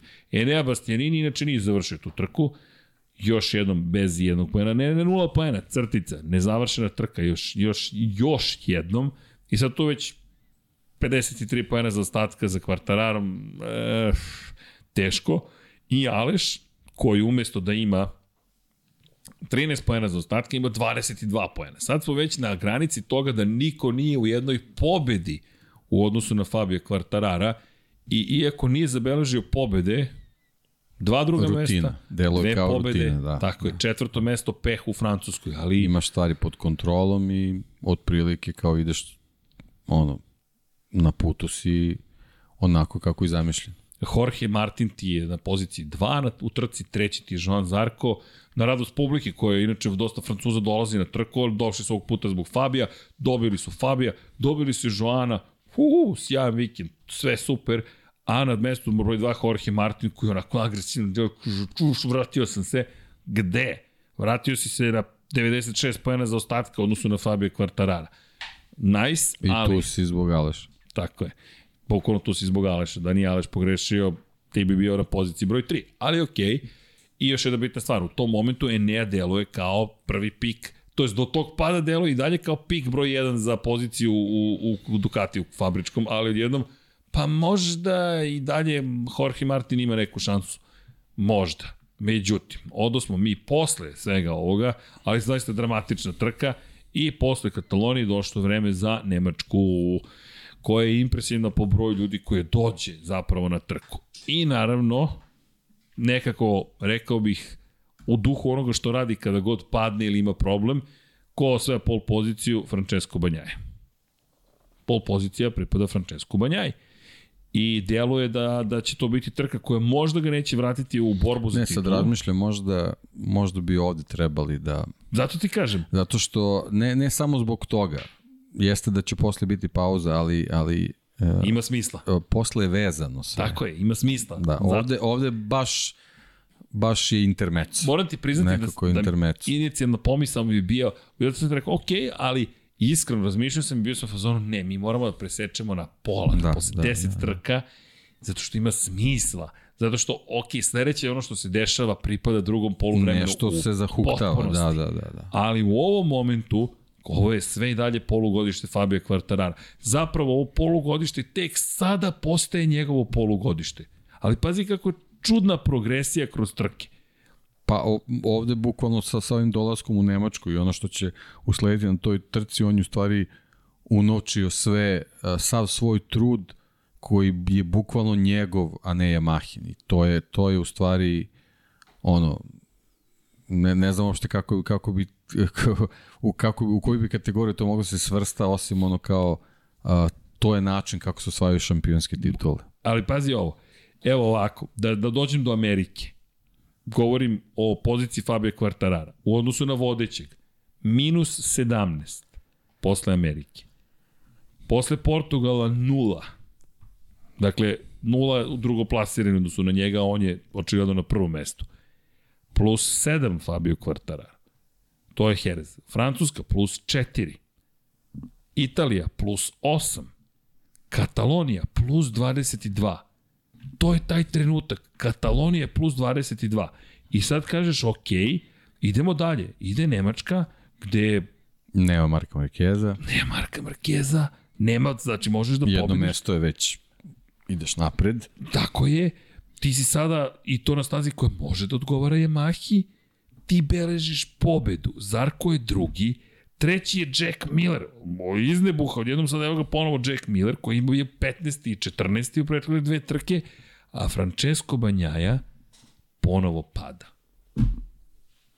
Sam pada, nije ga niko eliminisao, on ponovo pada i u tom momentu Banjaja ima za ostatak od tih čuvenih 91 poena. Od tog čuvenog 91. Da, i niko, nikoga ne, ja sam ga tada otpisao. Da, ja sam da, tada da, izgovorio, da, da ovim padom Francesco Banjaja se isključuje iz borbe za titulu šampiona. Bukvalno, to je, i stojim i dalje pri, pri mojim rečima. Znači, znam da je osvojio titulu, ali ja stojim pri rečima da se on isključuje iz borbe za titulu šampiona sveta. Čekaj, ti zaostaješ 91 point, deki, to nema nikakvog smisla više. Znaš, koliko god da je slaba Yamaha, koliko god problema da imaš u nastavku, Fabio ne može da izgubi 91 poen prednosti. Ne možeš da ih izgubiš, ne, ne zanima me. Šta god da je trebalo da učiniš, ti to moraš da zaštiš. Rukama i nogama, rukama i nogama. I naravno, mislim da je super da sada se zaustavimo, proći ćemo kroz Nemačku, ali ajmo ovako, Nemačka. Kako izgleda ta ista Nemačka? Ko je osvojio pol poziciju Nemačkoj? Francesco Banjaja. To je trebao da uradi, da. I, i mora je da uradi. To je to, da. Vozi ispod 1.20 krug, 1.19.931, to je besmisleno. Fabio je 1.20.007, Žarko je treći 1.20.030, Aleš je četvrti, nekako je živ u celoj priči. Fabio Di Antonio, dakle peta pozicija, ponovo uživa. Pa Miller, Marini, Martin Vinjales. Nakagami, Beceki, Mir. Koga nema? Koga nema? Opet nema Enea Bastianinija. Nema ga. Jednostavno ga nema. Gde si? Da, Niko ogroman problem. Ogroman problem, bukvalno. I ti sad dolaziš do toga da se... Vidit ćemo da li je to do neke pripreme ili je, ili je to eto neka njegova slaba tačka na, na, na, na određenim stazama da jednostavno nije, nije u mogućnosti da se pripremi za taj za taj brzi krug, ovaj, ali sledeće godine ćemo imati parametre u vidu, u vidu Peka Banjaje, pa ćemo videti o čemu se tu radi. I još jedna bitna napomena. Možda taj Portimao neće biti ovaj, možda poređenje, ali već od sledeće trke Ne, u stvari u Portimao jednostavno mora da vozi brzi krug Moraš. u kvalifikacijama Moraš. i to je, to je to. Mada videli smo ove godine da se to dešavalo i Jacku Milleru i, i Peko Banjaje par puta bio onako nivici da li će proći, neće proći. Tako da Znaš, koliko god da su brzi Ducati, u, uvek postoji neka staza de, de, de, de, de štucno, onako da. Čak, čak i Jorge Martin koji je osvajao tih nekih nekoliko dominantnih uh, pol pozicija uz rekorde na drugim stazama je bio onako prilično manje primetan, tako da ima, ima tu još dosta da se radi da, da to sve bude savršeno, tako da ovaj, svaka, svaka pol pozicija koja je ovde bila, isposluje se da je bila izuzetno važna za Peka Banjaju u, iz, iz perspektive osvajanja šampionske titule. Deki, još jedna bitna stvar, još jedna bitna stvar. Ovo je Nemačka. Mi ovde pričamo o stazi koja ne bi trebalo od previše da odgovara. Mi ovde pričamo o nečemu što smo videli u Herezu, a to je da na stazi gde ti bukvalno non stop skrećeš manje više, nemaš visoke maksimalne brzine, bi trebalo da budeš u situaciji da zapravo Suzuki, Yamaha, ostali nekako dolaze do izdržaja, čisto da napomenemo koliko pobjede Ducati ima na Saxon ringu. Jednu jedinu, čudno mi čuda, Casey Stoner, naravno, 2008. godine, bukvalno Ducati nikada nije pobedio na ovoj stazi. Nikada. U Barceloni je pobeđivao, pobeđivao je u, u, kak, u šta se da kažem, u Muđelu, Gde smo još pobeđivali? U Le Manu nismo proverili koliko. Pobedio Danilo Petrući po kiši. Dakle, imaš šta, šta dođemo u situaciju da pričamo? Da pričamo o tome da Ducati sada je motocikl koji funkcioniše na, na kratkim stazama, gde se samo skreće. Kad je to bio slučaj, deki? Ona šasija nikad nije mogla da se savije dovoljno. Uvijek imaš pod upravljanje i pokušavaš da zaneseš zadnji kraj. I Casey tad kad je pobedio, to je bilo po kiši. Opet je to bilo po kiši. To on je tu presekao taj niz koji su imali Valentino Rossi i Dani Pedrosa. Ali je pobedio, čisto da se razumemo. I sad dolazimo do toga da odjednom najbrži krug ikada, ikada, samo da, da se razumemo, ikada vozi Francesco Banjaja. Inače, to je vozi u treningu. 1.19.765. To je najbrže što i koji ikada vozio na ovoj stazi. Pol poziciju vozi 1.19.931, ali opet ti si vozio 1.19.765 na Ducatiju. To je besmisleno. To je zaista besmisleno. Ali dolazimo do te čuvene trke u kojoj Yamaha, šta smo imali kada je reč o Yamahi? Uh, na ovoj stazi, evo konkretno, Yamaha nije pobedila od 2009. i Valentina Rosija. Posle Valentina Rosija, tri pobede Danija Pedrose i dolazi novi kralj Nemački, to je Saksonije, Mark Marquez. Pobeda, pobeda, pobeda, pobeda, pobeda, pobeda, pobeda. Pobeda. On je pobedio 2021. ovde. To je jedna od te tri pobede koje ima. Pošto ne vozi, kao što si rekao, da otvarati se prilika. Da, samo je bila, bila je, bio je zadatak, u stvari, to za Fabio Quartararo, to, to, to što ponavljam, jednostavno s ovom trkom je morao mm -hmm. da drži stvari pod kontrolom, to je sve što je treba da uredi. A, a pobjeda je samo došla kao, kao ogroman plus. I, ali tebi se lepo otvorilo. Pri čemu, čisto podsjećanje radi, ti kada pogledaš analizu trke, kada pogledaš kako su stvari funkcionisale u zapravo u samoj trci, Ko je poveo u trci? Poveo jeste Fabio Quartararo. Ko je bio na poziciji 2? Francesco Banjaja. Šta se dešava suprotno onome što smo videli u Le Manu? Nije vodio Banjaja kada je pao. I zato je ovo ključni moment bio. Jednom si im pao u nekoj jurnjavi sa Jorge Martinom početku sezona. Da, ali to je bila prednost uh, uh, Fabio Quartararo bi bio hendikepiran da ostao iza Banjaje. Možda ne bi takav ishod bio. Znači možda je tu uh, uh, uzrok Pekovog pada je u stvari bilo to vođstvo Fabio Quartararo. Ali, e, šta hoću da kažem, ti si u Lemanu imao problem da ti je neko na leđima, ti neko na zadnjem točku, da ti neko na kičmu. Da, to je, to je to nešto što se, što se uh, uh, i pokazalo. Kad Ducati prati Ducati, nemaju problem da prate. Ali kad se drugi motocikl nađe iz Ducatija, užasan je problem da, da ostanu tu. Ali zanimljivo mi, znaš, iz psihologije perspektive, onoga što... Kao da Ducatijeva aerodinamika potire to što se Ducati nalaze ispred. Jasno. Dok ostali motocikli kao, kao da usisavaju sve to prljavo što Ducati izbacuju, jednostavno nisu u mogućnosti da, da bilo šta urede. I tu je Fabio bilo krucijalno da, da, da, povede. da povede. I on je poveo. Da. I on je poveo na prvoj poziciji. Sve je držao pod kontrolom, bukvalno. bukvalno. bukvalno. Ali meni pa radio je sve što je trebao da uredi. A, a sa druge strane, an, antiteza, neću baš da kažem antiteza, ali Fabio koji radi sve kako treba, a Banjaja, koji je u Lemanu pokazao da ne voli da ga prate, kasnije je on izjavio, iz retrospektive smo tek naučili, to je njegove, kada se osvrnuo na sezonu, kad je rekao, ja sam tada naučio zapravo da treba da prestane da razmišljam šta drugi rade. Jeste. Šta drugi rade. To je samo ponovio još u Japanu. Tako je.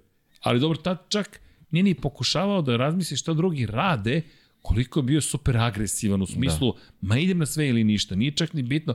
Zato mi je ta greška u Japanu bila drugačija. Ispostavilo se drugačije i imao je naravno sreće da mu se otvore stvari, ali u ovom momentu u Nemačkoj on pada i pada na 91 poen razlike. 91 da, poen naj, razlike. Najniža, najniža tačka moglo bi se kaže i karijere u ovom trenutku. Bukvalno. I svi ga otpisujemo. On ima isti broj poena kao Jack Miller, koji je ostao bez posla, inače, mi znamo pouzdano da Jack nema posla, to je tek ironija. Jack koji je potpisao ugor sa KTM-om, ali mi ne znamo koga menja. I ova trka koja je tako velika, i onda, seća se ono što, seća se progresije u poenima. Dolazimo do toga da sada 34 poena prednosti ima odnosu na Aleša Spargara, koji završava četvrti i gubi još 12 poena. 14 ih izgubi u Kataloniji, gubi 12 poena u Nemačkoj, 26 dodatnih poena, već si zaostao 8 bodova, 34 i ti si trku pre odlaska na godišnji odmor na 34 pojena prednost. Ideš u Asen gde bi trebalo... Sve treba da bude bukvalno na tvoju vodenicu. Bukvalno.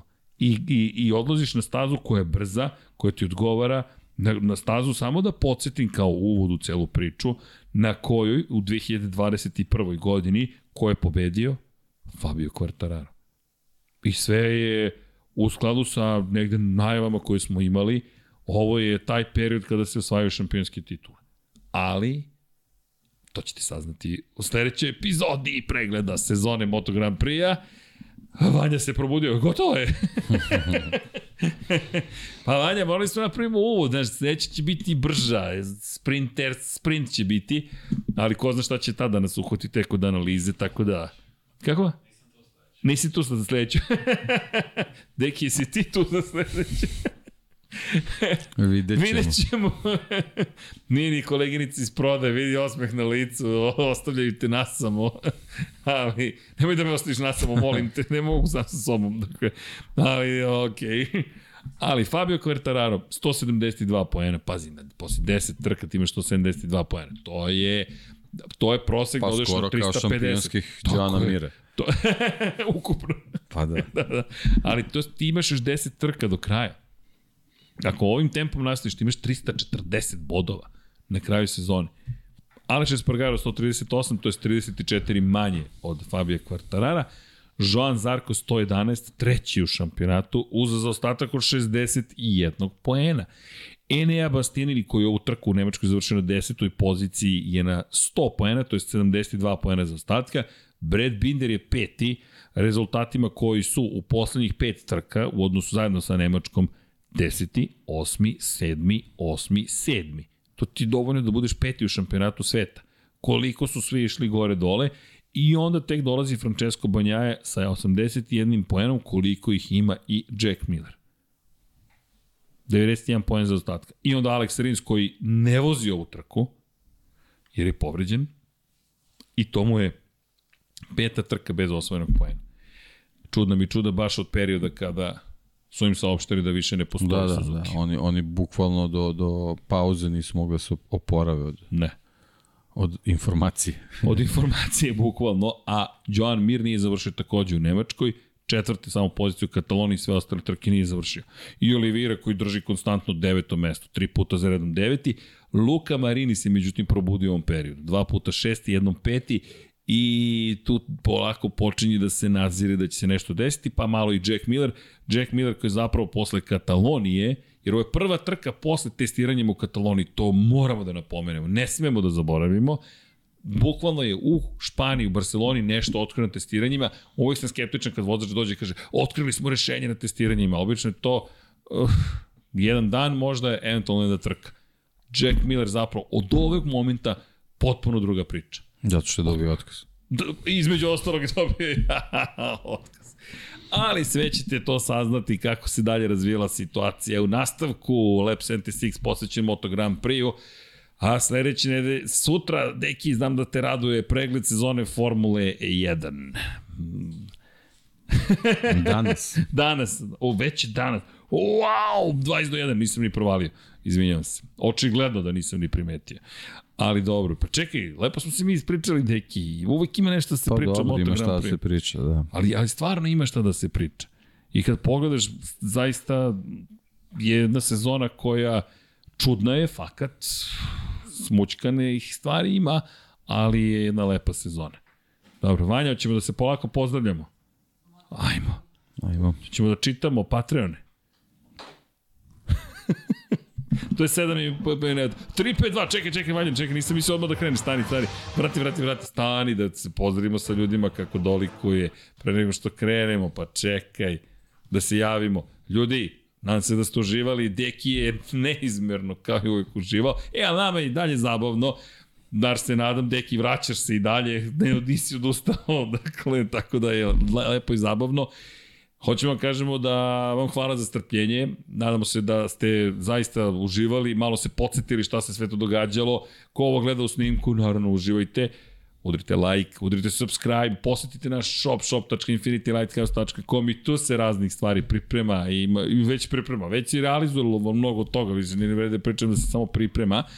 Kada je reč o Patreonima, hvala vam, patreon.com kroz Infinity Lighthouse, koju mogućnosti znači nam svaka vrsta podrške, tako je u pretprodaji je, imamo još sutra, ali verovatno će se produžiti, pošto još nismo dobili odgovor iz Britanije o izmenama za ovu knjigu, ali to je isto fascinantno. Naučimo da i drugi mogu da dugo odlučuju nekim stvarima. Krivo im je što se oni nisu setili. Da, ne, da, da, da, da, i to što kažeš. Ali ovo vestit ćemo vas izvanično o tome i potrudit ćemo se nekako da nagradimo strpljenje, pogotovo što i mi smo strpljivi zajedno sa vama.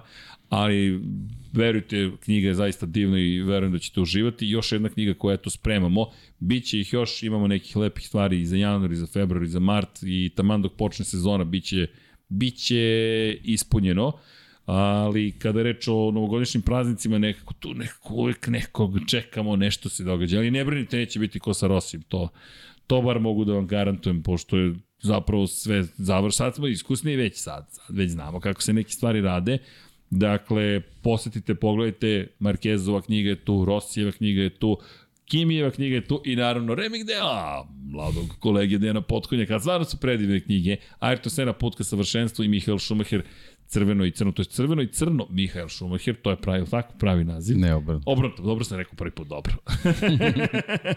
Ali okej. Okay. I hoćemo da vam kažemo hvala, zaista, zadovoljstvo je ovo raditi I ko sluša na audio platformama, pa hvala vam što ste stigli do ovde. To znači da ste bili uporni slušalac svega onoga što smo imali da kažemo. A mi se polako pozdravljamo da pre jedan pokušamo da završimo podcast koji je to trajao 4 sata očigledno skoro. Vanja, hoćemo krenuo lagano u Patreone.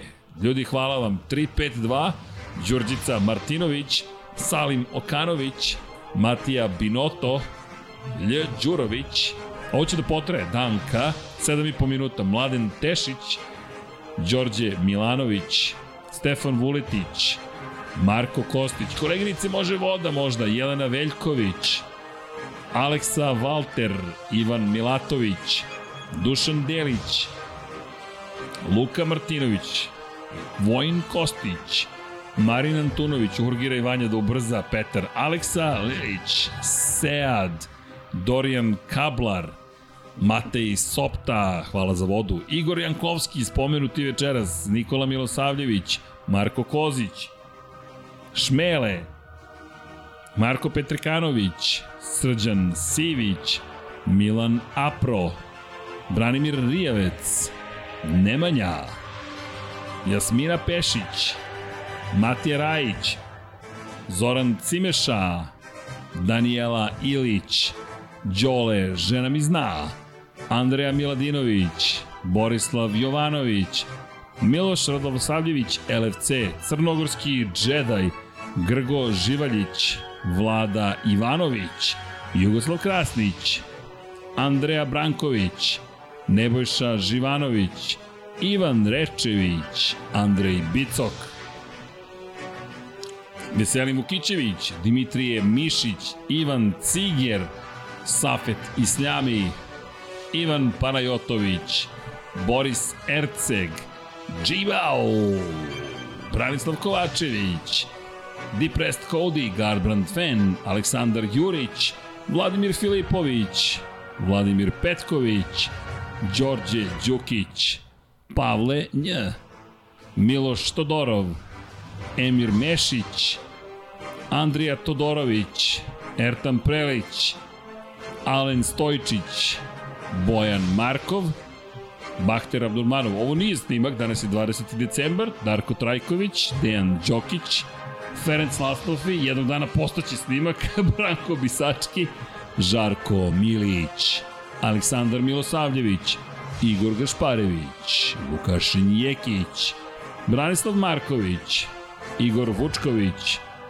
Aca Vizla, Dejan Vujović, Nemanja Zagorac, Aleksandar Antonović, Novak Tomić, Boris Kojundžić, Tijana Vidanović, Aleksa Jelić, Da žena ne sazna, Dušan Petrović, Lazar Pejović, Stefan Nedeljković, Alen Vuletić, Zoran Majdov, Nikola Stojanović, Jasenko Samarđić, Bojan Majstorović, Antonio Novak, Stefan Milošević, Miroslav Cvetić, Đole Bronkos, Ognjen Marinković, Aleksandar, Nemanja Miloradović, Marina Mihajlović, Dušan Ristić, Miloš Vuletić, Luka Manitašević, Zorana Vidić, Marko Horg,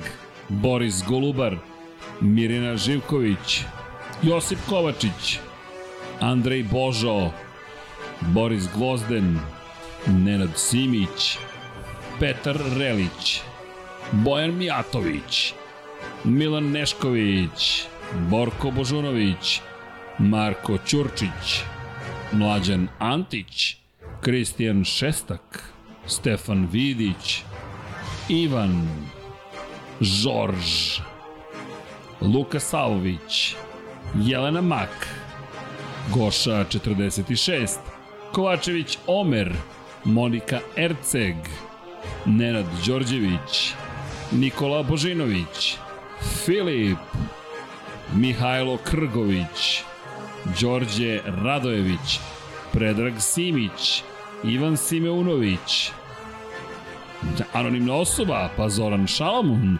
Aleksa Vučaj, Miloš Banduka, Mario Vidović, Zoltan Mezej, Stefan Lešnjak, Ivan Maksimović, Toni Ruščić, još jedna anonimna osoba, pa Marko Bogavac, Nikola Grujičić, Marko Mostarac, Mladen Krstić, a mogu da popijem i vode, Stefan Dulić, Ivan Toškov, Sava Dugi, Jelena Jeremić, Ozren Prpić, prelazimo na youtubere, Almir Vuk, Igor Ilić, je tako Vanja? Din Stero, Vuk, Đorđe Janjić, MS13, Drago Veković, Tatjana Lemajić, korespondent, korespondent, Kosta Berić, Koja 7, Ivan Vincetić, Bojan Gitarić, Igor Ninić, Milan Bačić, Dato Gaming, Ljiljana Milutinović, Ivan Hornjak, Aleksandar Nikolić, Aleksandar Kockar, Marko Bogavac, Nikor 24, Sejdo Mujčić, Aleksandar P, Toleador, DG, DG Regi, Uroš Ćosić, Marko Stojilković, Nikola Vulović, Nikola Božović, Ivana Veš Vesković, Nemanja Bračko, Maksi, Mensur Kurtagić, Galeksić, Alen Jesenović, Uroš Čuturilo, Žarko Jovanović, Voča Pero, Vladan Đurić, da mislim pročitaš sve koji su radili u neku firmu, Marakos, Zlatko Marić, Aleks Volović, Milan Knežević, Nemanja Cimbaljević, Bojan Pejković, Resničanin, Petar Bijelić, Kro Robi 00, Pavle Lukić, Milorad Reljić, Saša Stevanović, Toni Soni 76, Nikola Niksi, Branko Rašević, Nikola Grđan, Miloš Stanimirović, Bakadu, Ivan Magdalenić, Ivan Vujasinović, Veselin Vukićević, Branislav Dević, Vukašin Vučenović,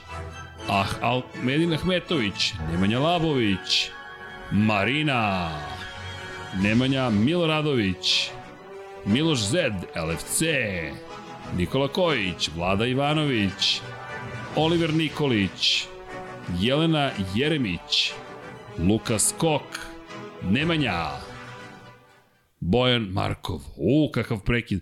Morat ćemo da kažemo Uh, da malo uvedu ovaj, kako bih rekao, neki pre, neku tranziciju. Ej, kako se zove ovaj Showtime, novi streaming servis što se kod nas reklamira? Kako beše? Showtime Srbija, je li tako? E, moram nešto da vam kažem, samo kratko. Pa ćemo Showtime, Showtime. Da li zna, sad mogu da vam otkrijem, Aleksandar Đankić i moja malenkost imali smo priliku i zadovoljstvo da damo glasove za film, neki crtani, vi to znate, ali nismo smeli da spominjemo, pošto je sada to postalo i, jel te, javno dostupan servis i možete da čujete kako dajemo glasove, ovde koleginica slaže, uh, dakle, sa, uh, uh, molim? Mm, uh, Vanja, šaljem ti samo kratak linkić. Evo nešto sam poslao, u, u 3D sam poslao kuku. Ajmo da stavimo u Lab 76, pa to ćemo malo da promovišemo. Monstrumanija. Davali smo glasove TV voditeljima. E, znaš koga sam ja, kome sam davao glas? Koga sam dabovao? E, znaš, Stevena Smitha. A, tako da smo se zabavljali. Pa eto, ko želi da se zabavi? A, ne možeš, da, ne možeš ni screenshot da uradiš, da, da. A, okej, okay, okej. Okay. Ne možeš screenshot zato što će da blokiraju. Jednog dana ćemo vam promovisati nekako. Nisu nas platili da promovišemo samo se ponosno, neću reći ni hvalimo, nego se ponosimo što smo bili u crtanom filmu i tako dalje. Dragi ljudi, nam se zastoživali, Dekija ćemo da probudimo uskoro da može čovjek da ode kući bezbedno, ali mi vas naravno volimo, mazite se i pazite se, budite dobri jedni prema drugima, uživajte u životu, gledajte Moto Grand Prix, snimke neke, čitajte knjige, pratite Lab 76, udrite like, subscribe, Patreon, posetite shop, ne znam ni ja, izjavite ljubav nekome, budite dobri i uh, lezite pre jedan ujutro ukoliko i kako moguće mi svakako nećemo. Deki, uvek zadovoljstvo s tobom sarađivati i naravno hoćemo da se pozdravimo. Na 1, 2, 3? 1, 2, 3. Ćao, Ćao svima.